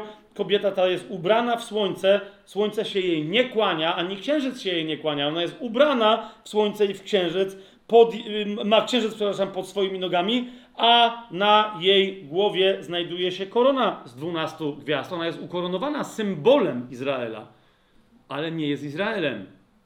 Zwłaszcza, że, kochani, i teraz to jest najistotniejsze, zobaczcie razem ze mną werset piąty i szósty. To jest kobieta, która już pojawia się brzemienna. Nie? Ona rodzi jakiegoś syna i ten syn, kiedy jest porwany od niej do Boga, rozumiecie, ona w tym momencie, kiedy dokonuje się poród, jest, co się dzieje? Zobaczcie szósty werset. Kobieta w tym momencie, czyli mamy taki ciąg wydarzeń. Piąty werset zaczyna się zdanie i porwane zostało jej dziecko. Widzicie to? Więc ona urodziła w tym znaku, to się dalej jest, to jest symbol pewien. Porwane zostało jej dziecko do Boga i do jego tronu, a ta kobieta uciekła na pustynię, gdzie ma miejsce przygotowane przez Boga, aby ją tam żywiono przez 1260 dni. Co to oznacza? Oznacza to, że niezależnie od tego, co ta kobieta, jakie ma ogólnie znaczenie, proces rodzenia kończy się w momencie rozpoczęcia wielkiego ucisku. I na czas wielkiego ucisku ta kobieta już nie rodzi, już kogo miała urodzić, urodziła tuż przed wielkim uciskiem. Ten ktoś jest porwany do nieba, a ona pozostaje na ziemi, ale bezpieczna od wielkiego ucisku. Czy to jest jasne? Ok? To kto to jest. No niektórzy mówią, no jakżeż, no to musi być przecież matka Jezusa, no bo rozumiesz, że kto został porwany, ale Jezus nie został porwany do nieba przed wielkim uciskiem. Zwracam waszą uwagę na to. Dokładnie ten ciąg. Rozumiecie, my znamy historię przyjścia Jezusa na ziemię, jak się on urodził i tak dalej. To nie musiał mieć specjalnego objawienia w symbolicznych znakach Jan, o co to chodziło, rozumiecie? On sam napisał Ewangelię o Jezusie, który był na świecie. Inne Ewangelie mówią, jak wyglądało z narodzeniem Jezusa, było tak. Więc hello, kto to jest ten mężczyzna, którego rodzi ta kobieta, który jest porwany do nieba? To nie jest Jezus, kochani. Jak to to nie jest Jezus? Co ty gadasz, Fabian? I urodziła syna, piąty werset. Mężczyznę, który będzie rządzić wszystkimi narodami laską żelazną.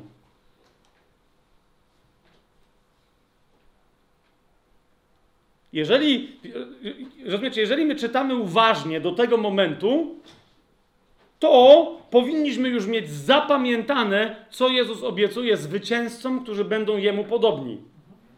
Księga Objawienia, drugi rozdział. W drugim rozdziale 26 i 27 werset. Temu, kto zwycięży i zachowa aż do końca moje uczynki, dam władzę nad narodami i będzie rządził nimi laską żelazną, jak naczynia gliniane będą skruszeni, jak i ja otrzymałem to od mojego ojca. Czy widzimy to? Jezus owszem jest mężczyzną, który będzie rządzić narodami rózgą żelazną, czy laską żelazną, tak? Ale Jezus mówi dokładnie to samo da swojemu zwycięzcy. Tak?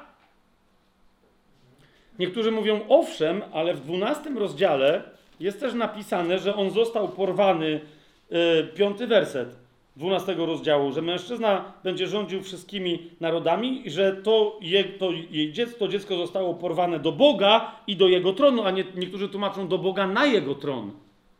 No z całym szacunkiem, to jest tylko Jezus. Inni będą tylko rządzić tak jak on. Jeszcze raz zobaczcie, drugi rozdział, 26-27 werset. Temu, kto zwycięży i zachowa aż do końca moje uczynki, dam władzę nad narodami. Jest? Jest. Rózga żelazna, 27. Będzie rządził nimi laską żelazną, jak naczynia gliniane będą skruszeni, dokładnie tak, jak ja otrzymałem to od mojego ojca. Plus i dam mu gwiazdę poranną. Ale nawet tego nie tłumaczę, tylko wam zwracam uwagę. Ale Jezus tylko zasiada na tronie. Trzeci rozdział, 21 werset. Temu, kto zwycięży, dam zasiąść ze mną na moim tronie, jak i ja zwyciężyłem i zasiadłem z moim ojcem na jego tronie. Ok? Jeszcze raz wracamy do 12 rozdziału. Ok? Kto to jest kobieta, która ma koronę z 12 gwiazd, która ma, to jest kobieta od początku, kiedy tylko się pojawia, jest ciąży. Kapujecie? Pojawia się w niebie, a więc w rzeczywistości, oznacza, że pojawiła się w rzeczywistości duchowej kobieta, która od razu jest w ciąży. Ok? I y, tam się też pojawia smok, jako ten, który w tym momencie się tam pojawia, aby, ją, aby pożreć jej dziecko. Rozumiecie o co chodzi? W duchu. To jest pierwsze. Ta kobieta to jest kościół, który rodzi zwycięzcę. Ok? Tego, któremu się należą obietnice, jedna wielka obietnica, ale wyrażona po siedemkroć e, w częściach, w listach do aniołów siedmiu kościołów. Czy to jest jasne? I dzisiaj jeszcze do tego elementu, kochani, e, wrócimy. Ta kobieta to jest kościół rodzący. Ok? To jest pierwsze. Skąd ona się wzięła w rzeczywistości duchowej? Ona się pojawiła w rzeczywistości duchowej w momencie, kiedy Jezus umarł, ponieważ Kościół wychodzi z boku nowego Adama. Jest Ewą wyjętą z jego przebitego boku. Ok? Tylko jak jemu, e, Adamowi pierwszemu, nie jemu, Bóg wyjął żebro, tak temu wyjął duchowe żebro, z którego tworzy nową Ewę, i to jest Kościół. Mamy to? I teraz, kochani, tu mam napisane, ona rodzi się z boku Jezusa i jest duchowo wprowadzona do nieba przez Niego. Ok? Spójrzcie, Ewangelia y, Jana, Otwórzmy sobie Ewangelię, nie, yy, list do Efezjan, czwarty rozdział. Są bardzo kluczowe rzeczy, które teraz yy, podsumowujemy. List do Efezjan, czwarty rozdział. Ósmy werset. Chrystus już kiedy wstępował do nieba, on już miał nazbierane coś ze sobą i tam idzie do nieba. Rozumiecie? Nie sam, już wtedy. Ósmy werset czwartego rozdziału listu do Efezjan. Dlatego pismo mówi: Wstąpiwszy na wysokość, poprowadził pojmanych jeńców i dał ludziom dary. Rozumiecie, że to nie byli jego jeńcy, tylko ludzie, którzy byli kogoś innego jeńcami. To, że wstąpił, cóż, oznacza, jeżeli nie to, że najpierw wstąpił do najniższych regionów ziemi. Stamtąd wziął tych jeńców. Rozumiecie? To są umarli, którzy słyszą głoszenie, którzy powiedzieli Jezus, halleluja! Przyjęli yy, jako złożoną za siebie ofiarę Jezusa na krzyżu i on już z nimi idzie do nieba. Ten, który zstąpił, jest i tym, dziesiąty werset, który wstąpił wysoko ponad wszystkie niebiosa, aby napełnić wszystko. To jest realizacja Psalmu 68, który sobie otwórzmy i w tym wypadku potrzebujemy to przeczytać. Myśmy się dzisiaj nim modlili. Zwracam Wam na to uwagę. To jest Psalm 68, werset 18. Wstąpiłeś na wysokość, poprowadziłeś gdzie? Na tą wysokość pojmanych jeńców. Przyjąłeś dary dla ludzi. A więc to rozumiecie, on nie wziął jeńców, on ich uwolnił. Tak? Nawet dla buntowników, aby Jahwe Bóg mógł z nimi zamieszkać. Co to jest Nowe Jeruzalem? To jest zamieszkanie Boga z ludźmi. Rozumiecie? Poprowadził ich w tym, tu się zaczyna Nowa Jerozolima, kiedy on wziął jeńców, pierwszych ludzi do tej pory umarłych, którzy byli w niewoli i ich wyprowadził. To się za, tu się zaczyna Kościół, który zaczyna rodzić następnych. To jest ta chmura świadków z 12, początku 12 rozdziału, która nam teraz kibicuje i w ten sposób nas rodzi z góry, kibicuje nam już nowonarodzonym, abyśmy dopełnili swojego powołania i stali się my również zwycięzcami, jak i oni się stali. Jasne to jest? Błogosławiony Pan, zobaczcie 19 werset. Codziennie obsypuje nas swoimi dobrami. Bóg naszego zbawienia. Sela. To jest głos tych jeńców, którzy są w tym momencie uwolnieni. Oni mówią o nim jako o Bogu swojego zbawienia od tego momentu. Jasne? Teraz yy, powiem kluczową kwestię.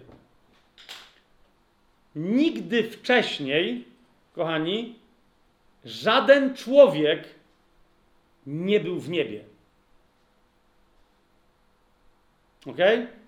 Od momentu, kiedy Jezus zmartwychwstał, On jest pierwszym, który przyprowadza sobą ze sobą resztę. Królestwo Boże jest królestwem Bożym wśród ludzi. Mamy to? Królestwo diabła jest królestwem wśród osób, które nigdy nie miały ciała. Widzicie, jak się to teraz łapie? Te dwa królestwa są od początku w świętej wojnie i w starciu gorszym niż Wisła z Krakowią. W sensie kibice. Rozumiecie?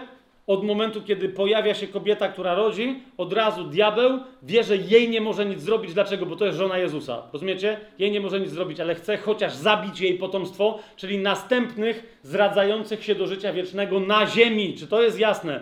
On to chce zrobić duchowo, powstrzymać te nowe narodzenia. Mamy to? Zobaczcie w, Ewangelii Jana znów może nam to przejść obok oka, żeby nie, że, że nawet obok nosa. Jezus mówi wyraźnie, że oprócz Niego nikogo nie było w niebie, żaden inny człowiek. I dopiero z Nim ludzie mogli... We... On pierwszy, jako pierwszy człowiek przyszedł do nieba i cała reszta dopiero razem z Nim. Ale to musiało zapoczątkować kolejny proces. Niemniej spójrzcie, trzeci rozdział Ewangelii Jana. Jezus mówi, do Nikodema, ale też jakby przez niego do innych nauczycieli w Izraelu. Jeżeli nie wierzycie, gdy wam mówiłem o ziemskich sprawach, jak uwierzycie, jeżeli wam, wam będę mówił o niebieskich?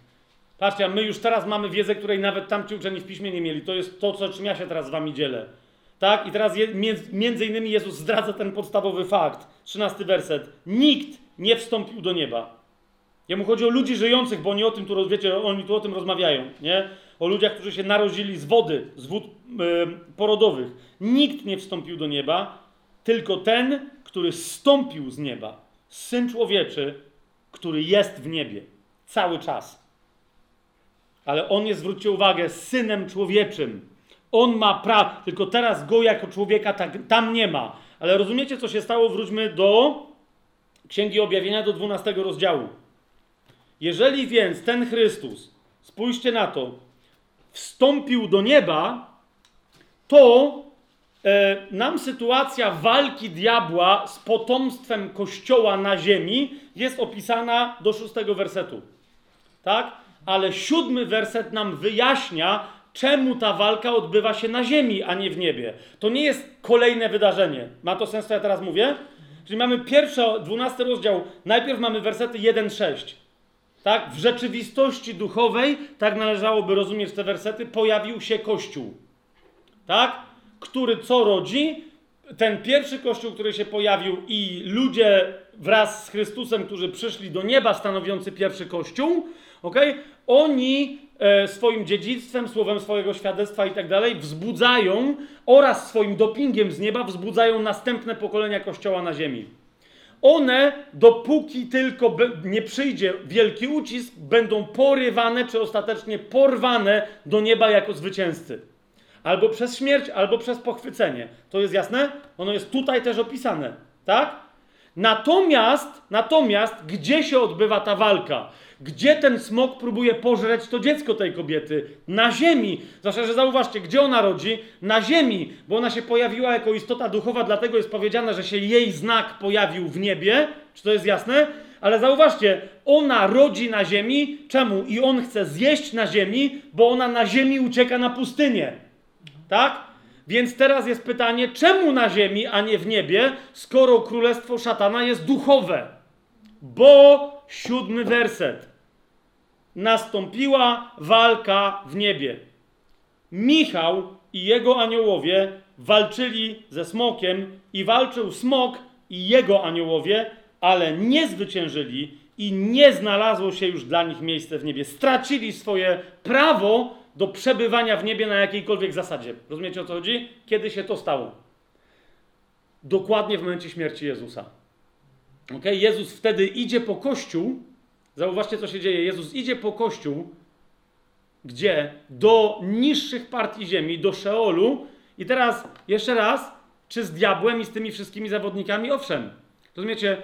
On swoim aktem wreszcie dokąd, rozumiecie, to był wybuch takiej mocy, która między innymi dała moc aniołowi i reszcie aniołów nieupadłych. Łapiecie, co jest grane? Dokładnie temu Michałowi, który wcześniej cały czas, jak się pojawiał, to się pojawiał, żeby walczyć, ale rozumiecie, on nigdy nie walczył z jakimś sensownym skutkiem, z ostatecznym rozwiązaniem. Przewalczał diabła, jakiś jego aniołów, ale nie mógł. Rozumiecie, o co chodzi? W tym momencie to jest dokładnie to śmierć na krzyżu, Jezus wstępuje do Szeolu. Jeszcze raz, diabeł miał nad tym władzę, ale diabeł, rozumiecie, on, prawda jest taka, jak możemy sobie rozpisać teraz szczegółowo te elementy, diabeł zostawił klucze, bo poleciał, bo się okazało, że rozumiecie, wszystkie ich miejscówki w niebie, to tak jak teraz zaczynają ruskim zamykać ambasady i tak dalej, i tak dalej, i odbierać, wiecie, na przykład w Polsce, no bo już ich nie lubimy, i tam w niebie się zaczęło. Więc ci wszyscy tam ruszyli, wtedy, do, nie walczyć z Bogiem, nawet nie walczyć z Jezusem, bo to jest masakra, list do Kolosan, drugi rozdział, tak?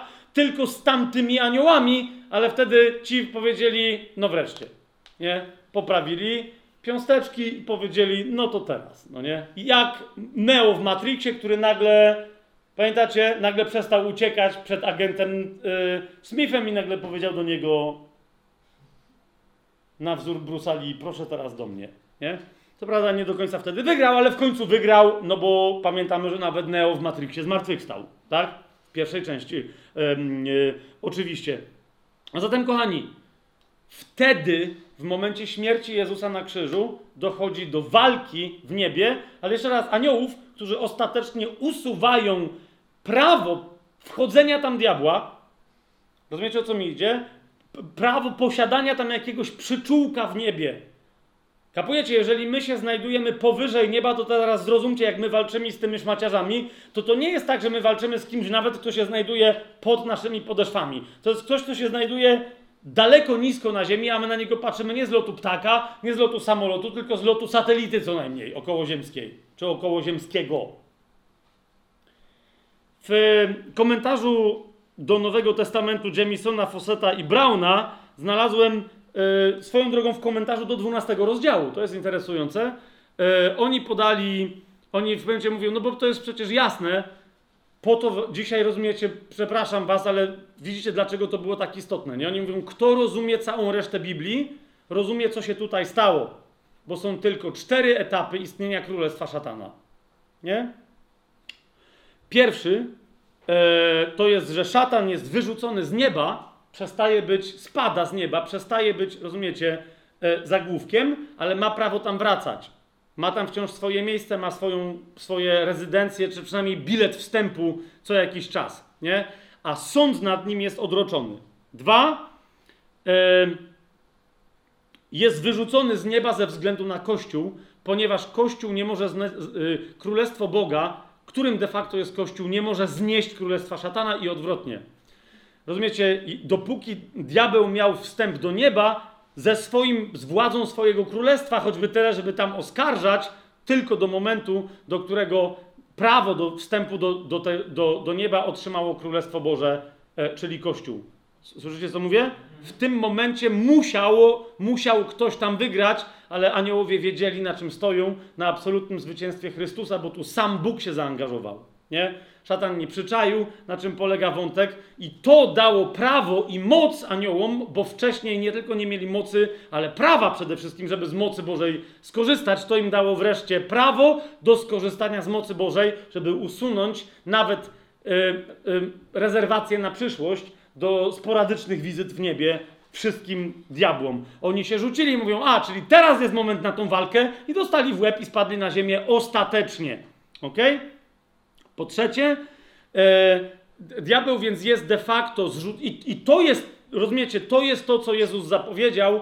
Widziałem szatana spadającego na ziemię jak błyskawica. Rozumiecie? To jest dokładnie ten, ten moment. A z nim wszyscy jego aniołowie.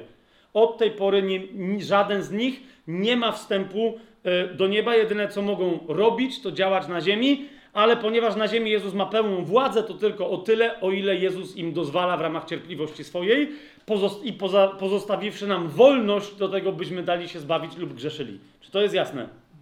Tak? I potem, e, kiedy Jezus wróci na ziemię, diabeł, zauważcie, nie będzie ostatecznie, to nie jest jeszcze moment jego egzekucji, on wtedy idzie do więzienia. Na tysiąc lat. Biblia o tym mówi bardzo wyraźnie, że zostanie związany łańcuchem. Tak? Otwórzmy sobie Księgę Objawienia. 20 rozdział, pierwszy werset. Zwróćcie uwagę, w- pod koniec 19 wersetu czytamy, że antychryst, cała fałszywa trójca, a przynajmniej z tej trójcy dwójca, trafia do jeziora ognia już. A diabeł gdzie? Diabeł trafia do więzienia. 20 rozdział, pierwszy werset. Zobaczyłem anioła zstępującego z nieba, mającego klucz do otchłani i wielki łańcuch w ręce. I chwycił smoka, węża starodawnego, którym jest diabeł i szatan, i związał go na tysiąc lat. Chcę wam też zwrócić uwagę, kochani, że w momencie, kiedy y, przychodzi Jezus na ziemię, pozostaje już tylko sam diabeł, który nie ma swojego królestwa. Całe jego imperium jest kompletnie rozsadzone i, zniszczone, rozwala się w proch i w pył. Widzicie to?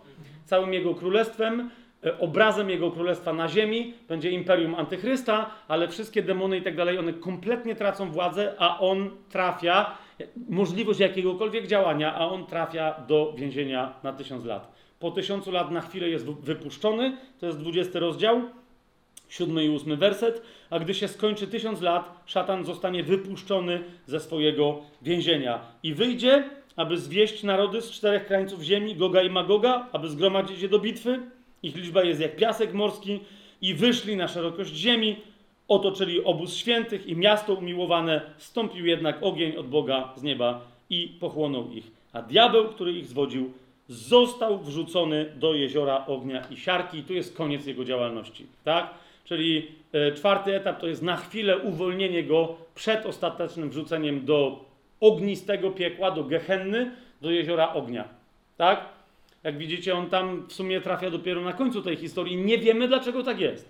Tak? Niemniej od momentu śmierci Jezusa na krzyżu jego władza jest absolutnie bardzo mocno ograniczona i my jako chrześcijanie musimy pamiętać, że rozumiecie, czę- częstokroć jak mówimy, ale diabeł zrobił to czy tamto, on nam, jedyne co nam może zrobić, to nas okłamywać i straszyć. Jak się dasz okłamać i dasz się przestraszyć, jak mu ustąpisz miejsca, to wtedy to ty, jako chrześcijanka czy chrześcijanin, dajesz mu władzę swoją. Dzielisz się nią z nim, a on obraca nią, przeciw, ją tę władzę przeciwko tobie. Rozumiesz? Ale Jezus nie pozwala mu dotykać swoich inaczej, jak tylko w taki sposób, w jaki pozwala, ale o tym mówiliśmy już e, w kwestii sensownego i bezsensownego cierpienia i tak dalej, i tak dalej. Znajdźcie to sobie na tajemnym planie. Niektórzy mówią, no zaraz, e, zaraz, ale przecież mówi Biblia, ten dwunasty rozdział, zobaczcie sobie w dwunastym rozdziale, e, że po pierwsze, w dziesiątym wersecie, wtedy, kiedy diabeł spada na ziemię, jest zrzucony na ziemię, ci w niebie ogłaszają, teraz nastało zbawienie, moc i królestwo naszego Boga i władza Jego Chrystusa. To jest po pierwsze. I mówią, a dopiero co Fabian mówiłeś, że jedenasty rozdział się kończy ogłoszeniem tego, dopiero kiedy Jezus wróci na ziemię, a nie w momencie zwycięstwa Jezusa na krzyżu. Czy rozumiecie, co ja gadam, czy już jesteście wyłączeni, tak? Czyli jedenasty rozdział, zatrąbił siódmy anioł, królestwa świata stały się królestwami. Kochani, zauważcie, że to są dwa różne obwieszczenia. W dwunastym rozdziale, w dziesiątym wersecie jest obwieszczenie władzy Chrystusa, ok? W niebie, a jedenasty rozdział, piętnasty werset jest obwieszczeniem, że ta władza przeniosła się na ziemię i Chrystus swoje królestwo rozciąga na wszystkie królestwa ziemskie. Jasne? Są dwa różne obwieszczenia. To obwieszczenie jest obwieszczeniem władzy Chrystusa w niebie po zrzuceniu diabła i wszystkich jego aniołów, ostatecznie z dowolnego każdego rodzaju nieba. Mamy to? I drugie, niektórzy mówią, no może, ale tu jest powiedziane, że oskarżyciel naszych braci, który dniem i nocą oskarżał ich przed naszym Bogiem, został zrzucony a oni go zwyciężyli przez krew baranka, czyli to musi się stać później. Bo jest takie też twierdzenie, że to zrzucenie diabła dokona się dopiero, kochani, w wielkim ucisku. A tak to, że diabeł cały czas może chodzić do nieba i tak dalej. Jeszcze raz, Księga Objawienia odnosi się nie do dwóch tysięcy lat historii dziwnych teologii chrześcijańskich, ale do Słowa Bożego zapisanego wyłącznie w Starym Testamencie. Kapujecie? I częściowo do niektórych ksiąg Nowego Testamentu. Kto, dlaczego Jan więc w Księdze Objawienia ma prawo nazwać diabła oskarżycielem naszych braci? Na podstawie czego? Na podstawie jednego konkretnego obrazu, w którym jeden, jednym z naszych braci jest jeden z opisany w jedenastym rozdziale Księgi Listu do Hebrajczyków, święty czasów starotestamentowych, czyli kapłan Jeszua, Jozue. Okej? I to jest jedyna scena, w której wprost widzimy diabła bezczelnie oskarżającego. Rozumiecie, Żyd czytający Księgę Objawienia mówi, on oskarżał naszych braci kogo? Aha, Zachariasz 3. Rozumiecie, nie ma żadnego innego odniesienia, do którego, yy, yy, na którym byśmy się mogli w tym momencie oprzeć. Zobaczcie Księgę Zachariasza, trzeci rozdział. Tu właśnie widzimy diabła, który oskarża kogo? Chrześcijanina? Nie, ponieważ bratem naszym nie musi być chrześcijanin, ale ktokolwiek, kto został wyprowadzony, usprawiedliwiony krwią Chrystusa. Czy to jest jasne? Jako jeniec do nieba. Tak? I wtedy ci, których on oskarżał, ponieważ się pojawiają w niebie, a wśród nich musiał być także ten. Słyszycie, co ja mówię? Oni już wtedy się okazują zwycięzcami nad tym, który do tej pory ich oskarżał przed Bogiem. Ich oskarżał, bo ich tam nie było. Jak oni tam weszli, Bóg mówi, e, koniec mów oskarżycielskich, na diable, tyle. Teraz by odbył się sąd nad tobą, jesteś kłamcą od początku. Nic więcej. Zobaczcie, e, Zachariasza, trzeci rozdział. Potem ukazał mi Jozułego, najwyższego kapłana, który stał przed aniołem Jahwe i kogo? I szatana stojącego po jego prawicy, aby mu się sprzeciwiać lub dosłownie, aby go oskarżać. On się stał po prawicy Jozułego, nie Boga. To jest tak? Czyli po lewicy Bożej on stał o ile tam w ogóle to nie było na poziomie Boga, więc on stał na poziomie Jozułego i go oskarżał, tak? Ale Jahwe powiedział do szatana, niech cię Jahwe zgromi, szatanie, niech cię skarci Jahwe, który wybrał Jeruszalaim. Jakie? Nowe Jeruszalaim. Czyż nie jest on jak głownia wyrwana z ognia? Nie? Rozumiecie, co się dzieje? Wróćmy do Księgi Objawienia, yy, dwunasty yy, rozdział. Zatem, zatem zostaje zrzucony z wyżyn niebieskich jakichkolwiek diabeł na ziemię i nie może już tam wrócić, bo 12 rozdział, 8 werset, aniołowie zwyciężyli, yy, przepraszam, yy, aniołowie diabła i on nie zwyciężyli i nie było już dla nich miejsca w niebie. Kapujecie? Ani prawa tam nawet wstępu. W żadnym niebie. Yy, w sensie w duchowym, yy, w duchowej rzeczywistości, o to mi chodzi. Tak? Yy, został zrzucony oskarżyciel, a teraz my od tej pory możemy go pokonywać również na ziemi. Dlaczego? Bo duchowo znajdujemy się w niebie. I dlatego nasze zwycięstwo również opiera się na czym? Dwunasty werset. Oni zwyciężyli go, diabła, przez krew baranka, przez słowo swojego świadectwa i że nie umiłowali swojego życia aż do śmierci. Jasne? Takimi są przedstawieni nasi bracia jako, jako yy, wierzącymi w zmartwychwstałego baranka, starotestamentowi święci, dający świadectwo i którzy nie umiłowali swego życia aż do śmierci, w liście do Hebrajczyków w 11 rozdziale. Wszyscy święci Starego Przymierza. Tak? Którzy byli ponad prawo, a którzy wiedzieli o tym, że nadchodzi Mesjasz. Ale którzy czekali aż do jego zwycięstwa na krzyżu, aby nas nie wyprzedzić. Pamiętacie list do Hebrajczyków 11 rozdział, żebym już tam nie musiał, żebym już tam nie musiał zachodzić. Kochani, więc od tego momentu Widzicie, diabeł nie ma żadnego, żadnej przestrzeni w rzeczywistości duchowej niebieskiej, czy jakkolwiek związanej z niebem, i od tego momentu, co się okazuje, że chłop, nie chłop, bo to nie jest chłop, ale w każdym razie, że musi sobie zrobić e, jakieś prowizoryczne mieszkanko na ziemi. ok? I dlatego Jezus nas informuje, że po krzyżu Diabeł ma swoją główną rezydencję, naczelne miejsce, stolicę i tron zawsze gdzieś na ziemi. W czasach, kiedy Jezus pisał do całego kościoła, gdzie się znajdowała rezydencja diabła i jego tron, otwórzmy sobie księgę e, objawienia, drugi rozdział, trzynasty werset, w Pergamonie. Pisząc do anioła kościoła w Pergamonie, Jezus mówi do tego anioła kościoła: Znam Twoje uczynki i wiem, gdzie mieszkasz. Tam gdzie jest tron szatana. Pierwsza informacja, tron, a więc rozumiecie, miejsce skąd on dowodzi nad całym swoim królestwem. Rozumiecie, jak nisko spadł, tak jak mówi Biblia, na ziemię. On już w tym momencie jest aniołem, który spadł na ziemię. Kapujecie, o co mi chodzi? To się nie może wydarzyć po tym, jak Jezus napisał e, do siedmiu kościołów. Mamy to? Więc po pierwsze ma tam tron, po drugie... E, to jest miasto, y, y, Kościół, nie wyparłeś się mojego im, y, imienia, trzymasz się mojego imienia i nie wyparłeś się mojej wiary, nawet w dniach, gdy Antypas, mój wierny świadek, został zabity u was. Zwróćcie uwagę, dwa, tam, gdzie mieszka szatan. On tam ma tron i to jest główne miejsce jego zamieszkania. Nie ma żadnego innego miejsca, miejsca powyżej. Diabeł tęskni do nieba, żal mu jest tego, tych miejsc, z których spadł, i dlatego wielu egzegetów, nawet taki kon, kon, konserwatysta, który nie chce za dużo duchowości gdzie, tu i ówdzie widzieć, e, osobiście słuchałem z ogromnym zainteresowaniem wykładu, wykładu e, jak ma Paulson na imię?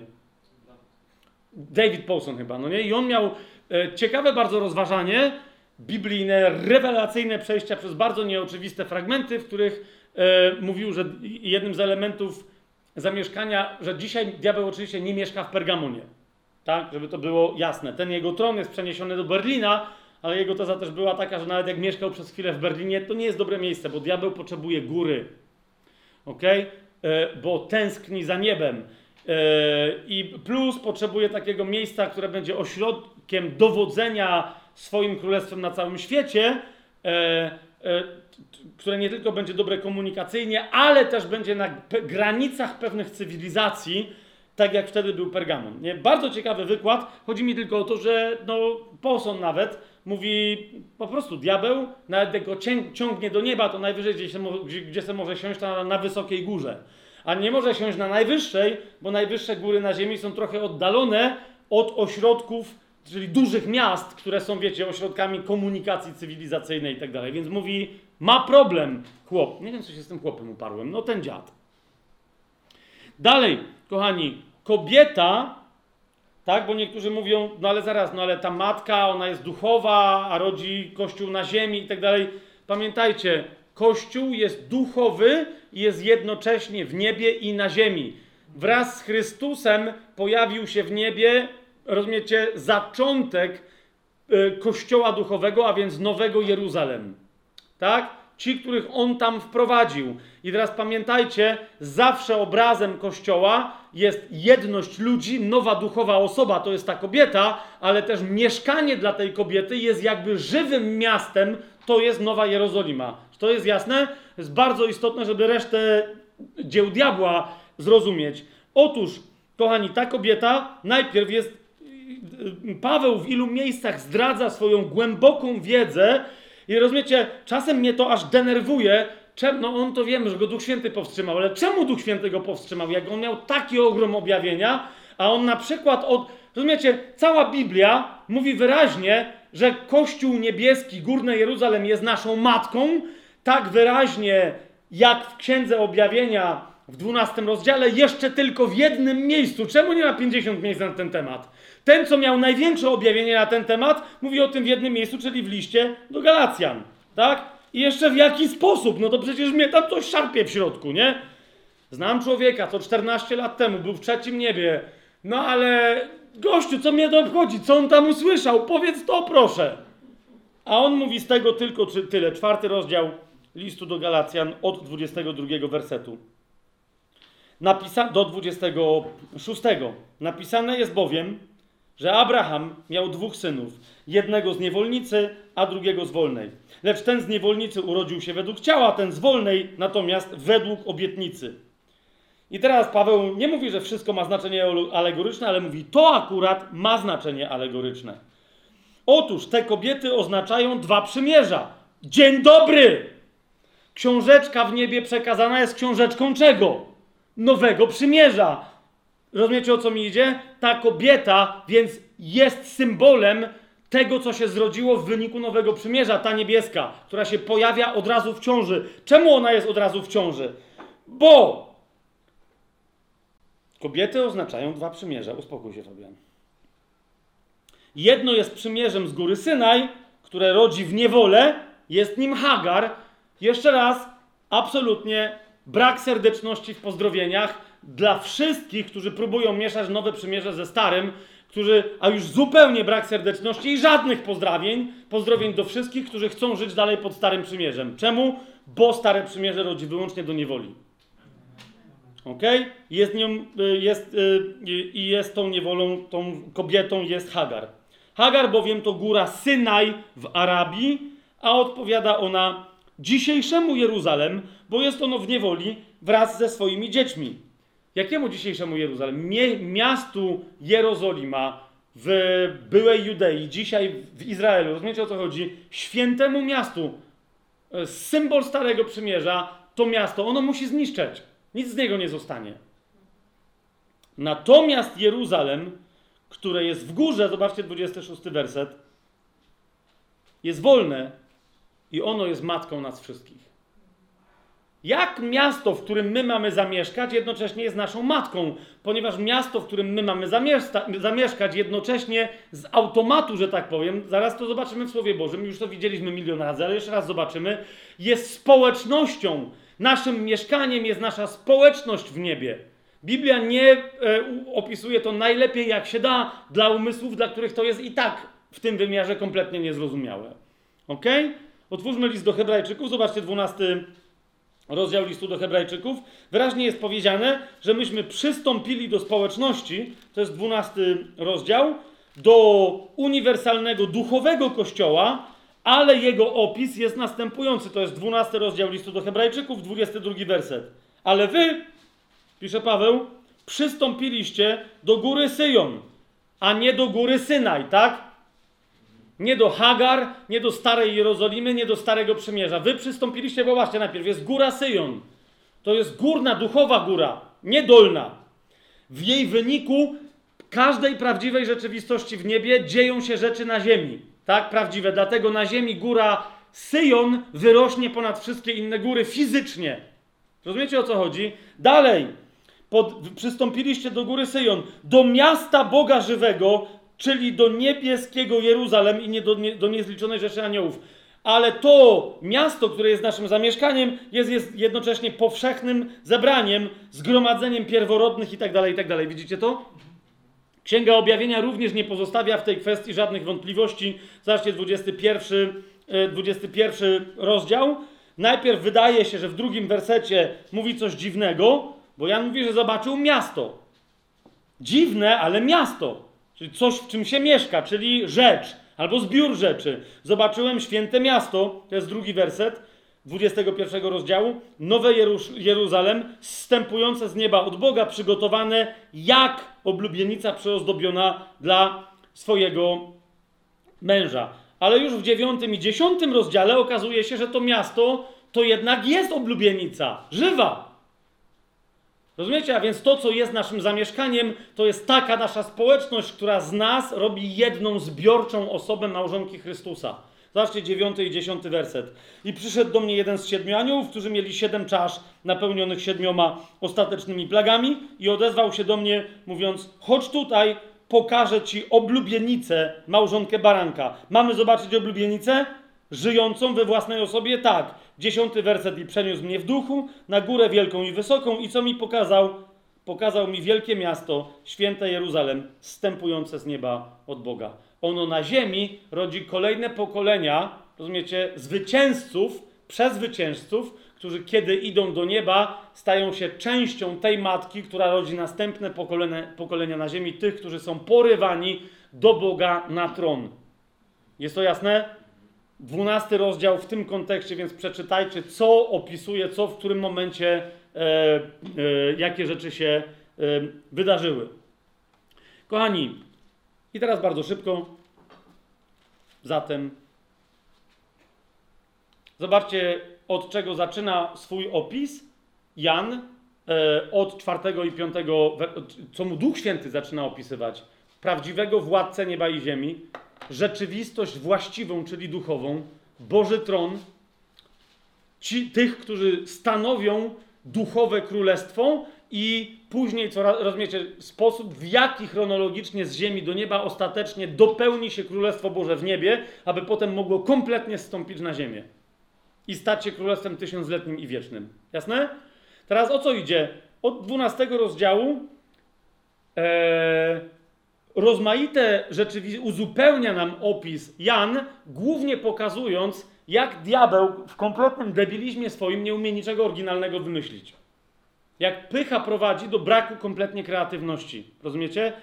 Lub też do jakiejś złośliwości, że w ramach z jednej strony głupoty, a z drugiej złośliwości, jakie tworzy dzieła, ale wszystkie jego dzieła są tylko parodią dzieła Bożego i nie mają swojego odzwierciedlenia w duchu. Dlatego, kiedy zginie ziemia stara, wraz z nią zginą wszystkie dzieła diabła, a on sam na końcu zostanie wrzucony do jeziora ognia. Mamy to?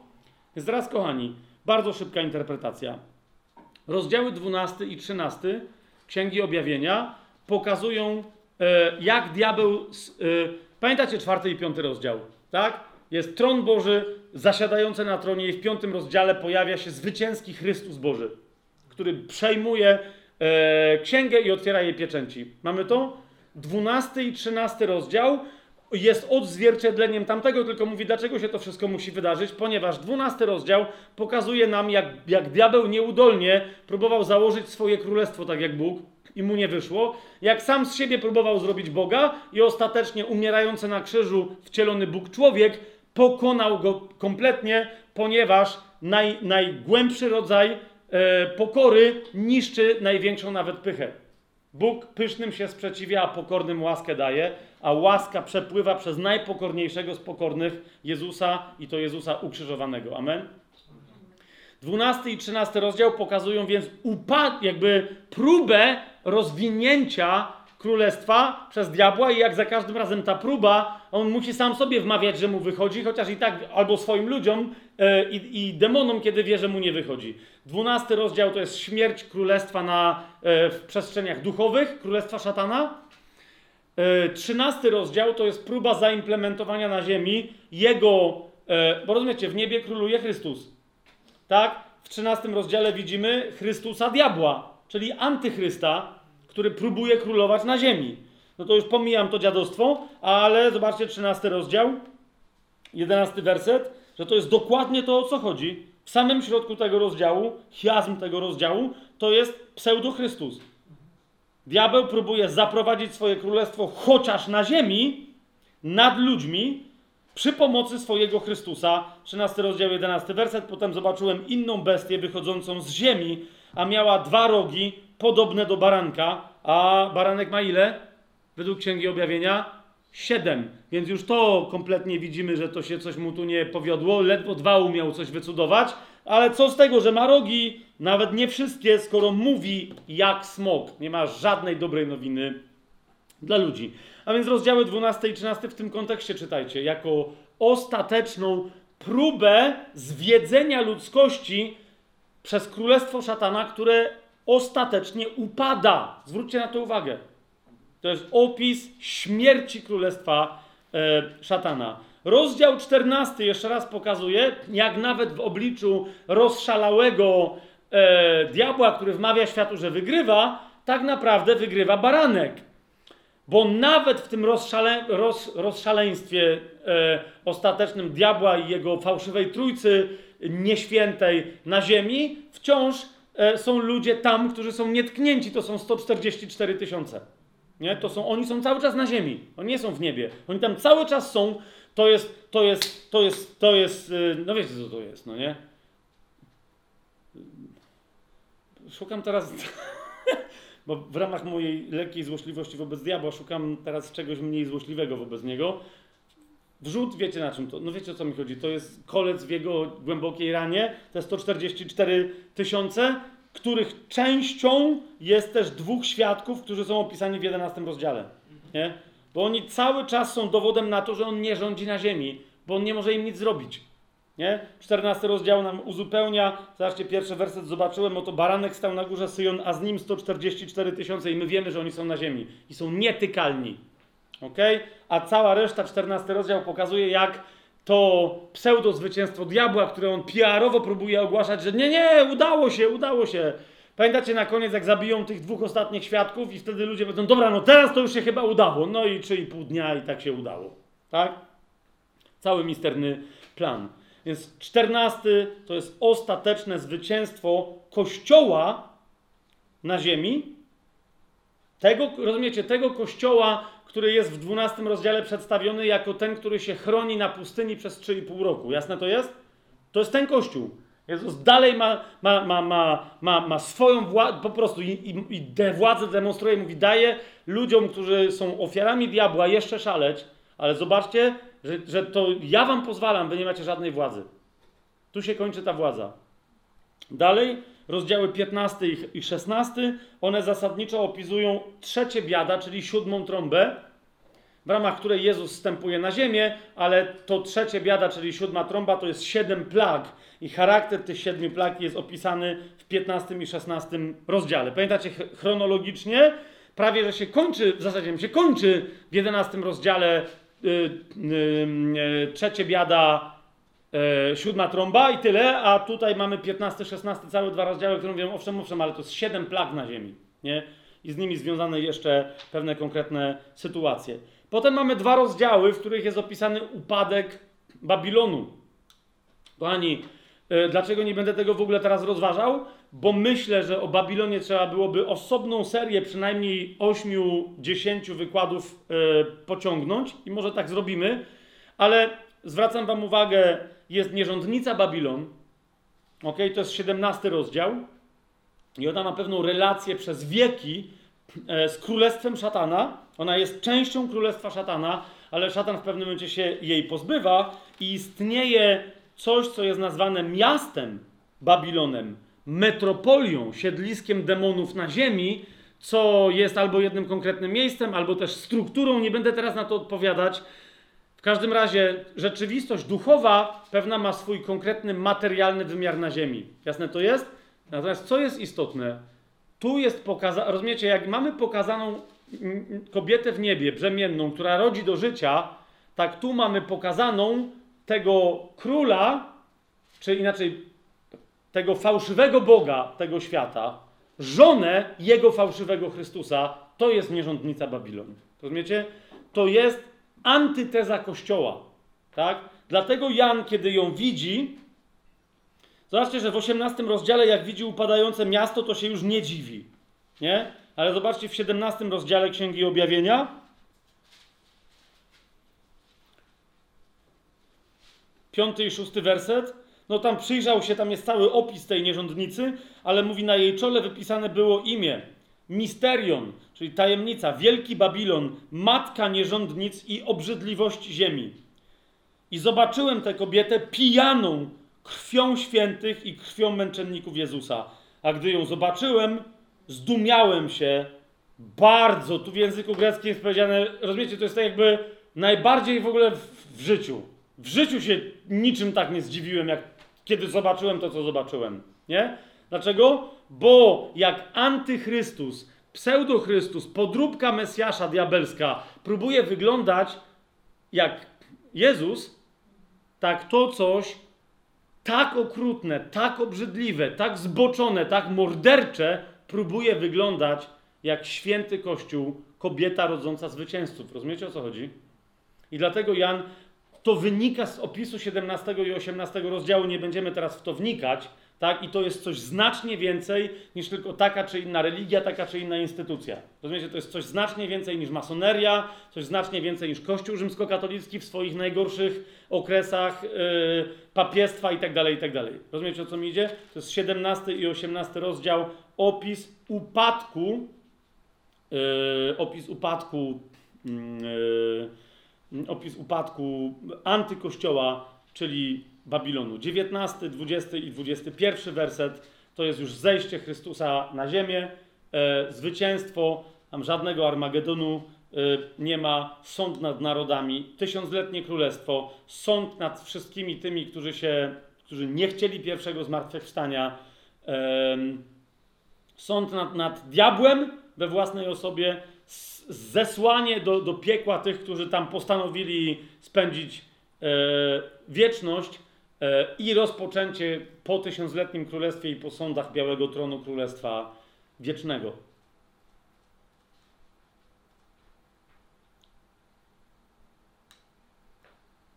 Jak zaczynaliśmy tajemny plan ponad 7 lat temu, to on się z tego w ogóle wziął, że miałem sporej nawet dosyć grupie ludzi, grupie ludzi wtedy powiedzieć, e, jak można spotkać Boga przez coś tak prostego jak czytanie Biblii. I to, był pierwszy, to było pierwsze spotkanie, potem ludzie powiedzieli, dobra, fajnie, to jak tak, to może zaczniemy razem czytać i, i tych 15 sezonów to była próba takiego wspólnego czytania księga po księdze, gruby temat po grubym temacie e, w Biblii, aż do księgi objawienia.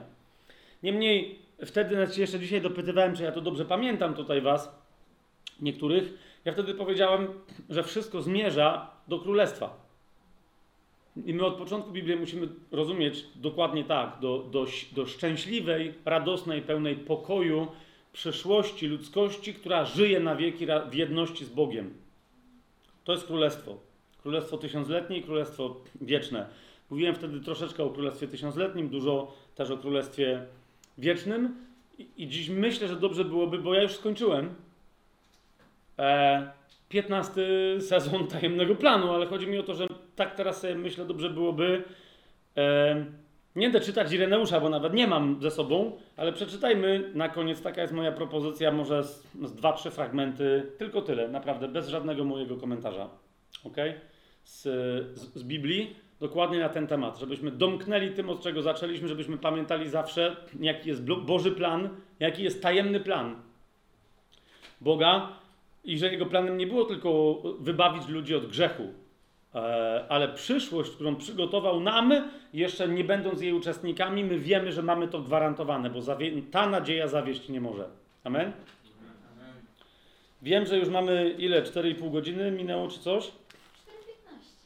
Okej, okay, to może mi się uda. To, to dobra, to, to co zrobimy? To otwórzmy sobie Izajasza. Jeżeli gdzieś szukacie takiego, wiecie, takiego większego fragmentu, który, który może pocieszyć wasze serce, to Izajasz 11 rozdział. Po 15 sezonach tajemnego planu myślę, że mogę sobie pozwolić na przeczytanie tego rozdziału tak, żeby ci, którzy wiedzą, żeby już wiedzieli, co się tu dzieje. E, oraz dla tych, którzy cały czas mnie pytają, czy tylko o, o pewnych szczegółach tysiącletniego królestwa tylko Ireneusz wie, czemu tego w Biblii nie ma. Rozumiecie, takich rozdziałów jak ten, które więcej czy mniej szczegółów przekazują na temat tysiącletniego królestwa, myślę, ja osobiście jak to policzyłem jest z 70-80 i myślę, że niedługo zaczniemy wydawać materiały takie edukacyjne na ten temat. Jeden, jeden z nich to, rozumiecie, byłoby dobrze, żeby wydać po prostu, nie wiem, 70 czy 77 a, było nie, rozdziałów z Biblii, które w całości mówią o nadchodzącym tysiącletnim królestwie. To jest jeden z tych rozdziałów. Rozdział 11. I wyjdzie gałązka z pnia Jessego, a latorośl z jego korzenia wyrośnie. I spocznie na tej gałązce duch Jahwe. Duch mądrości i rozumu, duch rady i mocy, duch poznania i bojaźni Jahwe. I będzie czujny w bojaźni Jahwe, nie będzie sądził według tego, co oczy widzą, ani karał według tego, co uszy słyszą. Lecz w sprawiedliwości będzie sądził ubogich, a w prawości będzie rozstrzygał sprawy cichych na ziemi. Uderzy ziemię rózgą swoich ust, a tchnieniem swoich warg zabije niegodziwca. Sprawiedliwość będzie pasem jego bioder, a prawda pasem jego lędźwi. I wtedy wilk zacznie przebywać z barankiem, a lampart będzie leżał przy koźlęciu. Także ciele i młody lew i tuczne bydło będą przebywać razem, a małe dziecko będzie je prowadziło. Krowa i niedźwiedzica razem będą się pasły, ich młode będą leżały razem, a lew, tak jak wół, będzie jeść tylko słomę. Niemowlę będzie się bawić nad jamą żmii, a dziecko włoży swoją rękę do nory jadowitego węża. I nic mu się nie stanie, rzecz jasna. Nie będą wyrządzać, wyrządzać krzywdy, ani zabijać na całej mojej świętej górze, bo ziemia będzie napełniona poznaniem Jachwa, Jachwę, tak jak wody okrywają morze. W tym dniu korzeń Jessego będzie już stać jako sztandar dla wszystkich narodów. Poganie będą się do niego zwracać, a jego odpoczynek będzie dla wszystkich cudowny. Stanie się też w tym dniu, że Pan ponownie wyciągnie swoją rękę, aby wykupić resztkę swojego ludu, który pozostaje z Asyrii i Egiptu, z Patros i Hus, z Elamu i Shinearu, i z Hamat, i z Wysp Morskich. I podniesie sztandar dla narodów i zgromadzi wygnańców z Izraela, a rozproszonych z Judy zbierze z czterech krańców ziemi. Ustanie zazdrość Efraima, a nieprzyjaciele Judy zostaną wytraceni. Efraim nie będzie zazdrościł Judzie, a Juda nie będzie trapił Efraima. Ale polecą na ramionach Filistynów ku zachodowi Razem złupią narody na wschodzie, na Edomitów i Moabitów położą swoją rękę, a synowie Amona wreszcie będą im posłuszni. I Jachwę zniszczy odnogę Morza Egiptu, a swoim potężnym wiatrem potrząśnie swoją ręką nad egipską rzeką, uderzy jej siedem strumieni i sprawi, że będzie można przez nie przechodzić w obuwiu. Tak powstanie droga dla resztki jego ludu, który pozostanie z Asyrii, jak powstała niegdyś dla Izraela w tamtym dniu, kiedy wychodzili z ziemi Egiptu. Jest opisane, co się stanie z deltą y, Nilu. No wiecie, o co mi chodzi, nie? Pierwszy do Koryntian, zamiast pierwszy do Koryntian, to jeszcze, jeszcze Izajasz 1. 65 rozdział Izajasza.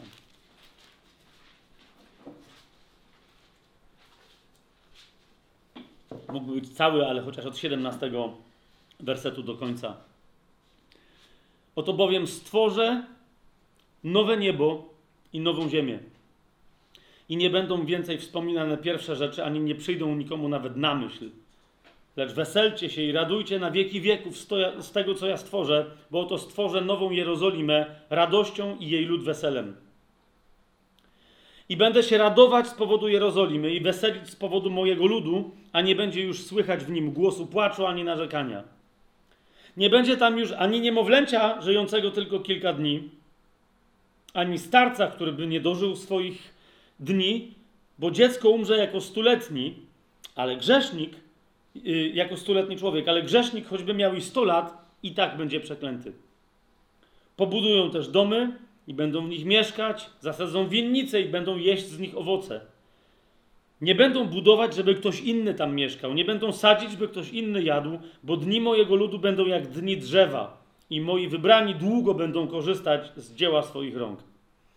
Nie będą się trudzić na próżno, ani rodzić, aby się bać, gdyż są potomstwem błogosławionym przez Jahwe. Oni i ich potomkowie wraz z nimi. I będzie tak, że zanim zawołają, ja się już odezwę. Gdy jeszcze będą mówić, ja już wysłucham. Wilk z barankiem paść się będą razem. Lew jak wół będzie jeść słomę, a proch będzie pokarmem węża. Nie będą szkodzić ani niszczyć na całej mojej świętej górze, mówi Jahwe.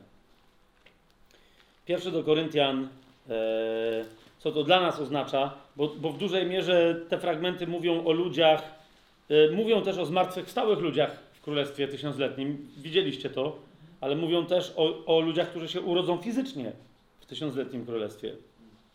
Niemniej przyjrzyjmy się perspektywie naszej obecności tam, e, która no, jest perspektywą zmartwychwstania do życia w Tysiącletnim Królestwie.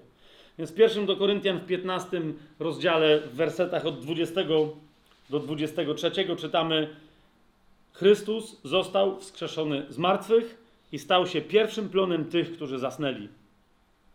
Skoro bowiem śmierć przyszła przez człowieka, przez człowieka przyszło też zmartwychwstanie umarłych.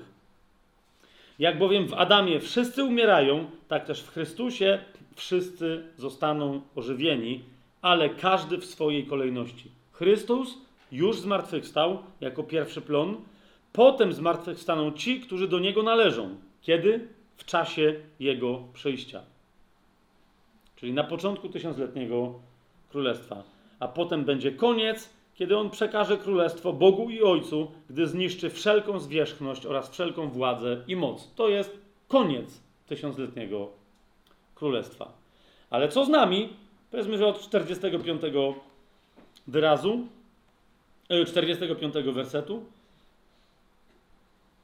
do aż 57 włącznie, tak też jest napisane. Stał się pierwszy człowiek, Adam, duszą żywą, ale ostatni Adam duchem ożywiającym, bo on daje życie wieczne.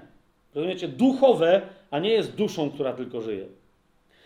Jednak pierwsze nie jest to, co, duch, co duchowe, ale to, co cielesne. Potem dopiero przychodzi duchowe.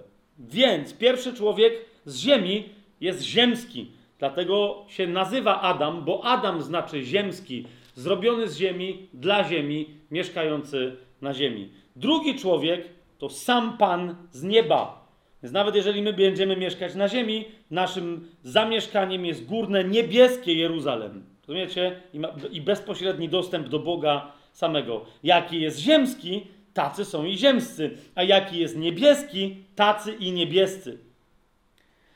A jak nosiliśmy obraz ziemskiego w domyśle człowieka, tak będziemy nosić obraz niebieskiego. To zaś mówię, bracia, że ciało i krew nie mogą odziedziczyć Królestwa Bożego. Sarks, tu jest powiedziane, czyli mięso i krew, to z czego jest zbudowane ciało, taki budulec, mięso i krew nie mogą odziedziczyć Królestwa Bożego, ani to, co zniszczalne, nie odziedziczy tego, co niezniszczalne. Zatem oznajmiam wam tajemnicę. Nie wszyscy zaśniemy, ale wszyscy, i ci, co zasnęli, i co, ci, co nie zdążą zasnąć, wszyscy będziemy przemienieni w jednej chwili, w mgnieniu oka. Jak popatrzycie teraz na chwilę na mnie albo gdzie indziej, tu jest powiedziane, tu jest mowa, bo to jakby niektórzy, czasem mi ludzie pytają, co to jest to mgnienie oka? To jest mrugnięcie. Rozumiecie, nie wiem na, na ile przeszkadza wam, jak patrząc mrugacie, nie? Ale tu jest dokładnie to, powie, to powiedziane w chwili, która będzie jak to, co my dzisiaj, czego nie widzimy, a jest mrugnięciem. Okay? Więc w jednej chwili, trwającej tyle co mrugnięcie, na ostatnią trąbę, czyli siódmą. Ale nas plagi na ziemi nie obchodzą, nas biada trzecie na ziemi nie obchodzi. Dla nas ta trąba oznacza przemianę i zstępowanie na ziemię ze zwycięskim Chrystusem. W jednej chwili, w mgnieniu oka, na ostatnią trąbę, zabrzmi bowiem, a umarli, ta trąba, a umarli zostaną wskrzeszeni niezniszczalni. Ci, którzy wtedy na tą trąbę powstaną, a my zostaniemy przemienieni.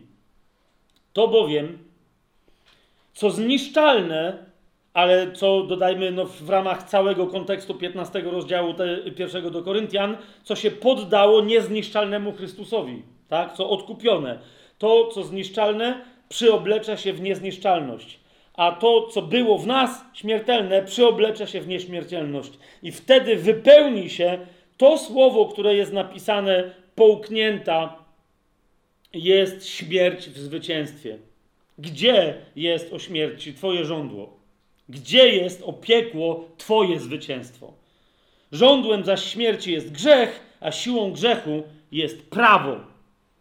Więc kiedy możesz krzyczeć do piekła i do śmierci, gdzie jest Twoje żądło i gdzie jest Twoje zwycięstwo? Na pewno niekiedy żyjesz pod prawem. Chrystus jest końcem prawa. Zresztą 50 werset, ale dzięki niech będą Bogu, który nam dał zwycięstwo przez naszego Pana Jezusa Chrystusa, a nie przez żadne prawo. Amen. Kochani, ci, którzy tak żyją, na bazie tej nadziei, tego zwycięstwa, którym jest nasza wiara, a nasza wiara jest wiarą Chrystusa, ci już mają obiecaną nagrodę w niebie. Ci, gdy tak dożyją, otrzymają w pełni tę nagrodę. I teraz to będzie ostatni tekst, który przeczytamy, i tak zakończymy y, ostatnie studium y, z tych regularnych studiów do ksiąg 15 rozdziału, 15 sezonu tajemnego planu. To będzie drugi rozdział Księgi Objawienia, werset 7, werset 11, werset 17 i wersety od 26 do 28 oraz z trzeciego rozdziału werset 5, werset 12 i werset 21. Tym, którzy są niezbawieni, głosimy Ewangelię z punktu widzenia wolności od grzechu, ale nadal głosimy dobrą nowinę sobie nawzajem, przypominając, że nadciąga ten, który umarł za nasze grzechy, w którego śmierci w zmartwychwstaniu mamy życie. My sobie głosimy dobrą nowinę, głosząc pełnię prawdy o Królestwie. Pełnia prawdy o Królestwie dla chrześcijanina czy dla, czy dla chrześcijanki jest pełnią prawdy o tym, który przezwyciężył dzięki zwycięstwu Chrystusa, na bazie zwycięstwa Chrystusa. Ok? Więc głoszę teraz Tobie, e, siostro, i Tobie, yy, bracie, dobrą nowinę, przypominając Ci tylko to, pełną dobrą nowinę, bo ona się wyraża w tym, co jest nagrodą. Ok? I ta cała nagroda zawiera w sobie pełnię dobrej nowiny. Zwróć uwagę. Przeczytam więc wszystkie elementy składowe, które teraz powiedziałem. Mam powtórzyć te wersety, czy, czy, nie? Bo już większość z Was powinna je mieć nawet zaznaczone. A kto słucha tego nagrania, to niech sobie odsłucha i zaznaczy, jeżeli chce razem ze mną śledzić ten tekst. To jest, kochani, w tym się wyraża pełna, dobra nowina dla tego, który zwycięża w Chrystusie a zwycięstwem, który zwycięża ten świat, naszym zwycięstwem jest nasza wiara, która jest wiarą Jezusa Chrystusa. Amen? Pozostań w niej wierny, a bądź pewny i zapłaty, i nagrody. To jest dobra nowina, którą swojemu Kościołowi, swojej żonie głosi jej małżonek, czyli jej Pan, Chrystus Jezus. Temu, kto zwycięży, dam jeść z drzewa życia, które jest pośrodku raju Boga. Ten, kto zwycięży, więc nie dozna szkody od drugiej śmierci. Temu, kto zwycięży, ponadto dam jeść z manny ukrytej. I dam mu kamyk biały, na którym to kamyku jest wypisane jego nowe imię, którego nikt nie zna oprócz tego, który je otrzymuje. Temu, kto zwycięży i zachowa aż do końca moje uczynki, dam władzę nad narodami i będzie rządził nimi laską żelazną, jak naczynia gliniane będą skruszeni, jak i ja to otrzymałem od mojego ojca i dam mu gwiazdę zaranną. Kto zwycięży, będzie ubrany w białe szaty i nie wymarzę jego imienia z księgi życia, lecz wyznam jego imię przed moim ojcem i przed jego aniołami.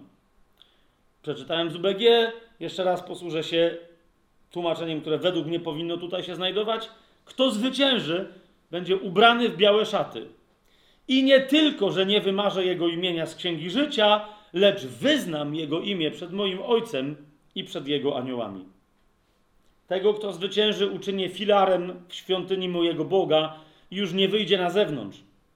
Napiszę też na nim imię mojego Boga i nazwę miasta mojego Boga, nowego Jerusalem, które zstępuje z nieba od mojego Boga i moje nowe imię. Temu, kto zwycięży, dam zasiąść razem ze mną na moim tronie, jak i ja zwyciężyłem i zasiadłem z moim Ojcem na jego tronie. Cała Księga Objawienia, kochani, kończy się wypowiedzią Pana Jezusa i to będzie ostatni cytat. Chcę wam tylko powiedzieć, że skoro Pan Jezus powiedział to, co powiedział, tajemny plan nie przestaje działać. ok? Myślę, że dokonaliśmy dzieła i dzisiaj chcę powiedzieć dziękuję wszystkim tym, którzy tu siedzą, yy, bo zawsze każde spotkanie, każde studium było yy, yy, studium na żywo. I, tak też rozumiałem, że te nagrania mają być dla ludzi, którzy nie mogą uczestniczyć w nich na żywo od pierwszego, ale aby mieli pełny dostęp do tego, co się dzieje na żywo w ramach takiego studium. Więc wszystkim tym, którzy byli od samego początku, przez jakiś czas, chociażby tylko na jednym takim spotkaniu, wielkie dzięki, bo to myśmy razem współtworzyli to studium, a nie ja tylko, że gadałem. Nie? Zwłaszcza, że częst, częstokroć odpowiadałem na pytania po jednym studium, już na następnym i tak dalej, i tak dalej. To, to wszystko żyło. Także do tego wielce się przyłożyli ci, którzy słuchali następnie tych wszystkich wykładów na tajemnym planie. Ale co chcę powiedzieć? Wielkie dzieło nam wyszło, naprawdę nam wyszło, mimo że ja naprawdę przez parę lat nie wierzyłem, że to będzie możliwe, bo się coś stanie, albo. Wiecie, zrobiliśmy e, porządną biblijną szkołę. Nie na temat jakiejś koncepcji, tylko naprawdę dającą porządne wprowadzenie do wszystkich ksiąg Biblii, do wszystkich największych zagadnień w Biblii w języku polskim za darmo. No, Okej, okay, YouTube w pewnym momencie powłączał reklamy i nawet jak my teraz mamy je wyłączone, to wciąż na początku chyba. Ja nie wiem w momencie, kiedy będziemy publikować to, co ja teraz mówię, jak dalej polityka YouTube'a się zmieni, ale chodzi mi o to, że na tyle, na ile się da, to to cały czas było yy, i jest yy, za darmo. Że nawet jak ktoś reklamy ogląda, to nadal nie musi płacić, tylko swoim czasem płaci, że widzi jakieś głupoty. Niemniej my nie kończymy, jasne, jak Pan powie, dobra, wystarczy, to wystarczy, ale tak nie powiedział o tym, co się będzie dalej z tajemnym planem działo, w sensie jakie mamy plany, jakie są następnie koncepcje, bo myślę, że warto kontynuować studium, skoro udało się zrobić to, to co jeszcze możemy, rozumiecie, w języku polskim uzyskać. Moim marzeniem jest nie tylko, żeby się pojawiło nowe tłumaczenie polskie, nie to, żeby do tej pory te, które się pojawiły, z wyjątkiem jednego czy drugiego, które są kompletnie dziadowskie, dziadowskimi tłumaczeniami, to mamy sporo dobrych tłumaczeń, po prostu, ale żeby się pojawiło jeszcze jedno, które następnym tłumaczom rzuci wyzwanie, pokaże ścieżkę może innej, wiecie, tradycji językowej, wiecie o co mi chodzi, nie? Um, innego, innej metodologii, innego podejścia. Moim marzeniem jest, żeby się podnieśli nauczyciele Słowa Bożego. Nie tylko ja, żebym coś tam gadał, ale inni, którzy będą mieli poważne, porządne podejście do słowa, również do wzajemnych dyskusji, kiedy się nie będą zgadzać, żeby przynajmniej stosowali metodologię, o której Pismo Święte mówi, żeby ją stosować, kiedy się jest wierzącym. Nie? Moim marzeniem jest, żeby się podniosły służby, pięcioraka, tak zwana służba, idąc za, powiedzmy, że jedną z wielu interpretacji listu do Efezjan, pięcioraka służba, która będzie służbą Słowu Bożemu. Rozumiecie, bo to jest kolejna rzecz w kościele, że mamy nauczycieli, mamy ludzi w kościele usługujących, którzy mówią, że nie muszą znać dobrze Pisma Świętego, od tego są nauczyciele. Jakby, rozumiecie, nasz Pan jest Słowem. Słowo stało się ciałem.